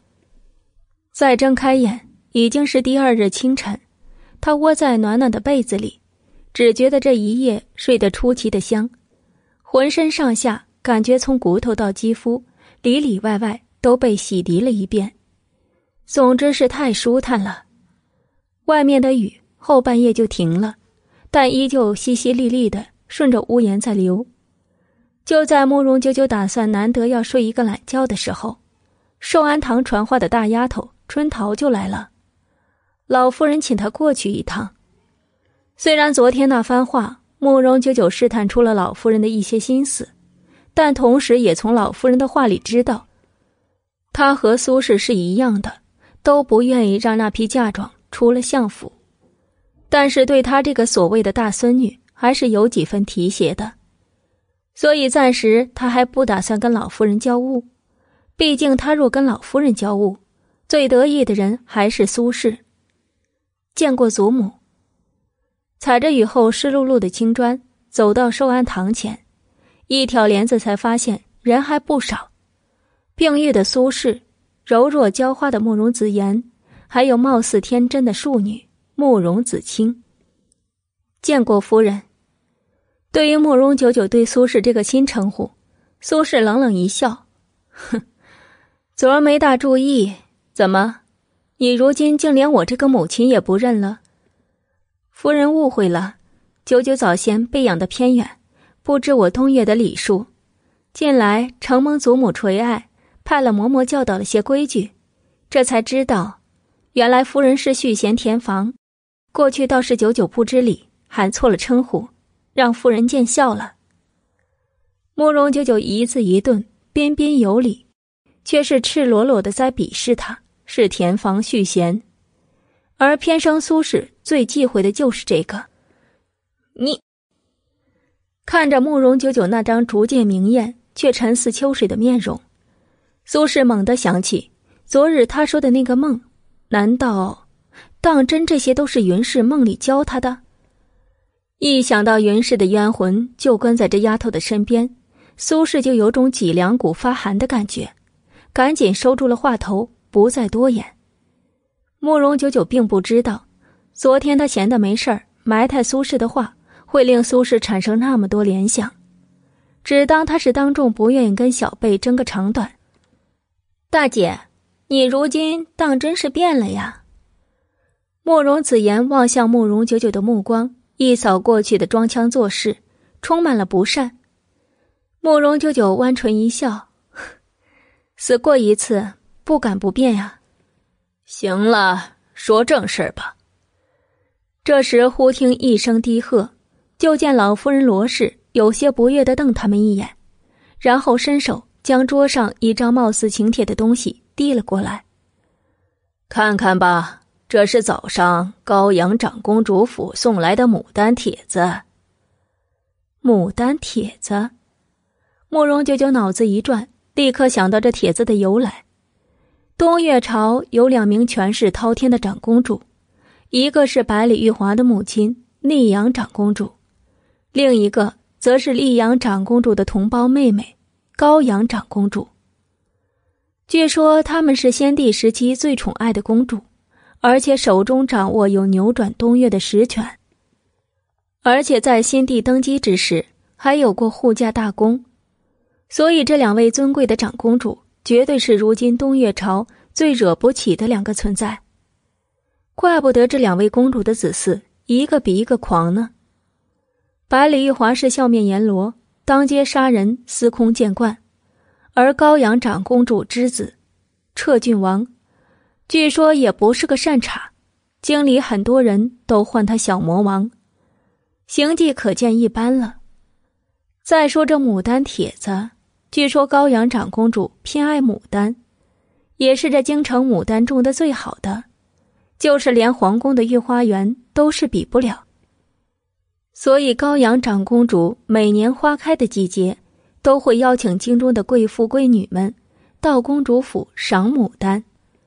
过去，苏轼才不会让慕容九九出去露脸，对外总说她是病了。久而久之，京中之人。也就忘了相府还有一个嫡出长女，只是这次老夫人特意叫她过来，难道怎么会这样？苏轼的一声惊呼打断了慕容九九的思路，他抬眸看去，发现苏轼正面色不好的盯着牡丹帖子在看。怎么了，母亲？慕容子言也疑惑的看了一眼苏轼，这时老夫人的话才悠悠的响起。这次牡丹帖子上，高阳长公主只请了玉兰跟九九，没有子言的名字。祖母，您说什么？这下又该慕容子言震惊了。此刻他满脑子都转悠起一句话：今年的牡丹会，长公主没请他，怎么可能？他慕容子言如今可是京中贵圈里的名媛。多少人想他参加聚会都请不来，长公主居然没请他，这不是当着京城所有名媛打他的脸吗？为什么？老夫人罗氏缓缓的垂下眼帘，冷声道：“紫妍丫头，你该知道，高阳长公主最是个眼里揉不进沙子的人。你大姐刚跟瑞王殿下解除婚约没几日。”你就大张旗鼓的跟瑞王在街上出双入对，你当旁人的眼都是瞎的吗？闻言，慕容子言瞬间面色一白，身子也仿佛摇摇欲坠一般，竟是因为这个原因。慕容九九看在眼里，不觉闪过几分好笑。看来光天化日的撬人家的未婚夫，果然不是白撬的，看吧。如今有弊端了吧？可是祖母，孙女跟瑞王是清白的，大姐可以作证。慕容子言似乎有些不能接受这个打击，急切的想要解释。慕容九九的嘴角一抽，心道：“慕容子言，你还能再无耻一点吗？”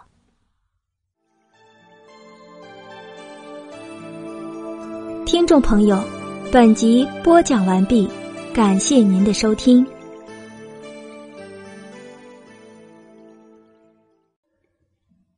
第二十七集，我可做不了这个证，二妹高看我了。不然也不会被我当街撞破你们的私会啊！他不屑一笑：“你。”慕容子言没有想到慕容九九出言这么不留情面，她还是个黄花大闺女，哪里经得起这样的羞辱？顿时脸上气得一阵青一阵白。行了，清不清白也不是我们说了算，京中早有闲言碎语。既然高阳长公主这次的牡丹会没请你，那你好生在府里养着吧。老夫人悠悠一语，算是终止了这个话题。但慕容子言依旧是满面的不甘。祖母，不知这次子清可有机会？一旁立着的庶女慕容子清早就跃跃欲试了。虽说牡丹帖子上没她的名字。但过去苏氏抬举他，也带他去过一次牡丹会，旁人也没说什么。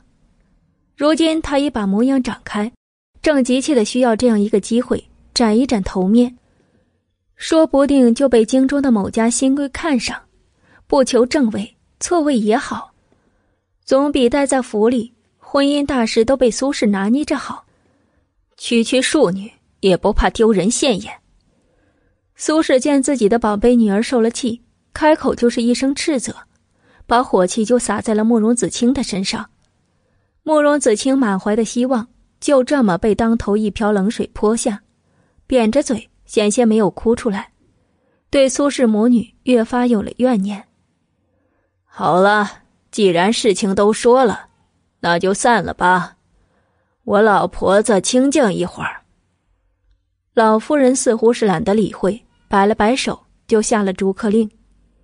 只是临走的时候，又说了一句：“九九虽添置了新衣裳，但好像还没有几件像样的头面首饰吧？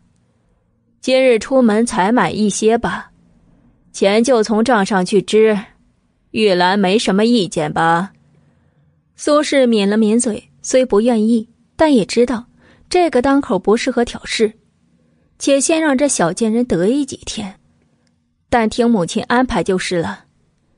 离开寿安堂，大姐，慕容舅舅正欲离开，身后就被一个脆生生的声音给喊住了。回头就见慕容子清正笑盈的站在他的身后，半点没有像是受过气的样子，十分乖巧。至少在慕容九九过去的记忆里，这个庶妹除了有些踩高捧低之外，似乎也没怎么为难过他，所以他也没有必要对他含着一张脸。合适。殊不知，慕容子清的心里正在拼命的庆幸自己，过去没有欺负过这个大姐，因为谁也没有想到，这个窝囊的大姐居然也有改头换面的一天。看来以后私下要多多亲近了。大姐，你一会儿要出门采买首饰。能带上子清吗？子清好久都没有出门了，也想出去转转，散散心。慕容子清腼腆的笑了笑。慕容九九眸中异色一闪，立刻明白了慕容子清的小心思。也好，我出门一个人也闷得慌，只当多个说话的。慕容子清大喜，谢谢大姐。套好马车，主仆几个人就出了门。只是这次出门跟上次又有所不同，上次出门坐的是一辆最普通的青布小车，而这次则是相府嫡女专门配用的。旁人只要一看这马车，就会纷纷避退。慕容子清的小婢女也是叽叽喳喳的碎嘴，跟宁儿凑在一块儿，这一路上就没安生过。大姐，咱们京中如今最好的首饰店就是明月仙跟十色坊了，咱们先去哪逛逛？慕容子清兴致勃勃的问。对于这个，慕容九九倒没有多热衷，随口道：“哪个离得近就去哪个吧。”是。很快，马车就停在了明月轩的门前。打开车帘，乍一看，这铺面果然气派。哎，慕容大小姐。谁知刚一下车，就听到一声含笑的呼唤。慕容九九侧身看去，就见另一辆官换的马车前，一位装扮华丽的夫人正站在那里。此人他认识，正是上次楚王府退亲的远东侯夫人楚氏。虽说上次见面是为了退亲。但慕容九九却对这位和善的夫人印象极好，当即上前行礼道：“见过远东侯夫人。”慕容大小姐太见外了，你若再这样行礼，我下次可就不换你了。楚氏嗔怪的看他一眼，但面容却极是和蔼。慕容九九抿嘴一笑，想起家中那伪善的主母，这远东侯夫人楚氏。简直像极了活菩萨，心中越发生出几丝亲近之意。夫人若不嫌弃，换我九九就行。好，九九。楚氏的眼底满是暖意。这时，慕容子清也下了车，见慕容九九与这样尊贵的夫人攀谈，便也赶忙满面乖巧的上前道：“见过远东侯夫人。”无需多礼。夫人也是来买首饰的吗？慕容九九问道。楚氏摇头，没什么可添置的，正要回去呢。话没说完，街上忽然有几个玩泥巴的平民小孩，嬉笑着跑过来。其中一个小孩没站稳，猛地一个踉跄，就扑在了楚氏的身上，立刻在他华美的衣衫上印下了两个泥手印儿。大胆！哪里来的野孩子，敢冒犯远东侯夫人？身旁的婢女立刻不悦的斥责。那孩子也被吓愣了，一屁股坐倒在地上。这时，孩子的母亲也赶了过来，一见远东侯夫人身上的泥印子，立刻吓得面色一白。这么鲜亮的衣服，他们穷苦人家就是一辈子也赔不起呀！夫人恕罪。但是楚氏却并没有生气，还制止了身旁婢女的斥责，淡笑道：“ 无妨，这位夫人，你无需惊慌，孩子无心，我是不会怪罪的。”说完，还从随身的荷包里取了几两银子，塞进那下愣的孩子手中，笑道：“我送你银子，买糖吃可好？”哎呀！这位尊贵的夫人，这可使不得呀！污了人家的衣裳，不让赔就已经不错了，哪里还敢收人家的银钱呢？但楚氏却是理也不理，将银子给了孩子，就回身朝着慕容九九道：“九九，咱们改日再续。”改日再续。想不到这楚氏身为侯夫人，不仅面善，心也这么善。目送着他的马车渐渐的离去，慕容九九有些感慨的道：“远东侯夫人似乎很喜欢小孩子。”慕容子清一愣，反问：“大姐不知道吗？不知道什么？”慕容九九挑眉。听众朋友，本集播讲完毕，感谢您的收听。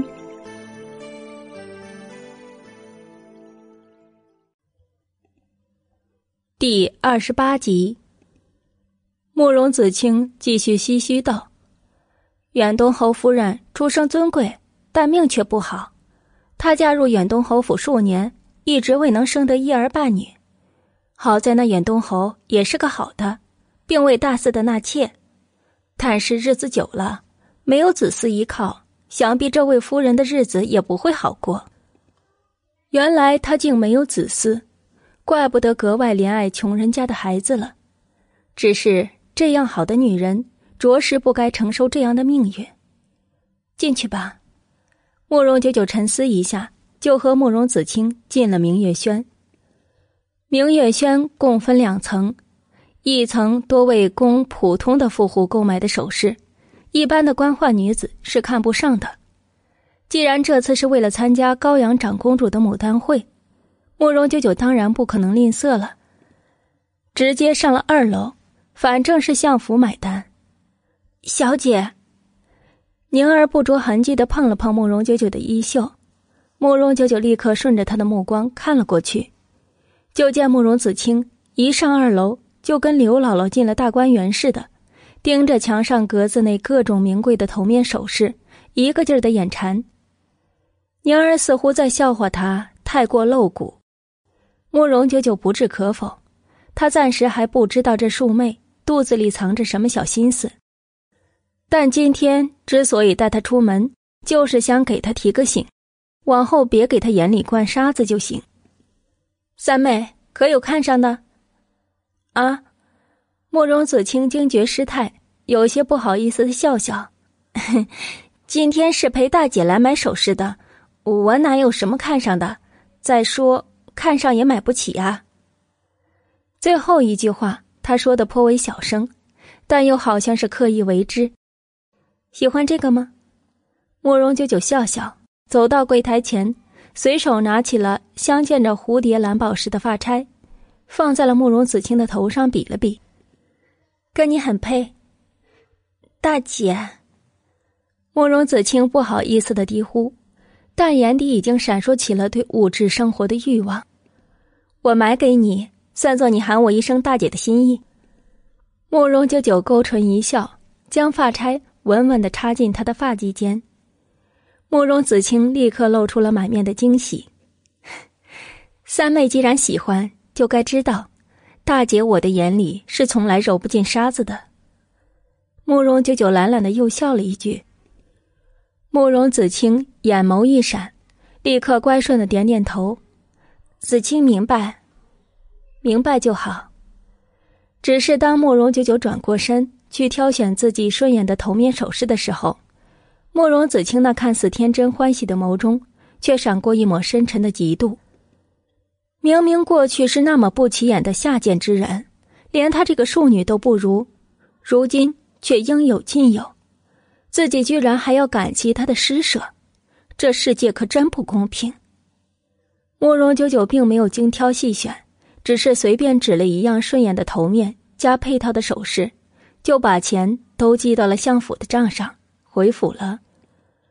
牡丹会被定在三日后，也托苏轼尚未完全病愈的福，相府这几日难得的风平浪静，日子也就这样一天接着一天的过着。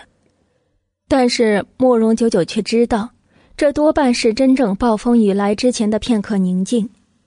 苏轼这些日子屡次在他手上吃亏，断不会就这样轻易的咽下去。如果他要是苏轼，他会怎么做呢？慕容舅舅懒懒的窝在小榻上，如优雅的猫一般，迎着太阳思考着。小姐，奴婢新做出的糕点。只是徐嬷嬷端着糕点。走了进来，模样一如来时，看上去恭敬，实则却是疏离。慕容舅舅苦笑，他千方百计的想拉拢这婆子，竟是没拉住，当即苦笑：“嬷嬷无需多礼，你自伺候了我，那以后就是自家人，别说不敢，还是说，嬷嬷从一进这绛子院就认定了，我会如红山姑娘一样的下场。”所以根本无需多留心。嗯，徐嬷嬷一愣，赶忙道：“小姐误会了，小姐怎么能是红山呢？小姐能入主子的眼，是难得的命贵之人。既是命贵之人，为何嬷嬷连与我说句话都这样吝啬呢？来了这些天，你也看到了，我自小就没了母亲，我那贴身丫鬟虽是发小。”但却也是个什么都不懂的碎嘴丫头。另外两个我也不亲，如今也就嬷嬷这般年长的，是个知冷知热的，奈何却是始终不愿与我多言。慕容九九一副神伤的样子，摇了摇头。徐嬷嬷的眉峰这才不易察觉的动了一下，解释道：“非奴婢不愿与小姐说话，实在是奴婢笨嘴拙腮，怕得罪了小姐。”见有戏，慕容九九笑着道：“我明白，溧阳长公主府规矩森严，行差踏错，说不定就是死罪。但是你放心，进了我的屋子，就是本小姐的人。本小姐自当爱惜你们每一个人。若嬷嬷不嫌弃，且坐下来跟我聊聊天吧，说说你的儿女如何。”徐嬷嬷苦笑摇头。奴婢半生未嫁，何来的家人？慕容九九一怔，不禁安慰似的拉住徐嬷嬷局促的双手，叹道：“唉，原来嬷嬷也是个命苦之人。但你放心，你既是我的人，我自不会薄待了嬷嬷，将来必定为嬷嬷养老送终。如徐嬷嬷这种人，能混到这个份儿上，自是不缺银钱，所以她压根儿就没想过。”要用银钱贿赂他。闻言，徐嬷嬷立时心头一热，但面上依旧一波如水。奴婢谢小姐抬爱，若无他事，奴婢就告退了。还有，请小姐多多提防一下那二等丫鬟秋雪吧。说完，徐嬷嬷拔腿就出去了。慕容九九坐在榻上一愣：“秋雪，这徐嬷嬷惜字如金。”她说出每一句话，必然都是有依据的，不得不让她上了份心。不久后，被他派出去打探消息的宁儿，风风火火的就回来了。而他回来的第一件事，就是神秘兮兮的趴在慕容九九的耳朵边一通的耳语：“小姐，您之前吩咐奴婢使银子，让门口的乞丐盯着碧荷院那边的人，一有人出府就多加注意。”刚才有个乞丐找我传话，说今日府里有个嬷嬷，一个人出了门，跟一个市井下三滥的人说了好些话，还鬼鬼祟祟的。听那乞丐的描述，那嬷嬷多半是李妈妈。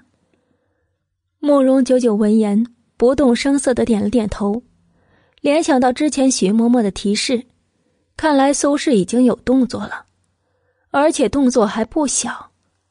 原想让宁儿帮着盯住颇有疑点的秋雪，但又想这丫头要是盯人，肯定恨不得把人家放在眼睛里，不被发现才怪了。索性作罢。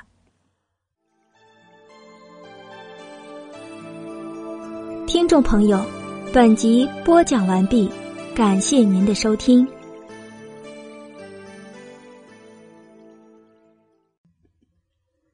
第二十九集。都说有人欢喜，总就会有人愁。慕容九九这边过得舒舒服服，但碧荷院那位却是满心的不痛快。李妈妈，驱邪的大师还没请到吗？苏轼已经不止一次的追问了。闻言，李妈妈无奈的摇头：“奴婢不敢隐瞒，驱邪的大师倒是多了去了，可他们只要一听是相府，就都不愿意来。”咱们相爷是朝中百官之首，儒家清流最忌讳的就是这些鬼神之说。那些大师躲还来不及，如何敢往枪口上撞？苏轼皱了皱眉，心里也是无可奈何。但只要一想到杨硕死的蹊跷，他就有些心绪不宁，竟还时常梦到云氏生前的事。母亲，我看您也别总信这些了。与其费心的找驱邪大师，倒不如好好想想，该怎么阻止慕容九九参加明日的牡丹会吧？难不成您当真想让他借着牡丹会在京中一飞冲天吗？那日你也看见了，他模样不差。旁上一直默不作声的慕容子言闷闷一语，明显他的心情极差，尤其是在说到牡丹会的时候。胸中更是蓄满了道不尽的恼恨，这简直就是奇耻大辱。祖母说让他在府中避嫌，可殊不知，他这一避嫌不是明着告诉所有人他理亏，他不对吗？所以无论如何，这牡丹会他都是一定要参加的。是啊，夫人，二小姐说的有道理。李妈妈也跟着劝了一句，苏轼则有些头疼的捏捏额头。我又何尝不知道这些？只是想请人做做法事，才安心嘛。至于慕容九九那个小贱人，李妈妈，我之前安排的事可都妥当了。李妈妈闻言回禀道：“夫人放心，都妥当的，保证滴水不漏。大小姐既然这么想参加牡丹会，那就让她好好参加一次牡丹会。”李妈妈毫不遮掩的诡异一笑，慕容子言立刻看出来，母亲这几日虽精神不好，但也不是全无安排，当即就追问起来：“母亲可有什么计划？”苏轼笑盈的拉过慕容子言的手，叹道：“唉，我的宝贝女儿何曾受过这般委屈？母亲看着就心疼，怎能不为你出气呢？”看着夫人又重新振作起来，李妈妈也欣慰的笑道：“二小姐无需忧心，上次的事虽说糊里糊涂没闹明白，但这次就是云氏的冤魂真的回来了，怕是也无力回天了。”苏轼亦得意的勾唇一笑：“不错，先想法子除了这小的，牡丹会过后就有庙会，到时候不行。”我就亲自出城到佛门圣地，请一位高僧来。亮云是那死鬼也耍不出个花样来。这一日大清早，府里面就热闹起来，只因为夫人小姐们要去参加高阳长公主的牡丹会，个个都要细心的打扮，用心描绘，稍微一点不满意就要洗掉重画。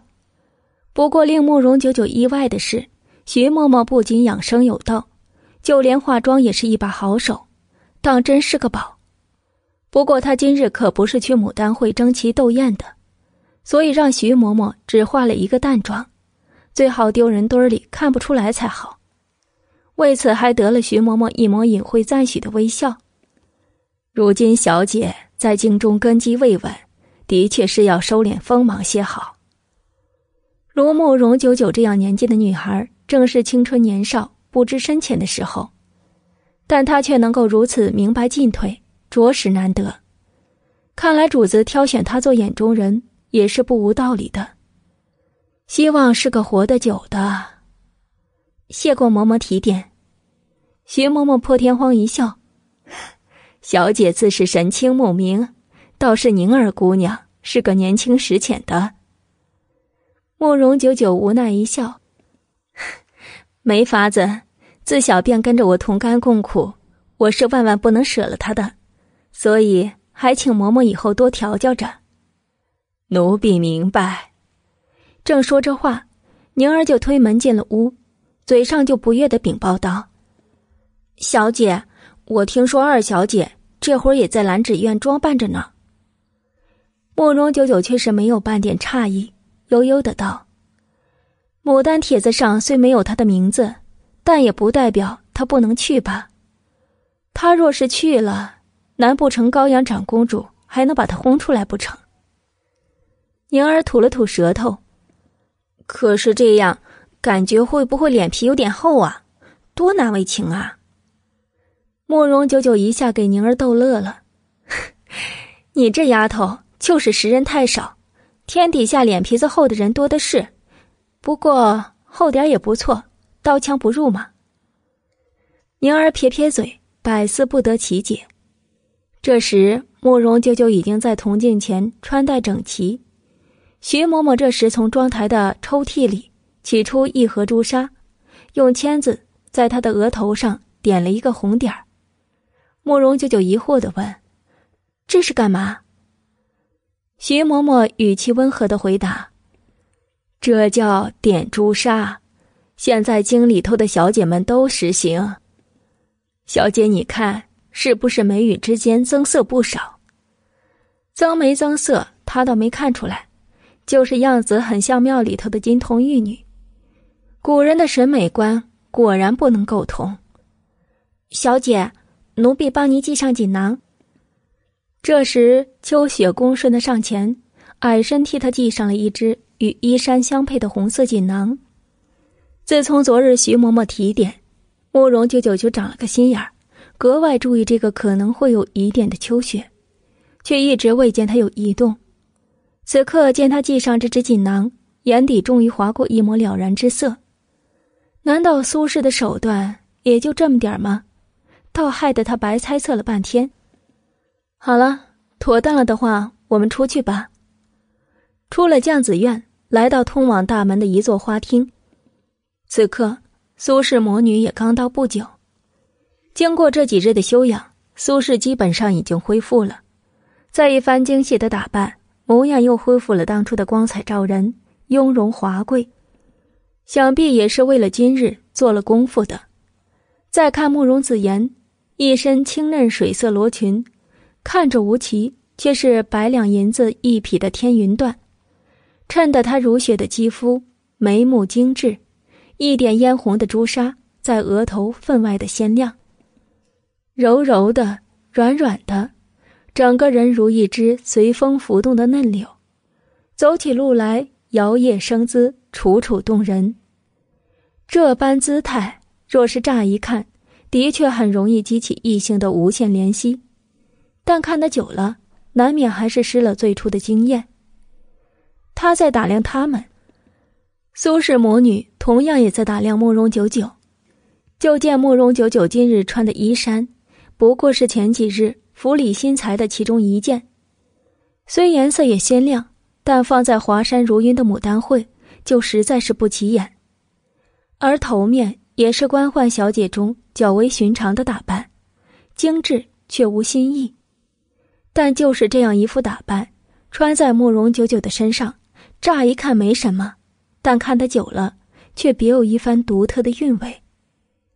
苏轼的眼眸不觉得沉了一沉，这次他学乖了，并没有表露出丝毫的情绪，只是淡淡的道：“时辰不早了，启程吧。”说完，他不着痕迹的扫了一眼慕容九九腰间系的香囊，就率先离开了。相府的正门外，两辆套好的马车。已经等候多时，苏轼跟慕容子言直接理所当然的坐上了第一辆马车，慕容九九自然只能独自乘坐第二辆了。马车很快缓缓的行驶起来，也不知走了多久，身下的马车忽然轰隆一声，整个车厢就朝左猛地倾泻而下，车内的主仆二人一个不防就贴在了左边的车壁上。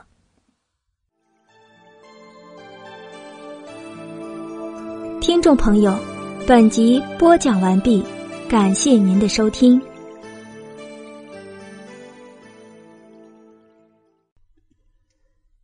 第三十集，小姐，您没事吧？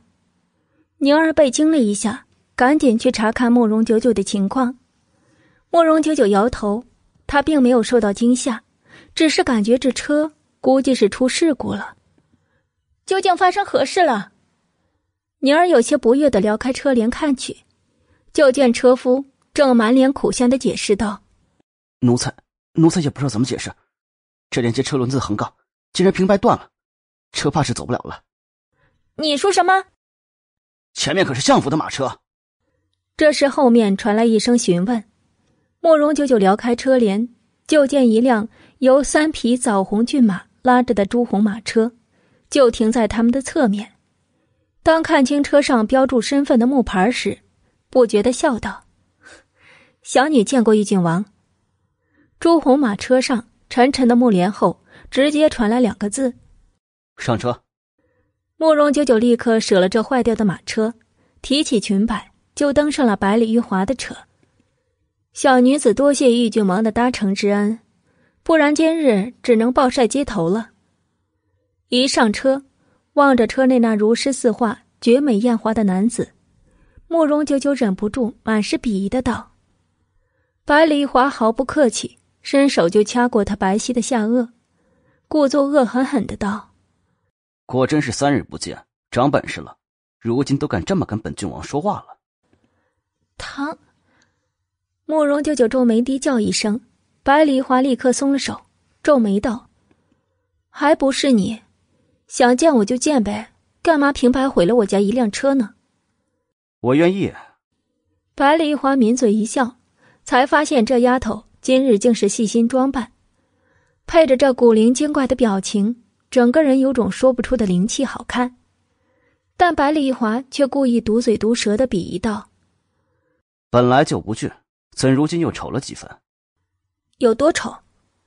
慕容九九干巴巴的瞪眼，百里华故作斟酌的道：“在本郡王的眼里，自是丑的不堪入目，不过跟街边的乞丐比起，勉强也称得上貌美如花。”慕容九九嘴角一抽，想着这人见面不损他两句，就心里不平衡吗？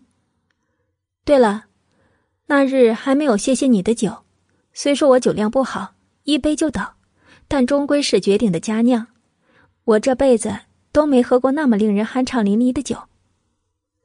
想起那酒的滋味慕容九九便忍不住咂了咂嘴。百里玉华含笑的看着他陶醉的模样，慵懒优雅的姿态，像极了一头刚睡醒的猛虎。尽管样子很美。却也遮不住他隐在暗处的锋利獠牙。那觉得本王待你可好？慕容九九笑着敛去他的真诚情绪，点头道：“自然是好。”那就安心做本王的眼中人。你知道是什么意思？改日被我发现你对我有半点疑心，不会有那一日的。慕容九九淡淡打断百里玉华的话，又道：“九九何其荣幸。”能做玉郡王的眼中人，必然遵从一心。但九九只求待来日玉郡王厌弃了九九的时候，求你让我可以自由来去。百里一华闻言又笑了，但这个男人的笑永远是用来迷惑人的，其中的惊心动魄也唯有被他注视的人能感觉到。好，我答应你。许久，他淡淡的道。慕容九九勾唇一笑，这时近在咫尺的百里玉华忽然亲密的凑上来，竟淡淡的划过他白皙的颈项，赞道：“看来这几日你也不算浪费了本王的一堆好药，比上次见你白嫩了许多。”慕容九九不好意思的一笑：“不错，这几日徐嬷嬷几乎夜夜都会安排他泡药浴，然后推拿素体，浑身的肌肤。”更是如剥了一层壳一般，柔滑了许多，还伴有一种凝结在肌肤上的体香，若有似无。谢玉郡王赞赏。九九，你可知今日你家主母可在牡丹会上为你摆了一场好戏？这时，白丽华提醒般的悠悠又道：“慕容九九不屑的撇撇嘴，他那点好戏，我早就看出来了，又几会拒了他。”果然是本郡王看中的人。百里玉华眉目好看的笑着，琉璃般的凤眸，异彩生辉。既知好戏，那就好好的唱，唱好了有赏，唱不好有罚。哦，那我可要等着玉郡王的赏赐了。慕容九九立即一扫阴霾，又笑弯了唇。这么有信心？哼，自然。这时，马车不知不觉的停了下来，才发现已经到了高阳长公主府的大门前。你不参加牡丹会吗？慕容九九见他没有下车的意思，问了一句。百里华不屑一笑：“哼，你觉得本王会跟着一群女人挤着看牡丹吗？”不会。慕容九九果断的摇头，然后转身就要自己下车。却被百里玉华忽然伸手拉住了他的胳膊。等一下，你的朱砂刚才刮花了，我帮你点点。啊，什么？慕容九九无知无觉的摸了摸自己额头，就见百里玉华已经从马车的内阁内取出一盒朱砂和一支毛笔。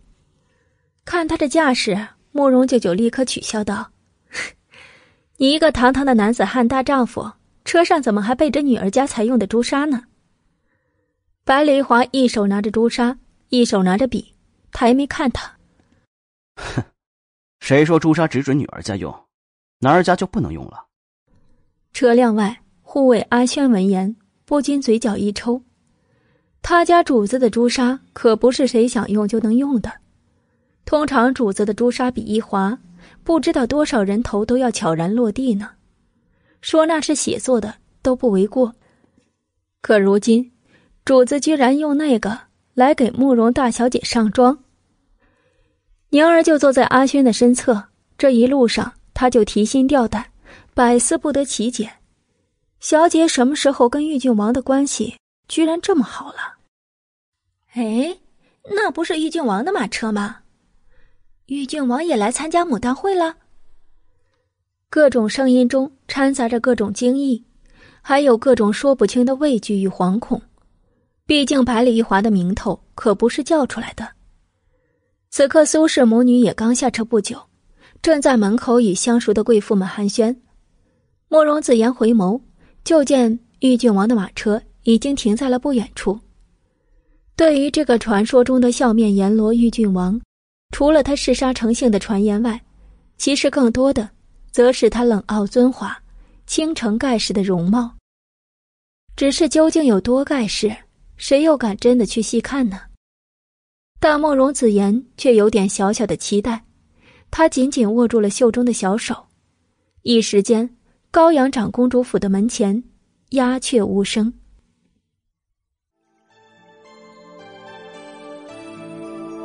听众朋友，本集播讲完毕，感谢您的收听。